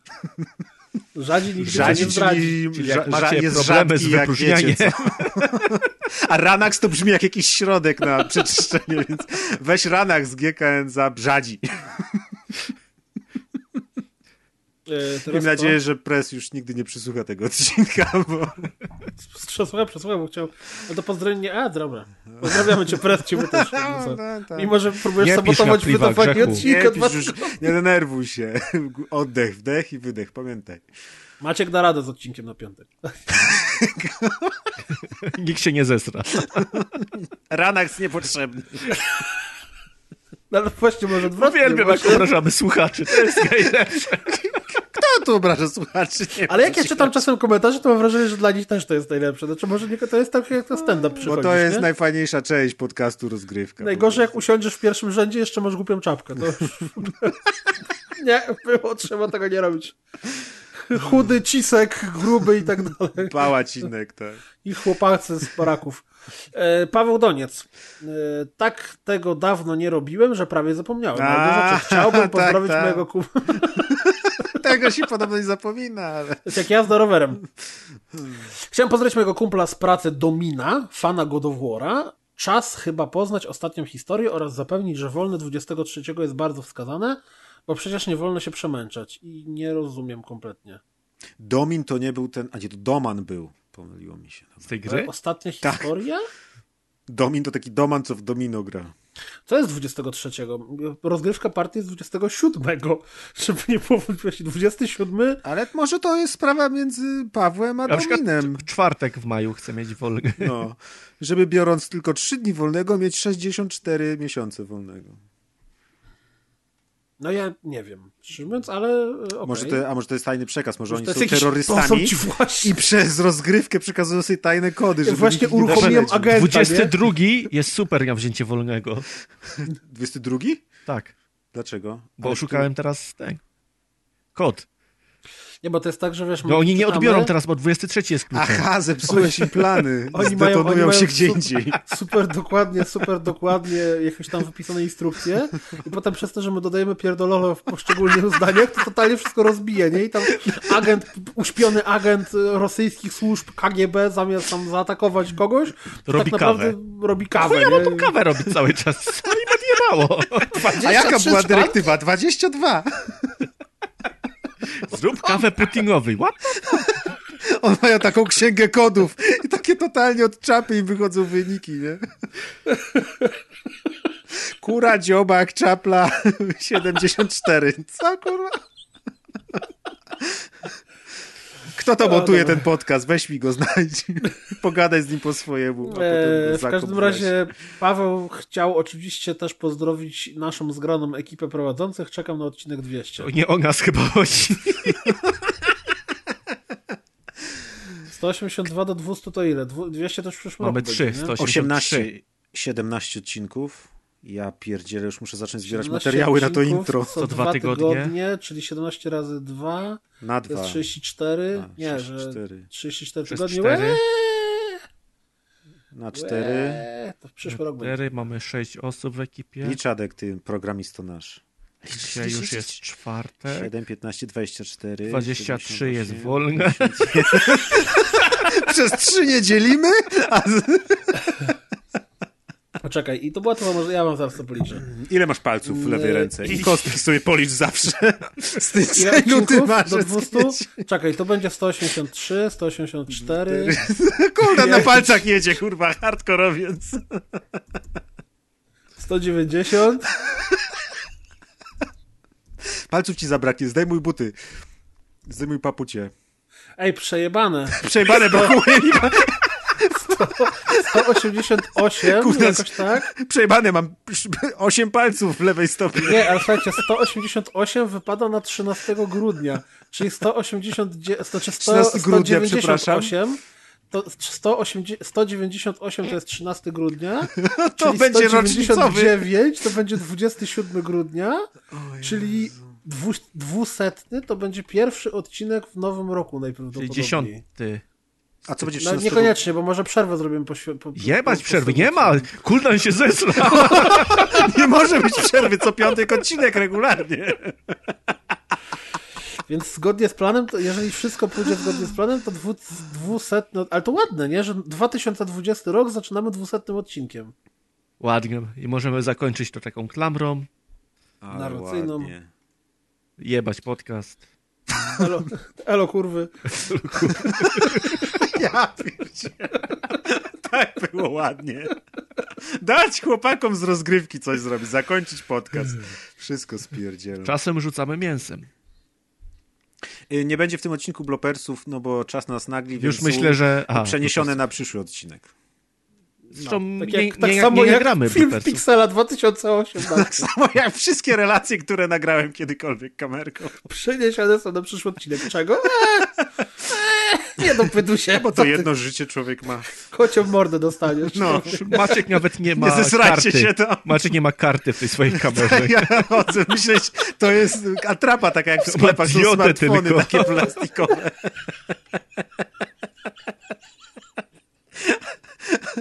Tak sobie myśli, co za debile. Chodzę z plastikowym. Od ośmiu lat to Maciek robi. Miny robią, coś opowiadają, wygłupiają się. Tak, dokładnie tak. Widać, Dobra. skończyliśmy wcześniej, więc mamy jeszcze czas. Nie, już koniec. Co koniec? Musisz, Kuldan, tego, to, tego posłuchać. Czego, Czego posłuchać? Tego, co mamy Ja do powiedzenia. mogę? Aha, zaczynamy pierdololo. Trzy. Nie, Cztery, no, bo jedno było tajne na, na streamie. No, Tak? Ja już nie pamiętam jak tak dawno było z wspólnym st- streamie Nie, z, pączkowym. pącz... z pączkami to było pierdololo? No, Trochę. trochę. No trochę było. Nie zaprzeczę. Jak ktoś chce obejrzeć, to mam na dysku. no, no, Zapraszasz do domu? tak jak stream, stream z Apexa. W ogóle to ten... Yy... Adek, to oglądałeś Good Place? Tak. Jak Nawet ja oglądałem. Ty też Zajebisty. oglądasz Good Place? No, no. odcinka. O, A a, bo ze mną oglądałeś w łóżku. Ja, jak na łyżeczkę leżeliśmy, Jadek do snu puścił. Maciek obejrzał z trzeciego sezonu odcinek. Jestem, wiesz, na czasie. Wiesz, jaki ja mam, ja mam problem z Good Place? Mhm. Good Place pojawiało się na Netflixie co tydzień. Był nowy odcinek. Ja oglądałem go na bieżąco. I ono w którymś momencie się skończyło. Ja myślałem, że za tydzień będzie kolejny odcinek, bo ono się, trzeci sezon nie kończy się jakoś tak, jakby się kończył sezon, tylko tak jakby się po prostu skończył Troszkę- odcinek, nie? No tak, tak. Znaczy troszkę się kończy, tak? Jak ja, jak ja już wiem, że to jest koniec sezonu, no to faktycznie Pasujesz mogę to tak? zamknąć, ale szłoby to ominąć, nie? Jak nie wiedziałeś, że to jest koniec. No i to było takie, ale zaraz, to już nie ma kolejnego odcinka i nagle nie ma. I to był taki foszek trochę. A w ogóle Good Place jest fajne i wydaje mi się, że dla sam... Znaczy, okej, no ciężko mówić, że ktoś ma poświęcić, nie wiem, tam 8 godzin. Bo pewnie pierwszy sezon trwał z 8 godzin. Tylko i wyłącznie dla twistu, który jest na koniec Nie, pierwszego znaczy, sezonu. bo tak, mi, za- tak mnie zachęciliście, że ten pierwszy sezon, że najlepiej, żeby zobaczyć twist i wtedy się wciągnę. Ale nie, ten serial od samego początku jest super. Jest zabawny, jest inteligentny, porusza tam tematy filozoficzne i, i psychologiczne, jakieś tam wybory moralne, etykę, a to wszystko jest w klimacie takim, że co chwilę człowiek się śmieje. Więc ja polecam Good Place. I e, pani... E, ojejku, jak ona się nazywa? Yy, tak. Tak. Kristen Bell. Kristen Bell jest w tym serialu tak absolutnie urocza, że nie da się w niej nie, nie mieć celebrity crusha. Znaczy wszyscy ci bohaterowie są w ogóle tak dobrani, że, że ciężko ich nie lubić. Takie mam wrażenie. Ma na przykład Znaczy- są czasem takie rzeczy, ja na przykład, nie wiem, mamy w podcaście takie osoby, których nie lubię. To w tym serialu tego nie ma. Nie masz, celi- nie masz z nimi celebrity crasha? Nie. No, no. Dobrze, dobrze, Coś- mów, mów dalej, mów. Tak, przerywamy ci. Coś jeszcze oglądaliście ostatnio na Netflixie? Bo Ja The Office oglądam na Am- Amazonie od kurde, tam jest wiesz 9 sezonów, więc jestem na szóstym. To trwa. A z nowości Tuka and Bertie oglądam. Czyli nowe, nowa animacja twórców Bojacka Horsemana. Się jeszcze nie przekonałem. o ile Bojack mi się nie spodobał, a Tuka i Bertie nie, nie jestem odbiorcą, w sensie nie, ten serial nie celuje we mnie, to animacja jest tak zrobiona, że mnie kupili w tym, a po kilku odcinkach się wciągnąłem i fabularnie też mnie interesuje. To jest historia dwóch kobiet, które są ptakami, a jak widać, słychać właściwie mam pewien celebrity crush na czaple. Więc trochę mnie tym kupili. I to są takie. Ładne, ładne. Nie wiem, ja bym powiedział, że one mają pod trzydziestkę, mimo że to nie jest określone w tym serialu. I to są tradycyjne problemy, jakie mogą mieć Są takie ptakami. kobiety. I będące ptakami. W sensie 30. Ja ostatnio Dwie obejrzałem... przyjaciółki, jedna z nich ma nowego faceta, mieszka z nim, druga jest mega krejzolką i troszkę jej nie pasuje, że tam jest ten facet. I, no, i takie problemy, jakie mogą z tego wyniknąć. Dużo, ta animacja jest mocno kwasowa. Naprawdę jest dużo takich rzeczy, że patrzycie, co dzieje się dookoła i robicie takie wielkie what the fuck, już sam opening taki jest. Już co, ja słyszałem i od Łuka Kurwa, to jest Edwardi chyba z tego, z... Z, zip. w Inside Baseball opowiadał e, o jednym odcinku, w którym e, pewna mm, nie będę mówił co bezpośrednio, ale tam, że tak powiem, jakieś postaci stały się personifikacją kolejną, też kolejnymi bohaterami, bo urosły. I to było tak hardkorowo z opowieści, że w ogóle. Macie, Ja ty nie oglądałeś Wędrującej Ziemi? Y, oglądałem Wędrującą Ziemię. O, to opowiedz coś. Wszystko przez to, że tam na y, grupie Fantasmagierii ktoś to zajawił i, y, i, i obejrzałem i teraz nie wiem, czy żałuję, czy nie, bo y, Wędrująca Ziemia to jest super, super produkcja chińska, science fiction, taki blog, blockbuster. W ogóle ostatnio się dowiedziałem, skąd pochodzi nazwa blockbuster, y, taki filmowy. Wiecie, skąd to pochodzi? Nie. że blok to jest y, przecznica, ten taki k- kwartał mieszkalny, nie?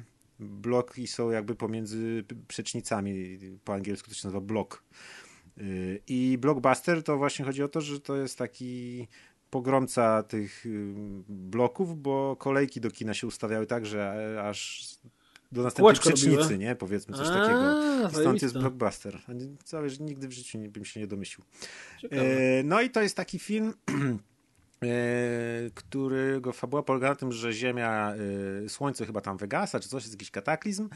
E, No i co tam zrobić z Ziemią, co tam zrobić z Ziemią? No więc Ziemianie wymyślają, że skoro nam Słońce wygasa, to sobie polecimy naszą zie- Ziemią gdzie indziej. No, jak, i ludzie jak, jak o- Bender w Futuramie. Tak, Fuck ludzie it, organizują gigantyczny plan ogólnoziemski, y, budują na Ziemi takie wielkie silniki odrzutowe, wszędzie dookoła, na całym globie, takie wielkości, wiecie, dużego strony? miasta. Nie, znaczy z różnych stron. No to wiesz, można było skręcać, kierować, nie? No i tam są te wielkie silniki i w pewnym momencie pyk odpalają te silniki i odlatują sobie Ziemią w inne miejsce i potem tam się dzieją tam różne rzeczy. Yy, I z jednej strony chciałem to zobaczyć właśnie, żeby zobaczyć coś nieeuropejskiego i nieamerykańskiego w tak dużej skali science fiction.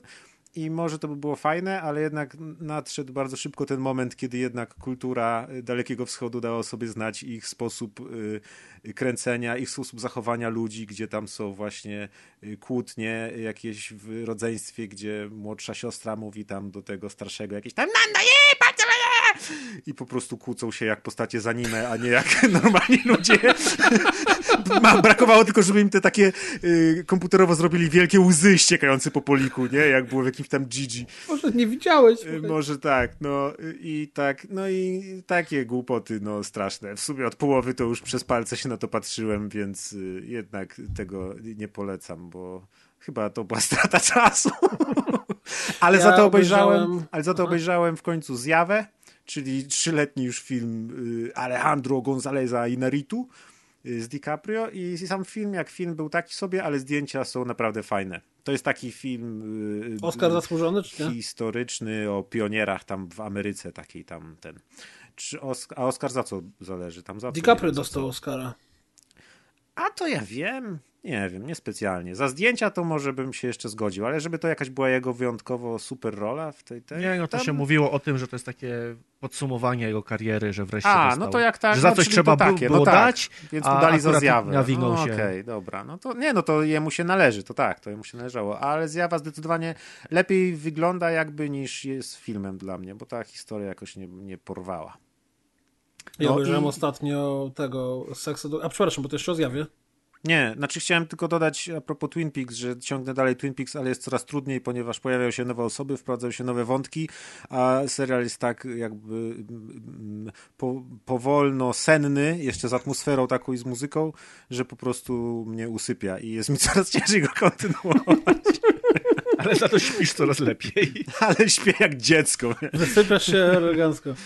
E, Ja chciałem powiedzieć, że obejrzałem Sex Education, które jest... W końcu się e, czegoś dowie. Chociaż nie, ty z nas wszystkich akurat nie musisz. które jest całkiem spoko, e, całkiem spoko serialem, natomiast wokół niego był jakiś taki całkiem spory hype przy okazji premiery, a ja to oglądałem jednak trochę po premierze i to, co mnie trochę rozwaliło, że to jednak jest teen drama troszkę.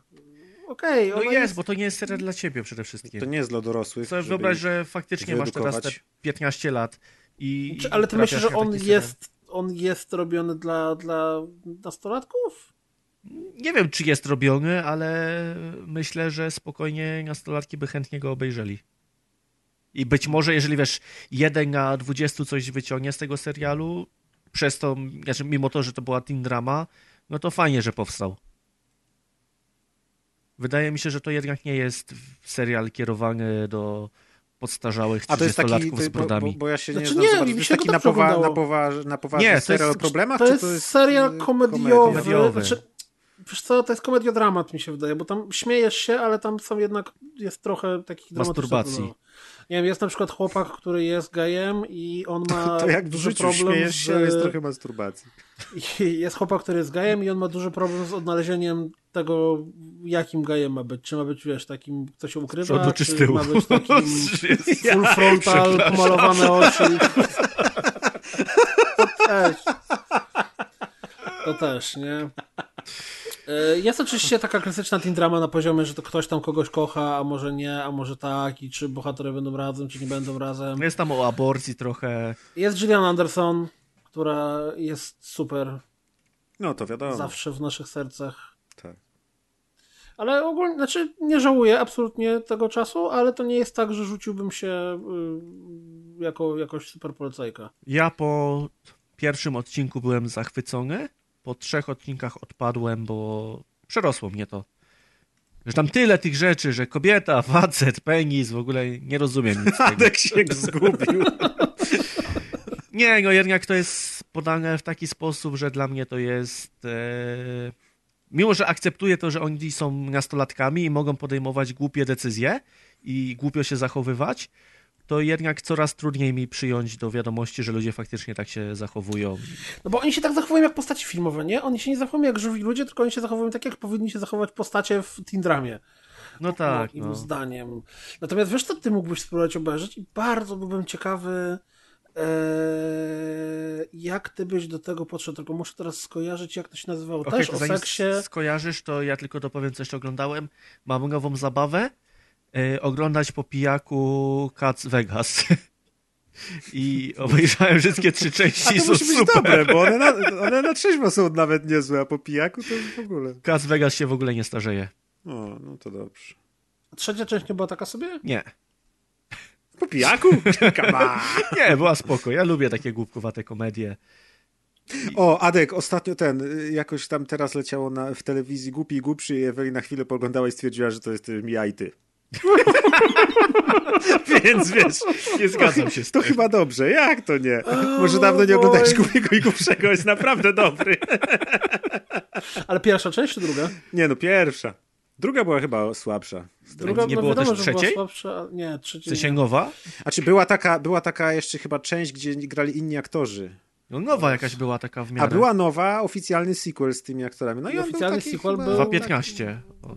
No. Oficjalny sequel był taki, jakby ktoś nakręcił sequel 20 lat temu, więc... był Głupi, tak samo- głupszy bardziej. O. Tak, tak. No.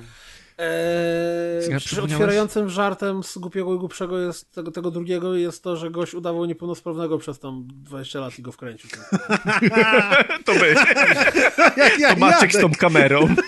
Eee, Big Mouth, Adrianie. Powinieneś spróbować obejrzeć animacja, Big Mouth. nie? To jest animacja, Ja tylko oglądałem- ona jest w tym pojebanym stylu animacji, jak ci się To podoba. te głębokie usta. Ja oglądałem trailer, więc ignoruję Maćka. I no nie spodobało mi się. Może spróbuję jeden, dwa odcinki, tylko dlaczego ten Netflix mi później, Netflix mi później cały czas proponuje oglądanie tego dalej, jak ja już nie chcę tego oglądać. Ojej.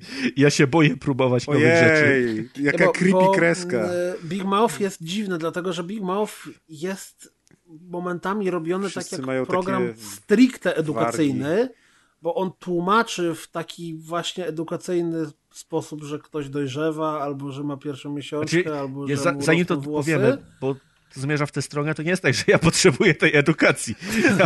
Ja naprawdę mam prawie filmów 30 dla lat. Nie, ale bo, bo z jednej strony, dlaczego ja, ja, ja mi się dziwnie Big Mouth oglądało, bo z jednej strony jest właśnie to, że tam czuć, że ten serial ma, próbuje mieć jakiś walor edukacyjny, a z drugiej strony jest tam masa obleśnego humoru i na przykład jest jedna postać, to są bohaterowie są kurde, nie wiem, późna podstawówka jakaś, bo to są właśnie ten moment rozpoczęcia dojrzewania, więc jeden z bohaterów jest y, niewyżytym seksualnie chłopcem, który cały czas posuwa swoją poduszkę.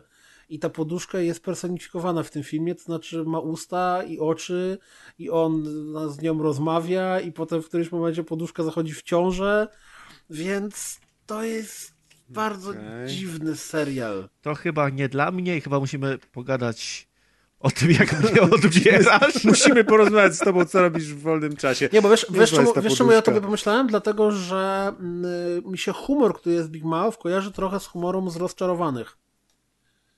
E, A wiem, że tobie się rozczarowani bardzo Ale on nie podobali. był obleśny tam, on był taki na poziomie właśnie. On bardzo często komentował jakieś rzeczy tak mimochodem. I właśnie cały tym, że Big Mouth czasem to robi bardzo trafnie, tylko że czasem, a wokół tego, jak czasem to robi, jest dużo tego, jak robi rzeczy dziwnie. Jest na przykład, bardzo często są piosenki przerabiane i jest na przykład, i wręcz teledyski, jest scena jak z mm, tego, z mm, R.E.M. Everybody Hurts, gdzie, gdzie stoją samochody na autostradzie, on wychodzi i zaczyna śpiewać na, na samochodach, to jest zrobiony analogiczny motyw, jak stoją w korku właśnie, jak oni wracają z jakiejś wycieczki szkolnej. Tylko ja to oglądałem dawno więc nie pamiętam, tylko wydaje mi się, że tam postacią, która śpiewa jest tampon, bo y, jest motyw o Everybody Bleeds i to dotyczy pierwszej y, miesiączki. Więc to jest tego typu serial, więc jest naprawdę bardzo dziwny. Jest to jeden z najdziwniejszych tworów Netflixowych, jakie ja widziałem. No, może być za dużo dla mnie, ale spróbuję. Too much is too much. Natomiast Bojack jest cudowny. I A mi. Bojack znowu nie siada. Bojack jest za ciężki chyba. Może, znaczy ostatnio myślałem, żeby spróbować jeszcze raz, ale nie wiem, jest tyle fajnych rzeczy na Netflixie, że, że nie chce mi się aż tak oglądać rzeczy, które mnie nie kupują od razu. Teraz to w ogóle masz HBO, to powinieneś też te rzeczy, póki ci się nie skończy, powinieneś HBO tak tragicznie kupić. działa, że mi się nie chce Na tam nic obejrzenie Gry o szukać. Obejrzałem tego, yy, Motherfuckers. A, I? I świetne to jest. Jeżeli ktoś lubi takie hip-hopowe klimaty i potrafi przypnąć oko na historie, które niekoniecznie trzymają się super kupy i, i, i lubi co to jest strzelaninę, super kupa. jak zjesz kepsa. O Jezu. Nie, no, są tam e, luki fabularne i też zaczyna się jako coś innego, a kończy się jako zupełnie inny film. Ale jak animacje są cudowne, muzyka jest cudowna i to jest mój klimat. I ja chcę więcej takich animacji. Tylko żeby Ja ta teraz- głupia apka HBO zaczęła działać normalnie, a nie, że tam się wczytują rzeczy, zacinają. Apka HBO to jest w ogóle, to ja e, raz w tygodniu odpalam, żeby obejrzeć nowy odcinek Grotron i raz w tygodniu muszę resetować telewizor cały, żeby apka wczytała się od nowa, bo nie działa z jakiegoś niewidymego powodu. Ale y, to wracając do kulturki i takich polecajek, jeżeli będziecie kiedyś w Toruniu, to bardzo mocno polecam wszystkim, warto wybrać się do tak zwanego niewidzialnego domu. O którym, Co? jak to sami twórcy y, i osoby, które tam się spotyka, mówią i proszą, żeby nie mówić za dużo, e, bo te emocje, które tam się przeżywa, mają być jakimś zaskoczeniem i niespodzianką, e, więc ogranicza się do tego, co jest napisane na stronie internetowej, czyli mm, e, Niewidzialny Dom jest atrakcją, w której przez około godziny w całkowitej ciemności w obecności przewodnika się zwiedza go w cudzysłowie po, po ciemku, więc nie do końca się widzi tylko ten. I jest to bardzo ciekawe przeżycie. Jak ktoś mieszka w Toruniu albo będzie przy okazji w Toruniu, to bardzo warto się do niego wybrać. Kosztuje to jakieś tam, nie wiem, 20-30 zł mniej więcej bilet Jak wstępu. Maciek przyjedziesz, to ci coś takiego zrobię tutaj. Znowu zgasisz światła. Będzie Maciek poczuj. Jezus. Więc niewidzialny dom w Toruniu też polecam. Co jeszcze możemy polecić? Niewidzialnego Polećmy domu już łatka nie polecam. zakończenie odcinka, bo przebiliśmy 3 godziny, więc e, A mało brakowało, żebyśmy dwie tylko przebili, bo jak No, no. skończyliśmy Akanę chyba, to było dwie godziny. Tak, 1,40 nie, 1,57. A, no to przy bajonecie, jakby wywalić początek, to byłyby dwie godziny, ale udało się nam, bo Jakby pres nie przyszedł, to byśmy 15 minut urwali. Jakby kas nie przyszedł. No i ten cooldown, nie? Nie, ty dzisiaj miałeś najwięcej nie, gier. to Adek jakby nie przyszedł, No, no, urwali godzinę no, no, jakbym Tak, tylko ja był zaskoczony. Trzy gry dzisiaj miałem. No. To limit na miesiąc. Teraz możesz już nie przychodzić na podcast przez dwa miesiące. Zajebiście. Dobrze, e, rozgrywka party. No już, ej, już po, jesteśmy po pozdrowieniach, więc tutaj naprawdę tylko najbardziej wytrwali wyjadacze. Albo jak ktoś Patrzcie- usnął z podcastem Ale na mamy, jaki mamy dla tych najbardziej wytrwałych tutaj e, soczysty fragment podcastu, polecajki kulturowej i w ogóle i to jakie. Oj, oj, Już I wszyscy rozmowa usnęli na o menstruacji. Dobrze, w takim Trzech mężczyzn przeprowadza rozmowę o menstruacji. Myślę, że tak. e, Słyszymy się za dwa tygodnie. Czekaj, Kuli, bo ty miałeś jakąś ciekawostkę o tym. O czym? O, o, o, o. Czekaj, co to było? Co to było? O, o, o, o. O menstruacji. Nie. No. O, kobietach miałeś! Hmm? Tak, To, nie, to tam pewnie nie czacie. jedną. E, teraz czacie? zerknij teraz szybko na czat rozgrywkowy na TeamSpeaka. Patrzysz? Czekaj, patrzę. Ja też patrzę. Bo ja nie mogę tego powiedzieć. Kuldan ma takie, Kuldan ma, tak, ma takie poglądy o kobietach? Nie, nie, to było, ja, ja mówiłem coś, Ja co nie, to nie ja, to nie ja, ja nie. Ja mówiłem coś, co mi żona opowiadała y, i nie mogę A tego żona, tak, na pewno. Bo będzie Na pewno tak. zapytamy się twojej żony, czy też ma takie poglądy. Absolutnie, ale jak najbardziej możesz się zapytać, to ci powiem to Ale samo. to jest w ogóle, to za to się chyba do więzienia idzie. w ogóle. A Korwin nie poszedł. Korwin kumpel Kuldana, Było tak? Powoływanie się na jakieś konkretne te, e, konkretne badania, które tam coś sprawdzały. No, A, a nieważne. to, że mają krótsze stopy, żeby sięgać lepiej do... O, to wiem. Zapytajcie mnie na Pixelu. Taki, Zapytajcie mnie na Pixelu, ale po 10 Super. browarach. Super. Jak ktoś mnie zapyta na Pixelu, to powiem o co chodziło. Okej. To ja zapytam. dobrze. A tymczasem e, do Por- usłyszenia za dwa tygodnie i e, trzymajcie się buziaczki, cukiereczki, ciasteczka i kończcie flaszkę do domu i cześć. Pa. Nara. Paro statkiem piękny rejs Statkiem na parę Piękny rejs Przy wtórze klon Bosmana Głośny krzyku aż od rana Tak śpiewnie dusza łka Patronami montażu są. Łódzki Dom Kultury. Pres lubi anime. Derp Paweł. Las Jedi 84 Lumiński i Faza